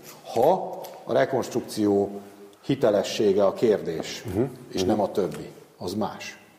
Tehát ezek szerint, hogyha későre állítjuk azt a vitát, ami egyébként jelenleg is késélem van, de mhm. egyébként lassan eldőlni játszik, hogy újjáépítsünk, vagy ne építsünk újjá, akkor ezzel a Bauforsunkba uh-huh. ágyazott archeológiai szemlélettel, egy ilyen nagyon-nagyon tisztességes munkával létre lehet hozni valamit, ami, ami nem értelmezhető a hazugság, nem hazugság, hamisítás, nem hamisítás, kérdéskörében. Tehát lehet végezni egy tisztességes építészeti tettet. Hát én azt gondolom, hogy, én azt gondolom, hogy igen. Persze. Ja, félni, és nem akarnak most ebben a vitára érvként felhasználni, tehát uh-huh. Isten őriz, hogy én most én toljak magam öt, hogy a saját koncepcióimat mondjam. Egyszerűen csak érdekel az, hogy ha már ez van, akkor milyen módon lehet ezzel foglalkozni. Ja, értem. És úgy tűnik, hogy ez egy lehetséges uh-huh. mód, és nem is rossz. Én, én azt hiszem, hogy hogyha itt nagyon ennek a egy ilyennek a, nem tudom én, a, a hitelességét firtatjuk, már pedig, ha azt a szót kiejtjük, hogy rekonstrukció, és az nem csak egy könyvnek készül, vagy egy tudományos eszmefuttatás számára illusztrációként, hanem, hanem mondjuk egy rekonstrukció az, az, az abból a célból, hogy az esetleg megépül, vagy valahogy materializálódik, akkor szerintem azért az fontos a, a hitelesség, hogy és ugye van is ilyen, és hát lehet, hogy nagyon, nagyon ostoba a párhuzam, vagy a hivatkozás, ugye a, ugye a Velencei Kárta is ezt írja, hogy a rekonstrukció megállott, ahol a, ahol a fantázia Igen. kezdődik. Valahol már szebben írják, nem így. De hogy én azt gondolom, hogy ebben az esetben, és pont erről szólt ugye a megrendelővel folytatott tényleg hosszú és sokszor fárasztó, de tulajdonképpen eredményre vezető vita, hogy, hogy, hogy, hogy nem, nem rajzolunk le olyat. És amikor jártam Ózdon az olvasónál, és az Ózdi olvasót hátulról megnézem, én szerintem így nézett ki a Városliget. Valami, ugyanilyen a tömege, hát ugyanekkor épül. Uh-huh. És, hogy, és hogy a formák is egyébként tök sok minden visszaköszön. Nem a vágóék tervezték, de hogy ugyanez a, az egy kicsit későbbi talán 20, nem tudom, valami ilyesmi, 20-as évek, 10-es évek. És hogy, de hogy, de hogy, de hogy ezt mondtuk a megrendelőnek, hogy, hogy nem lehet. Tehát amiről fotó van, ráadásul különböző nézőpontokból uh-huh. megtalálom a töredéket, mi kell még? Nekem ez elég a hitelességhez, és belül is egyébként volt, van egy vagy két fotó az épület belsejéről, és, és hogy, de hogy, de hogy ott már nem mentünk bele rekonstrukcióba, mert most, most érted, a WC ajtóval lefotózva meg a ruhatárnak egy része, most abból nincs mit kibontani. Uh-huh. És szerintem ez azért, ez azért fontos, tehát hogy, hogy és ezért gondolom azt, hogy igen, hogy lehet, hogy ez egy, ez egy elképzelhető út, az, hogy helyes hát ez... Mennyire vagy egyedül ezzel a véleményeddel a műegyetemen? Hát azt nem tudom. Ugye most gondolom, hogy a CH épületnél szóba került, annak is a kupoláját hmm. esetleg, esetleg ja. rekonstruálnák. Hát az ott fölkavarta, hát nem, nem az állóvizet, hanem vetett hullámokat a, a, a, a tanárok között, karitanácsban, dékán úr is forszírozta ezt a témát. Azt hiszem nekem egy kicsit más véleményem volt, de mint ami kialakult, de igazából nem volt róla vita, tehát hogy néhányan elmondták a véleményüket, hozzászóltunk néhányan bizonyos, de nem, de nem, igazából nem volt róla vita, hát Andor, bár ráérnénk az építészkarral ilyenekről, ilyenekről elmélyült vitákat folytatni. Egyébként kellene. Uh-huh. Ja, jó lenne biztos, de uh-huh. nem tudom. Én, nem, én szerintem nem akkora horderejű ez a CH épület kupola ügy, mint amekkorának ezt most így, vagy beállítódik uh-huh. mondjuk az egyetemen, vagy, vagy de magánvélemény. És nem azért, mert, de egyetemi oktatóként is ezt fölmerem, fölmerem vállalni, tehát hogy, hogy, hogy tehát azért nem, tehát ez nem szabad, attól még, hogy ez egy ilyen zeitgeist most, ugye egy ilyen korszellem, hogy város prominens, vagy pregnáns, vagy nem tudom milyen pontjain, ezeken a nagy viewkon, Andrási út sarkán, meg ott a Gellért szálló szomszédságában, most a Várni, az egy külön ügy, de hasonló, meg, meg vannak még ilyenek, ugye ez a kupola ügy, ez pont ezt egyetemtéren, tehát hogy, hogy most van egy ilyen dolog, hát persze, hogy emögött van egy ilyen, van egy ilyen politikai kinyilatkoztatás, szándék, terv, elképzelés, hát az ideológiának nem mondanám, az elég ilyen szamárság lenne, de hogy, de hogy és ezen az ember, tehát elég, elég tehát könnyű ezen az embernek fölhúzni magát, nem? És akkor a, Uh-huh. Miért ez a legnagyobb gondunk, hogy hiányzik egy Igen, ez a, ez a klasszikus kérdés. Igen, nem igaz, hogy nem lehet ott meg, ott meg milyen az a busz megálló, össze van szarva, inkább hozzanak egy új busz megállót. Tehát, hogy, hogy de ez nem azt jelenti, hogy ha valaki ezen így fölhorkan, akkor, akkor neki az ő, nem tudom, véleménye, értékrendje szerint nincs igaza, biztos igaza van, hát legyen igaza. Uh-huh. De, hogy, de hogy ezt lehet máshogy is nézni, tehát hogy lehet, miért ne lehetne ennek a, mondjuk ezt ért, értékelvűen nézni, tehát hogy ére bárkit, és most direkt kiforgatom, de nem, nem szeretnék ezzel senkinek se beszólni, se izé, tehát hogy keletkezik-e abból kár, ha CH épületre visszaépül az eredeti kupola. Uh-huh. Persze, ez fölmerült nálunk is, hogy beázik, meg rossz a statikája, meg amikor lebontották, szartak rá, nem vizsgálták meg, nem érdekel senkit, hogy azóta is süllyed, mindig is süllyed, de hát hát, hát, akkor, hát akkor csak lesz annyi esze annak, aki majd ezt csinálja, hogy akkor nem egy díszt tesz föl oda, hanem akkor ezt megoldja komplexen. Uh-huh. Ha nem, akkor lesz róla véleményem. Amikor, és akkor ebben lassan ráfordulnánk a beszélgetésünknek az utolsó nagy Fú, mi, mi van még? Hát, eddig ez csak a build-up volt, tehát ez, ez volt a build-up. Szóval egy kis vizet. Így, így, áll, így áll. De amikor elkezdtünk beszélgetni telefonon, és elkezdtük szervezni ezt a beszélgetést, akkor ilyen, bocsánat, ilyen, ilyen büfiként szakadt ki belőle, hogy Andor, most fogom itt hagyni az egyetemet, elegem van. Tehát, hogy BME, építészoktatása BME-m, karistruktúra, tanszéki struktúra. Te az oktatási, bocsánat, a nemzetközi kapcsolatokért felelős dékán helyettes vagy, és egy tanszéknek a vezetője. Ez önmagában úgy tűnik, hogy ez egy hatalmi helyzet. Hmm. Tehát, hogy ho, ho, az első kérdés azt írtam ki magamnak, hogy egyetemi oktatás belülről, itt van, papír van róla, Aha. hogy hol tart ma a műegyetemen, és hol kellene tartani a BME-nek. Uh-huh.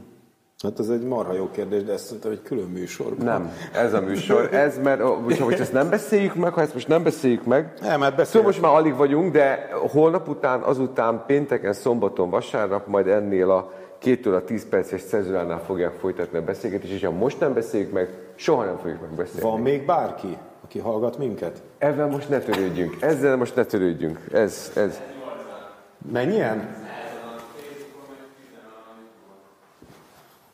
Na. Jó, hát akkor Szerintem most, róla. most, most kirohan mindenki a fürdőkádból, és gyorsan. Most erre vártunk Zsolt. Tehát gyakorlatilag Végzős. erre vártuk, hogy Zsolt villant egy atomot. Végzős építész hallgatók most fogják befülük. Nem. Egyrészt azt hiszem, egy pár napja már nem vagyok nemzetközi dk Ne. Meg kellett válnom ettől a funkciómtól, mert nem, nem megy minden. Nem megy terhelés. Sokkal fontosabb feladatok vannak most, illetve nem fontosabb feladatok, csak nekem kell másra, sok minden másra koncentrálni, ami, ami nagy részt összefügg a, a kérdés csokroddal. De ez azért azt gondolom, hogy ez azért egy ilyen nagyon, nagyon komoly kérdés, és most ha ezt így el akarnám viccelni, nálam minden héten fölmerül az, hogy ott hagyom az egyetemet, tízből kilencszer nem komolyan. Nagyon sokszor fel is mondtam már, hol a Dobainak, hol a Dékánnak, tehát hogy ezt nem szórakozásból csinálom, hanem hogy vannak bizonyos dolgok, amiket ma biztos, hogy nem fogok mindent elmondani, mert nem azért, mert nem tartozik ide, hanem mert, mert olyan, mert nem kell az embernek minden ilyen forrongó izéjét, ami inkább magánvélemény, mint konstruktív izé, vagy düh, vagy hiszti, vagy nem tudom mi, tehát, hogy, hogy szerintem ez nem tartozik senkire, ez az, én, ez az én dolgom, de ettől még van véleményem arról, amit kérdeztél. Azt gondolom, hogy a hallgatóink, olvasóink, nézőink pont erre kíváncsi. Hát ezt pedig nem fogják megtudni, mert, mert azt nem lehet, nem lehet, én legalábbis nem tudom személyeskedéstől mentessé tenni, és azt viszont nem szeretném, mert nem azért, mert ezt, de azért, mert vannak, vannak a karnak olyan olyan régóta elvarratlan nyűgös ügyei, amiket szerintem nem kell, nem kell kiteregetni, ezt nekünk kell megoldani.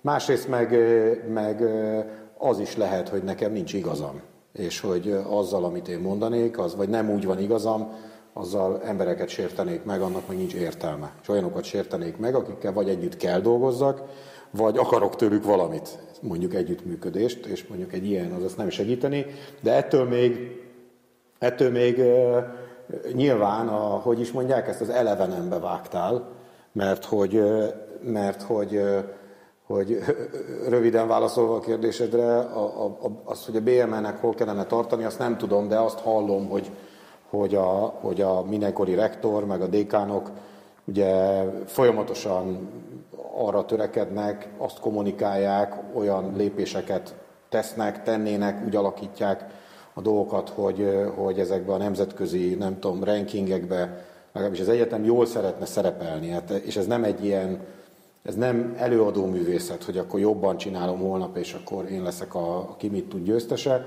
ezért marhasokat kell tenni, és nem a, bizot, nem a bizottságokat kell vendégül látni, hanem hát ennek egyszerűen persze rankingje válogatja, hogy kinek milyen mérőszámai vannak, és mit néznek. Van, aki azt nézi, hány külföldi vendégprofesszor van, és az a súlyszám. Hát nálunk nincs olyan sok, van egy pár, de nemzetközi esedés a graduális szinten, szerintem nem állunk rosszul. Gyakorlatilag 90%-ban a Stipendium Hungaricum Tempus programnak köszönhetően, és nem azért, mert a fizetős hallgatók ide akarnak jönni tanulni.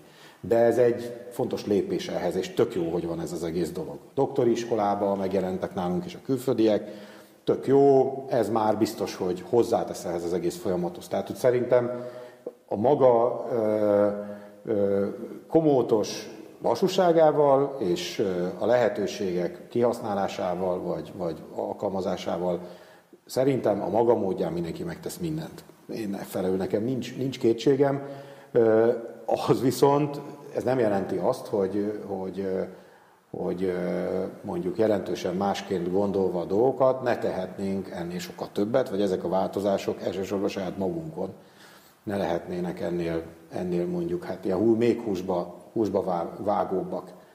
És hogy elmondjam a, a, a magánvéleményemet, ami persze egy tanszékvezetőnek nem lehet csak magánvéleménye és ez nem is igaz, hogy ez az én magánvéleményem, mert ezt nyilván, ha karról van szó, akkor nekem igen, nekem, és mindig is ez volt az álláspontom, amióta erről hát illik, hogy legyen véleményem, szerintem nem jó a karnak a struktúrája.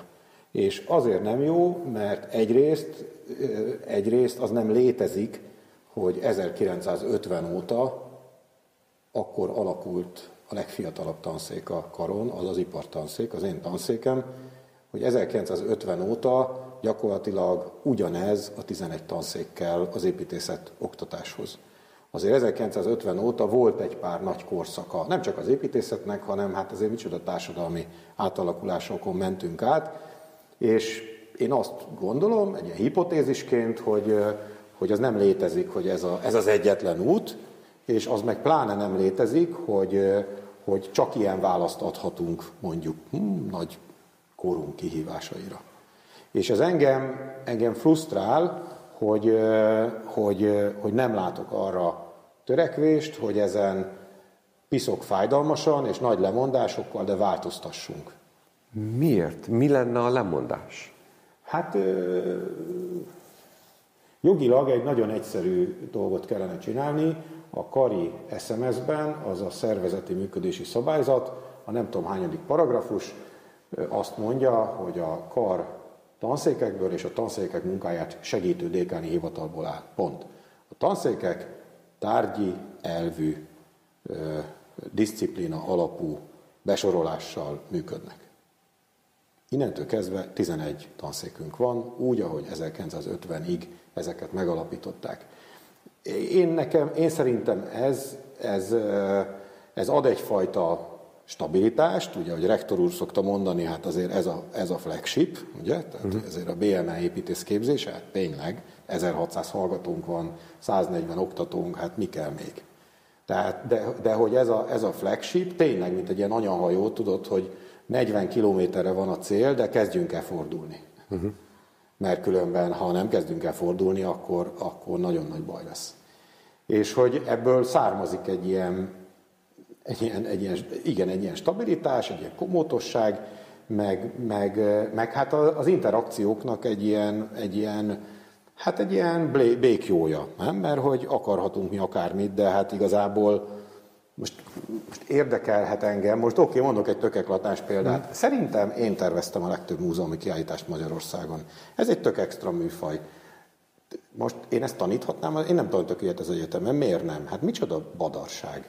Mert én az ipartanszék ajtaján mentem be, ugye? Uh-huh.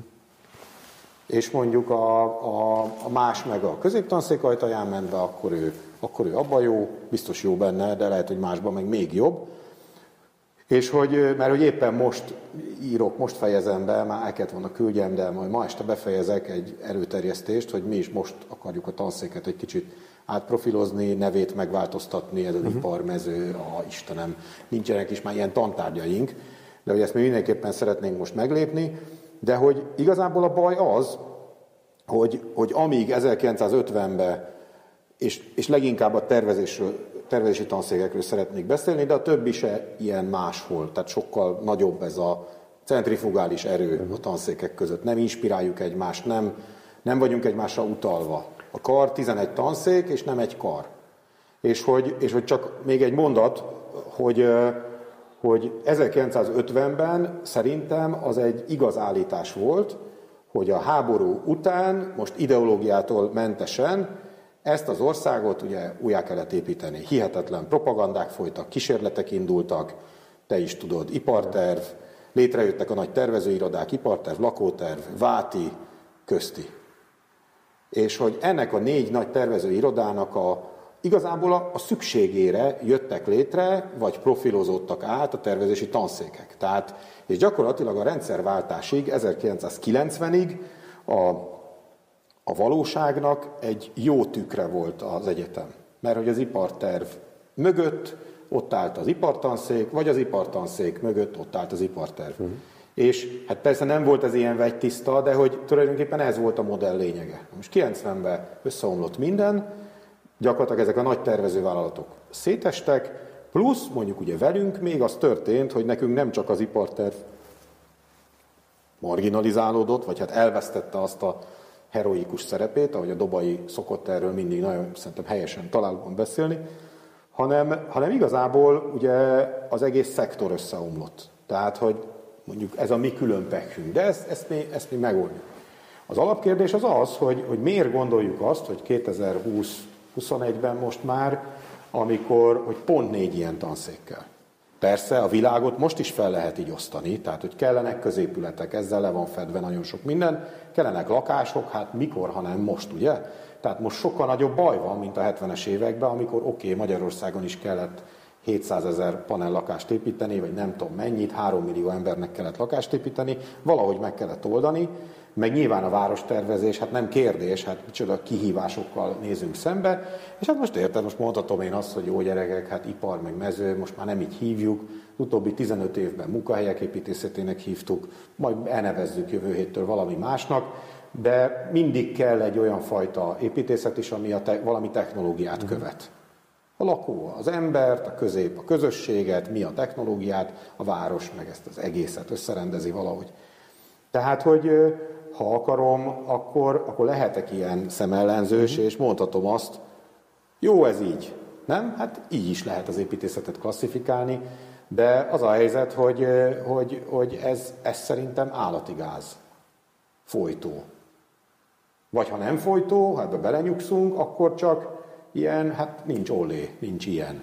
Nincs, nem, nem tudunk, nem tudjuk a szinergiáit ennek az egésznek kihasználni, mert egészen addig, amíg, amíg mi ehhez ilyen görcsösen ragaszkodunk, hogy már pedig a tervezés az négy ilyen, és semmi más disziplína nem képzelhető el, addig a többi tanszék is ragaszkodik a disziplinájához. Tehát addig van, kell, hogy legyen tartótanszék, hát hogy ne lenne, épszertanszék, kivitel, gépészet, ábrázoló, éptöri, ugye ilyen tanszék, rajz, ez a 11 tanszék, Viszont ha ezt robbantanánk, akkor mindennek robbanni kéne, mert akkor úgy működnénk, és én ezt a modellt, én emellett a modell mellett tudnék elköteleződni, és akkor nem kellene tanszéket vezetni, ami hát egy, az, tudnék mesélni, hogy nem, nem olyan leányálom ez azért, hogy, hogy ami nagyon sok egyetemen van, ez a professzúra, vagy katedra alapú, vagy chair alapú dolog, hogy, hogy van 30 professzor, vezető oktató, nekik vannak ö, projektjeik, amik persze lefedik, csak ugye ezt jó előre kitalálják évekre, hogy mi az a kurikulum, amivel lefedik az adott képzésnek a fő sarokpontjait, és, és ők kitalálják, és akkor körül, körülöttük ugye kialakulnak azok a, azok a centrumok, azok a kis ilyen mini centrifugák, amik, amikbe, amikbe egy Andrea Deplácesszel egy Grámáció Kohler, és akkor ugye 5-6 évig az ment. Ez a, már régen nem megy, mi meg most, hú, milyen érdekes ez a robotika. Tehát, hogy, tehát, hogy van egy, hát egy 15 éves fáziskéséssel próbáljuk a világot követni. Lehet, hogy csak 10, néha csak 5. De hogy nem járunk a világ előtt, az biztos. És hogy, szóval nekem ez, de, de még egyszer mondom, és nehogy valaki megsértődjön, tehát ez nem, tehát nem ezzel kelegfekszem. Bo- bosszant sokszor nagyon, és amikor látom a kihagyott sanszokat, meg hogy más ezzel mekkorát hasít, és, hogy, és, ezt, és ezt, ezt mi tudjuk megcsinálni ilyen méretben, és itt jönne be az, hogy ugye sokszor mi is néz, mit csinálnak Debrecenben a kollégák, Pécsen, Sopronba, Győrbe, Momén. Persze, hát tök jó, mindenki csinálja, mindenki csinálja a dolgát, van róla véleményünk, valami jó, valami nem tetszik, de hogy ezt a nagy szinergiát, ami minden pillanatban tudna valami újat mondani, ezt csak mi tudnánk megcsinálni, a flagship. Uh-huh. Akkor Smilo Dávid ült ugyanebben a székben, és nagy élvezettel hallgatták szerintem nagyon sokan az adást, akkor meggyőződésnek adott angot, hogy nincsen szükség tartó szerkezeti uh-huh. tanszékre. Meggyőződésének adott angot, hogy tulajdonképpen az alapépszerken túl, ezt már lehet, hogy én, én adom utólag a szájába, uh-huh de arra az évszerek tanszékre sincs szükség, hiszen úgyis egy technológust, egy konstruktőrt mindenki megvásárol. Hogy tulajdonképpen úgy hülyeségek a tervezési tanszékek, ahogy vannak, nem beszélve az évtört tanszékről. Na jó, esetleg a rajz. Uh-huh. Tehát, hogy Szóval ott egy nagyon-nagyon éles kritika hangzott el a Dávidnak a részéről, és a hozzám eljutott fiatalabb generáció uh-huh. részéről, fiatalabb generáció alatt azt értem, mondjuk az elmúlt pár évben végzett, nagyon sokan azt mondták, hogy igen, tökéletesen igaza van, tényleg nem rozoljuk úgy a házakat, tényleg nem számoljuk ki a tartókat, és közünk nincsen a talajmechanikához, és eljöttek olyan horror történetek, amely horror történetekben nagyon képességes, nagyon tehetséges, konkrétan a Debreceni Egyetemen már lassan tíz éve járó, nagyon tehetséges, konkrétan Zombor Gábornál dolgozó fiatalemberről tudom, hogy a büdös életben nem fogja lediplomázni azért, mert nem fogják átengedni tartóból. Ez jó? Hát én nem tudom. Kérdezem, én építészműnökként, aki a seggemet szétültem, annyit gyakoroltam a matek falatokat, mert én nem vagyok különösebben képességes matematikus, viszont szorgalmas vagyok. Hát biztos, hogy nem jó ez, és rengeteg, rengeteg sztori van, van, van persze, vannak egyéni helyzetek is, meg vannak rendszer szintű problémák is, de én meg vagyok róla győződve, hogy ez így, hogy ez így nem jó, vagy ha visszakérdez valaki, hogy, hogy akkor ezt egy kicsit részletesebben, hogy, hogy, hogy, hogy akkor, akkor nem elég jó. Hogy ez egy ilyen bedöglött puskapor, tehát hogy, tehát, hogy Andor 1600 hallgatónk van, 140 oktatónk, most oké, okay, van 11 tanszék, de hogy, hogy felejtsük el ezt az egészet, de akár még tőle maradhat is, de hogy, hogy az a baj, hogy ez egy olyan, olyan kötelem mindenki, hány kreditje van, meg még egy tantárgyat, és akkor el tudok bocsátani valakit, vagy föl tudok venni valakit. Tehát, hogy, hogy, hogy ez ezt hozza. Ugye? Tehát, hogy mert hogy egy tanszékvezető, az felelős a tanszékért ez a bér, úristen, ehhez ennyi kredit kell, ehhez ennyi doktorandusz, tudományos pont, TDK, és akkor tényleg mindegy egy rossz háztartásban, hogy ki innen ez jön, innen az jön. Aztán persze, hát az ember mondjuk jól csinálja a dolgát, vagy szerencséje van, vagy jól áll, vagy népszerű a hallgatóknál, vagy olyan tantárgyakat csinál, akkor, akkor nincs gond. De ha valami megcsúszik, akkor iszonyú drámák vannak. Tehát, hogy, és hogy én, én, én azt állítom, hogy, és nem azt, hogy, nem azt, hogy ez egy kalapszar, mert erről nyilván nem, erről nincs szó. Kiváló emberek vannak minden tanszéken, vannak egészen zseniális teljesítmények is. De hogy ez a merev struktúra, ez, ez a, a biztos, hogy a kreativitást folytja. Uh-huh. Nincs élmény. az élménytér az, az gyakorlatilag az élménytér alatt a hallgató-oktató interakciót és legfeljebb a tanszék hallgató interakciót értem. Ez, ez, ez beszűkül egyéni teljesítményekre. Ez a probléma. Uh-huh. Volt egy, izé, annyira nem tudom kiverni a fejemből, amikor a, amikor a Molnár Csaba átadta a dékánságot, három éve júniusban, ugye az Alföldi Gyurinak, és akkor tartott egy ilyen záró, záró beszédet, és hát ő is ezen sokat kesergett, hogy ő is nem sikerült ezeket a reformlépéseket, vagy azoknak ilyen, hát ilyen markánsabb etapjait meglépni, és, és csak vetített két ilyen vicces ábrát, de szerintem ez tökre kifejezi, hogy egy ilyen hülye karikatúra rajz, és akkor kérdezi ott a pódiumon a valaki, hogy ki akar változást, és akkor tudod, mindenkinek a keze fönn volt a magasba, uh-huh. Akkor a következő ábra, ki akar változni, és akkor itt hogy mindenki így né... na, ilyenek vagyunk. Uh-huh. És mert mindenkinek van, biztos mindenkinek van veszteni valója, és ezt szerintem ez tökre respekt, meg értem.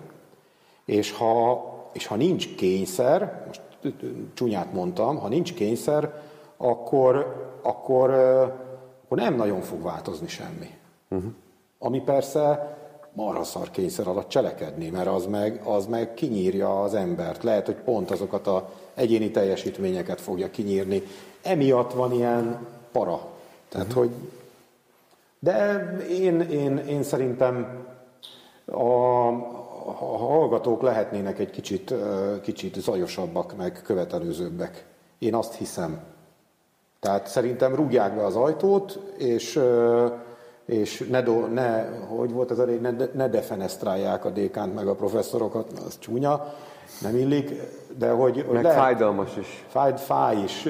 De hogy Főleg, amikor egy, defenestrálják az embert. Lehetnének egy kicsit hangosabbak, és akkor lehet, hogy, lehet, hogy ez minket is jobban stimulálna. De nem akarom rájuk kenni. Jó, hogy szóba kötök a fiatalok, ugyanek a sorozatnak ez a bizonyos fiatal építészetet cég, hmm. és amikor még mindig csak múlt beszélgetésekre hivatkozom, de először megkerestelek Kevel, akkor a, és ezt Smiló Dávidnak is idéztem, és most mondom neked is, meg azt hiszem egy csomó olyan, hogy hát Andor, hát hol vannak a fiatalok? És akkor visszakérdeztem, hát Zsó, hát hol vannak a fiatalok? Mint tanszékfiző. Tehát, hogy látod a fiatalokat? Mert mindeközben, és ez egy fontos mindeközben, és lehet, hogy ezt én rosszul látom, ezt én készséggel ismerem, de úgy tűnik, hogy megjelent egy generációs alapon szerveződő valami más, amely lehet, hogy ki fog fulladni. Lehet, hogy a későbbiekben, amikor ez a generáció nagy megbízásokhoz fog jutni, akkor már nem fog ennyire izgalmas és szép házakat csinálni, de akár a Paradigma Ariadné, akár az AUV workshop, akár a Guba Hámori, akik uh-huh. mindannyian lesznek itt vendégek. Uh-huh. Tulajdonképpen úgy tűnik, hogy, hogy minthogyha a fiatalság egy picikét most valamifajta másságot is jelentene. Uh-huh. Tehát, hogy ezt te hogyan látod? Hát... Tanár úr, elég. egyfolytában fiatalokkal foglalkozol. 100 ja. TDK dolgozat, most, most idézlek téged, csináltál doktorokat, Rudapitekusz, kis kilátópontok. Hát jó, nehezet kérdezel, mert van erről sarkos véleményem. Légy legalább egy mondjam. please, mondd el, mondd el, mondd el. Nem, a, nem a, én, én, elég sokat szoktam ezen ércelődni, aztán van, aki ezen meg is értődik, de, de nyilván nem, nem bántásból mondom sose, de hogy ez, ez az Y generáció, tudod, meg most már mm. zék vannak, meg milleniál, meg én nem tudom, hogy hívják, ki klasszifikálják ezt és hogyan és miért, de hogy, de hogy és hát ugye ezek a tudott, ezek a toposzok, hogy akkor a figyelemzavar, meg hogy nem tudnak koncentrálni, türelmetlenek, semmi nem jó, kiégtek már 20 éves korukra, tehát hogy lehet ilyenekről így olvasgatni, most ha akarom, akkor látom ezt én is persze mindenkin. Tehát, hogy, de, hogy, de hogy azt elég igazságtalannak tartom, hogy, hogy szerintem ezek nem ilyen, ezek nem, ezek sokkal inkább ilyen életkori sajátosságok, mindenkori életkori, meg élethelyzet, és, és persze meg egy kicsit az adott, az adott korszak is. Én is rohadtul ki voltam égve 23 évesen, nem véletlenül hagytam itt ezt az egészet, és, és évekig eszembe se jutott építészetről gondolkodni. Aztán megjött a, megjött a kedvem, vagy nem tudom, visszajött ez az egész, és tulajdonképpen az egy ilyen amnézia volt az a, az a két-három, két-három-négy év. De hogy, de hogy ha, ha visszatérve arra, amit kérdeztél, hogy én azt, én, én nekem igen, akiket, akiket soroltál, őket persze én is látom, meg, meg ha látok róluk valamit, akkor megnézem. Meg... Moméról Bene Tamás mondjuk. Igen, igen. De hogy, de hogy szerintem, nekem az az érzésem, eh, hipotézis, hogy szerintem sokkal többnek kéne lenni. Mert azt viszont nem látom, mert szerintem ennél, tehát hogy, hogy, hogy amikor kinyílt a világ, persze 90-ben, és ugye összeomlottak ezek a nagy szocialista struktúrák, akkor persze, hogy lett egy csomó építésziroda. És, hogy, és ahogy ugye a, a már akkor ugye friss diplomások is előbb vagy utóbb megcsinálták a maguk irodáját. És nem mondom, hogy olyan marasok, de, de szerintem az én generációmból, és mondjuk plusz-minusz tíz év, vagy öt év, vagy nem tudom, tehát hogy, hogy szerintem sokkal több ilyen iroda van, mint mondjuk a, az igazán fiatalok. És hát persze erre lehetne azt mondani, na jó, de hát mire? Hát mire basszus? Hát mindenki a nagy semmire csinálja, tehát először egy munkára, vagy egy tetőtérbeépítésre, vagy egy, vagy egy, vagy egy pályázat, ugye, egy, egy pályázat reménye. De hogy ebbe be kell fektetni, bele kell állni, meg kell próbálni. És ezt azért én nem látom. Tehát, hogy vannak persze, tehát, hogy a Partizán, Major Zoli, Mülner Peti, uh-huh. tehát, hogy, tehát, hogy, hogy, hogy van, van így kicsit pejoratíven mutatóba, ugye? Uh-huh. De, hogy, de hogy szerintem egy ilyen érzés, hogy szerintem Csehországban több van, ugyanekkora ország. Szlovéniában még lehet, hogy ott is több van, mint nálunk, pedig ők ötödekkorák. De nem akarok így, így vagdalkozni, és persze most ha, most, ha okosan érvelő, vitatkozó Y meg Z generációs fiatal építészek itt ülnének, akkor ők rögtön mondanák, na de hát milyen nehéz nekik. Biztos igazuk lenne, de hogy, de hogy az, ennek szerintem így nem lesz jó vége, vagy így, mert azért azt szerintem senki nem vitathatja, hogy hát azért így körülnézünk, nem itt persze, mert tip-topra meg van csinálva minden, de hát azért, azért ha csak itt a Budakeszi úton lecsorgunk innen a, nem tudom meddig a, a, a János kórházig, hát azért itt lenne teendő. Uh-huh. És ö, kicsit attól félek, hogy, hogy, hogy hiába kép, képzünk, mondjuk évente kb. 400 diplomást, ugye, kb. ennyi jön mhm. ki, hogy, és nem szeretem ezeket a, nálunk is sajnos az egyetemen vannak kollégák, akik ugye már az elsősöket ezzel riogatják, hogy hát, de hát ezt a mi időnkben is mondták, hogy 10%-ból se lesz építész, és közülük is majd egy lesz, aki befut. Fú, de utálom ezt. Mert ő honnan tudja? És szerintem nem is igaz. Nem is igaz, csak, csak a, lehet, hogy ez a vállalkozó szellemű építész, vagy mondhatjuk maszeknak, uh-huh. vagy akinek saját irodája van, vagy aki, ha még ilyen izé, dögebb akarok lenni, aki akar valamit. Uh-huh. Dobai szokta. Akarsz valamit, akkor tessék.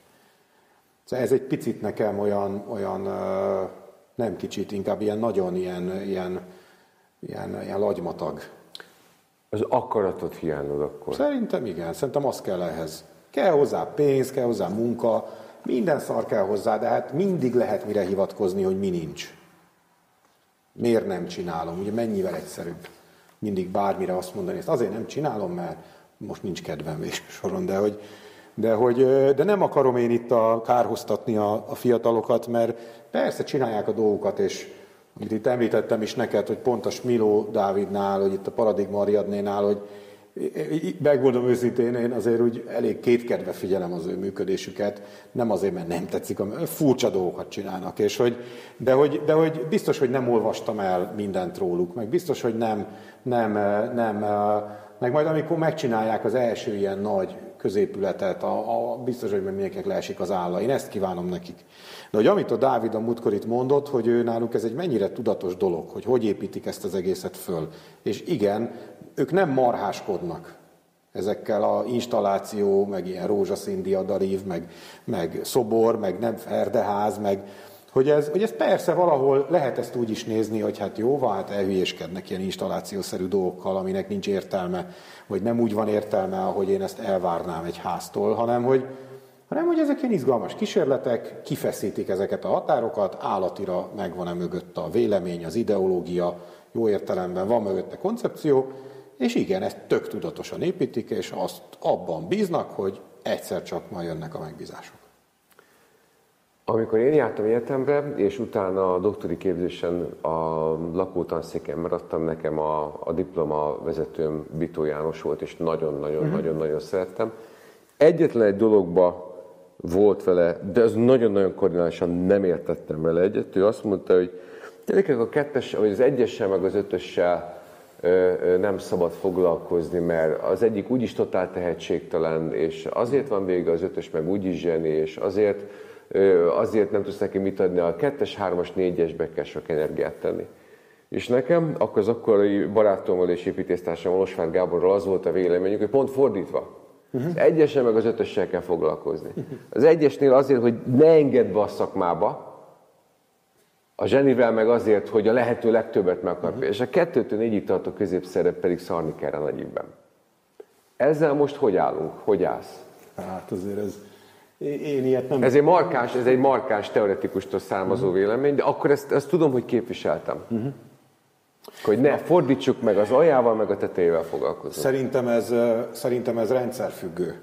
Csak egy példát hadd mondjak, a, ugye Zürichbe úgy megy a, az első évfolyam beiskolázása, hogy mit, évszázados tradíció, hogy 600 elsőst vesznek föl, és 300 maradhat.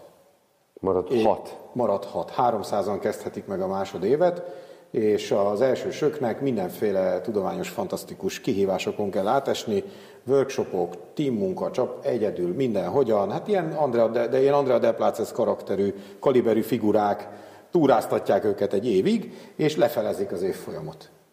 Egyes és ötös, ugye? Tehát ez az, amit te mondasz, Igen. de ehhez, egy, de ehhez egy, egy teljesen más, nagyon szigorú, nagyon kemény, tulajdonképpen a, a, a, a szélsőségeket kereső, hiszen az az érdekes, aki, Igen, aki alkalmatlan húzzon el, aki meg jó, oké, most maradhatsz, de utána is azért jön a, kreatív, jön a kemény, kreatív a bátorság. De ők velük lehet. Na de ez egy olyan rendszer, hogy ott ugye szükségszerűen ugye nagy massza van az elején, megtörténik ez a nagy desztilláció, az első lefőzés, és aztán utána meg ugye ebbe a, ebbe a folyamatosan változó ilyen, ilyen, ilyen, ilyen, ilyen dinamikus Egyszer itt volt a Depláces, és lerajzolta nekünk, hogy egy, egy ilyen köröket rajzolt.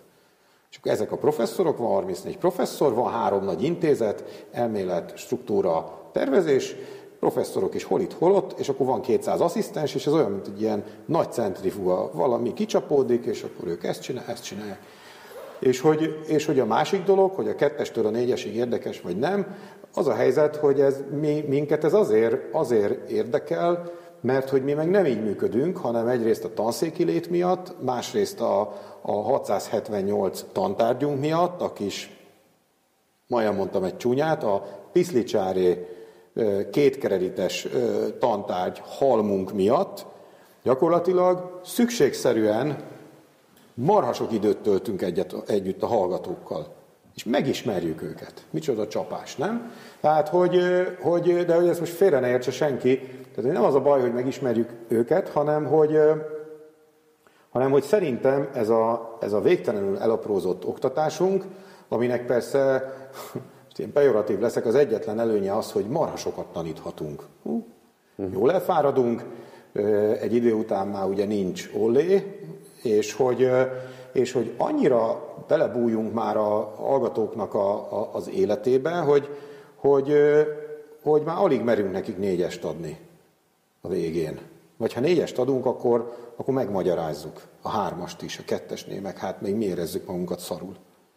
És hogy ez igazad van, hogy, hogy mert, mert szerintem te azt mondod, hogy a kettestől négyesig nem érdekes. Nem. De hogy, de hogy ez a mi, mi rendszerünkben lehet ezt mondani, azt nem merném mondani, hogy az a hallgató nem érdekes, mondjuk egy tervezési teljesítmény alapján, de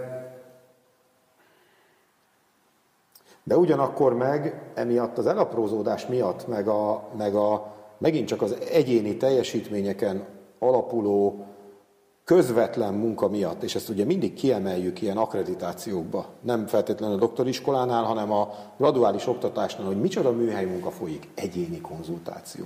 Ugye?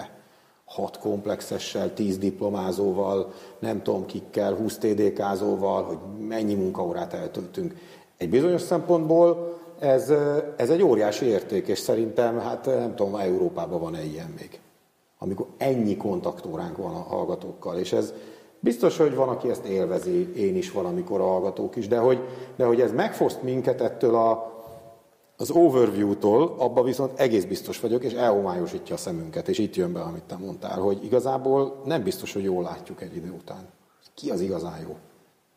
Tehát abból kell kiindulni, és most nem akarok senki háta mögé bújni, tehát, hogy én, mint teoretikus, nekem magyarországi teoretikus, iszonyatosan jó lenne folyamatosan olyan házakról írni, amelyek, amelyekkel versengen az Architecture Review. Hogy Andor, gyere, írd meg magyarul, mert nem értjék nálatok, de, de, de, de, de ez itt őrületes ő, ami történik, hogy csináljátok. Tehát ez a vágy van, hogy eltelt 30 év a rendszerváltás uh-huh. óta, mindkettőnk életében, uh-huh. és az a vágy van, ami így ugyanúgy megfogalmazódik, hogy, hogy jöjjenek létre nemzetközi kollaborációk, hogy termelődjék ki Makovec Imre után még valaki, akit nemzetközileg legalább egy picit ismernek, vagy tudjunk olyan irodákról, ahol nem csak sameszként dolgozik valaki, hanem türüp, türüp, türüp, türüp, türüp, türüp nagyházakkal, mint ami egyébként megtörténik a japán építé, bocsánat, a romániai építészetben. Mm. Más kérdés, hogy iszonyatosan erős modernista szemlélettel, mint egyfajta a neoromanizmus építészete mellett a, ugye a modern az ugyanolyan rendkívül fontos identitásteremtő mhm. építészet az első világháború után, és ez egy nemzetközi átjárás mhm. biztosít nekik mondjuk a francia területek Abszolút. felé. Tehát, hogy, hogy, hogy tulajdonképpen a, a, a hangsúlyozni szeretném, hogy bennem a vágy az ez. Mhm. Nem pusztán ütni a dolgot, hanem az, hogy de jó lenne, ha mi is kicsi Szlovénia lennénk, kicsi Csehország lennénk, és meglennének azok. Sok Bef Perovics, ugye? Így van, így van, így van. Hát igen, de ugye innen, amit most mondasz, ezt szerintem sokunk vágya, hogy, mi, meg hát nem csak vágy, hanem könnyű erről panaszkodni, hogy miért nincs ilyen. És pillanatok alatt eljutunk a építészképzésig, hát ha hogy gyökerezik. Ugye? Hát ezért piszkálódom. Biztos, hogy ott is gyökerezik, de, de azért azt nem mondanám, hogy hát biztos, hogy van azért ennek egy, egy, egy, egy társadalmi környezete, egy politikai környezet, ami ebben biztos, hogy van szerepe konjunktúra is, meg, meg, meg néha elfolytás is, meg néha a lehetőségek végtelen tárháza, máskor meg a zéró, zéró lehetőség. Egyik se teszült a kísérletnek, az biztos. Nem. Se amikor nem. ilyen akarsz halni, se amikor pedig dől rád a pénz, mert annyi munkában. nem, nem, tesz, nem tesz jót, viszont, viszont az biztos, hogy, és itt megint előhúzom ezt a, ezt a fogalmamat, ezt az, él, ezt az élményteret, hogy, hogyha azt az apró lépést el, el tudnánk érni, és tőlem még akár maradhat a 11 tanszék is, hogyha, hogyha ha a hallgatókkal való világunk egy kicsit gazdagabb lenne. Tehát, hogy ez nem a négy szem közti, vagy a legfeljebb a hat szem közti, és a, a konzultáció, és akkor az olyan prezentáció, hogy ugye az oktatók ülnek, a hallgató áll, és nézzük, hogy mit vetít, tehát, hogy, és már ez is óriási dolog, hogy erre tudunk időt szakítani, mert hogy a darálóba alig fér bele valami, hanem hogy egyszerűen, hogy, hogy, hogy ez, ez, ez, hát ez a műterem, ugye? Tehát mhm. uh-huh. ugye ezen fekengünk gondol már 30, 30 év, amióta én egyetemre. Igen. Szóval, hogy, de most mi ebbe olyan nehéz? Tehát, hogy azokba a termekbe, ahol eddig gyakorlat volt, akkor most oda bemegyünk és ott maradunk. Tehát, hogy, nem a hallgatók mennek, hanem a tanárok jönnek. Tehát, hogy nem hiszem el. Nem, és se, egyikünk se hiszi ezt el. Szerintem hmm. még azt se hiszi el, aki azt mondja, hogy nem lehet. Olyan piti dolgokon múlik ez, és, és annyira, annyira más lenne. Tehát, hogy, hogy illetve remélem, hogy más hmm. lenne. Tehát kellene ez, mert, mert bármekkora élményt is jelent ez így, meg persze marha sok kudarcot és nagyon sok fáradtságot, de hogy tök őszintén engem már nem nagyon érdekel ez sokáig így. Uh-huh. Mert, mert eh, mondhatom azt, hogy hú, mennyire elfáradtam, persze, hát mindig elfárad az ember, egy, van amikor, én is most össze volt egy periódus, amikor pff, tényleg kidőltem, amikor hívtál, uh-huh. akkor tényleg nagyon magam alatt voltam, mert rohadtul elfáradtam, de hogy, eh, de hogy eh, de hogy én, ne, én nem ezt akarom most már így kockára tenni, hanem hogy néha is Balázs Misivel szoktam erről így adomázni, hogy, hogy, hogy, hogy ez tulajdonképpen engem akkor érdekel, akár középtávon és nem hosszú távon, hogyha, hogyha én ezt élvezem csinálni. Mm-hmm. Jelenleg az építészeti oktatásnak nincs nagy élvezeti értéke nekem. Ezt kell mondanom. És ez nem bántok én most senkit. Tehát ezt senki ne vegye magára, és azért ezt én rögtön relativizálni is szeretném, hogy ez lehetne sokkal jobb, inkább így mondom. Uh-huh. És így ezt hosszú távon, hát... Hát ez egy eléggé pessimista vége a beszélgetésünknek. De ne fejezzük be. Jó. Azt mondd meg, hogy hogy inspirálódsz. Én bevallom nekem, na, imád, imádom az oktatást, de úgy érzem, úgy érzem, hogy nagyon absztrakt módon ad vissza. Tehát, hogyha uh-huh. nekem nem lenne ez az intézet, például ezek a beszélgetések, tehát én nagy bajban lennék, mert uh-huh. kicsit úgy érzem magam, mint egy tűzszány, amiben lapátolom bele a vasérszet, és tűnik el, és tűnik el, és tűnik el. Ja. És nagyon, nagyon nehéz a, a tehát nagyon nehéz rá, b- b- b- vizsgákon a hallgatóknak próbálok olyan feladatokat adni, amelyekről be is vallom nekik az évelén, hogy bocs, srácok, ez engem érdekel. Tehát, hogyha ezt megcsináltok, nekem tesztek vele jót. Hát figyelj, azért... Tehát a hülye kérdés volt, ez ott van neked a régészet, minden. Persze, hát az, azért sok, meg, meg hát azért a, a, ugye a visszajelzések azért azok mara fontosak, tehát az nagyon inspiráló tud lenni, hogyha, uh-huh. hogyha valamire van, van valami feedback, vagy van valami, van valami siker, de, de, de mondjuk nálam ez azért így, ez azért így mindig, tehát egy világéletemben ilyen, ilyen ezek a bugyrok azért ilyen sok, sokfélék voltak. Uh-huh.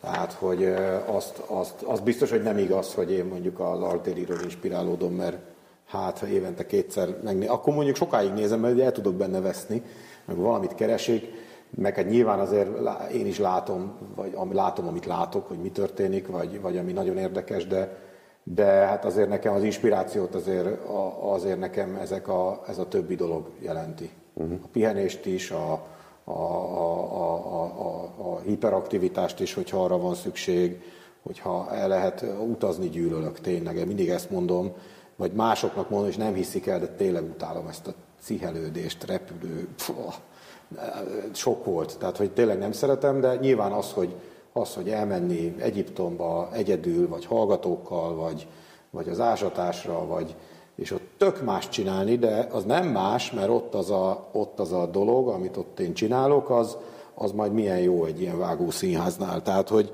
tehát, hogy ez nekem így soha nem esett szét ilyen. Tehát ezek nem fragmentumok. E, Persze igen, meg lehet úgy nézni, de, de ez, és, és tényleg marha érdekes, hogy így, hogy így minden, hogy mennyi minden így visszajön.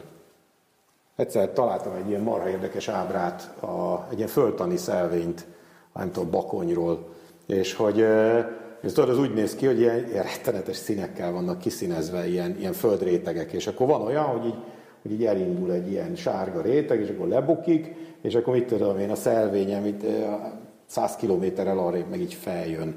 És ez egy ilyen, ezeknek változik a vastagsága, eltűnnek, megmaradnak, újak keletkeznek, hogy, hogy, hogy szerintem egy ilyen, ilyen építész pálya az ilyen, nem? Tehát, hogy, és akkor ezek az inspirációk, hogy van, ami aztán így elmúlik, hát van, ami engem se érdekel, bár nem sok olyat tudok mondani, uh-huh. ami így elmúlt volna teljesen, de hogy, de hogy vannak olyan dolgok, amik, amiknek meg így változik nyilván, ahogy az ember időt tud rá szánni. Tehát, hogy, hogy, hogy, hogy én is volt, volt olyan év, hogy nem tudtam kimenni Luxorba az ásatásra, majd belehaltam. Uh-huh.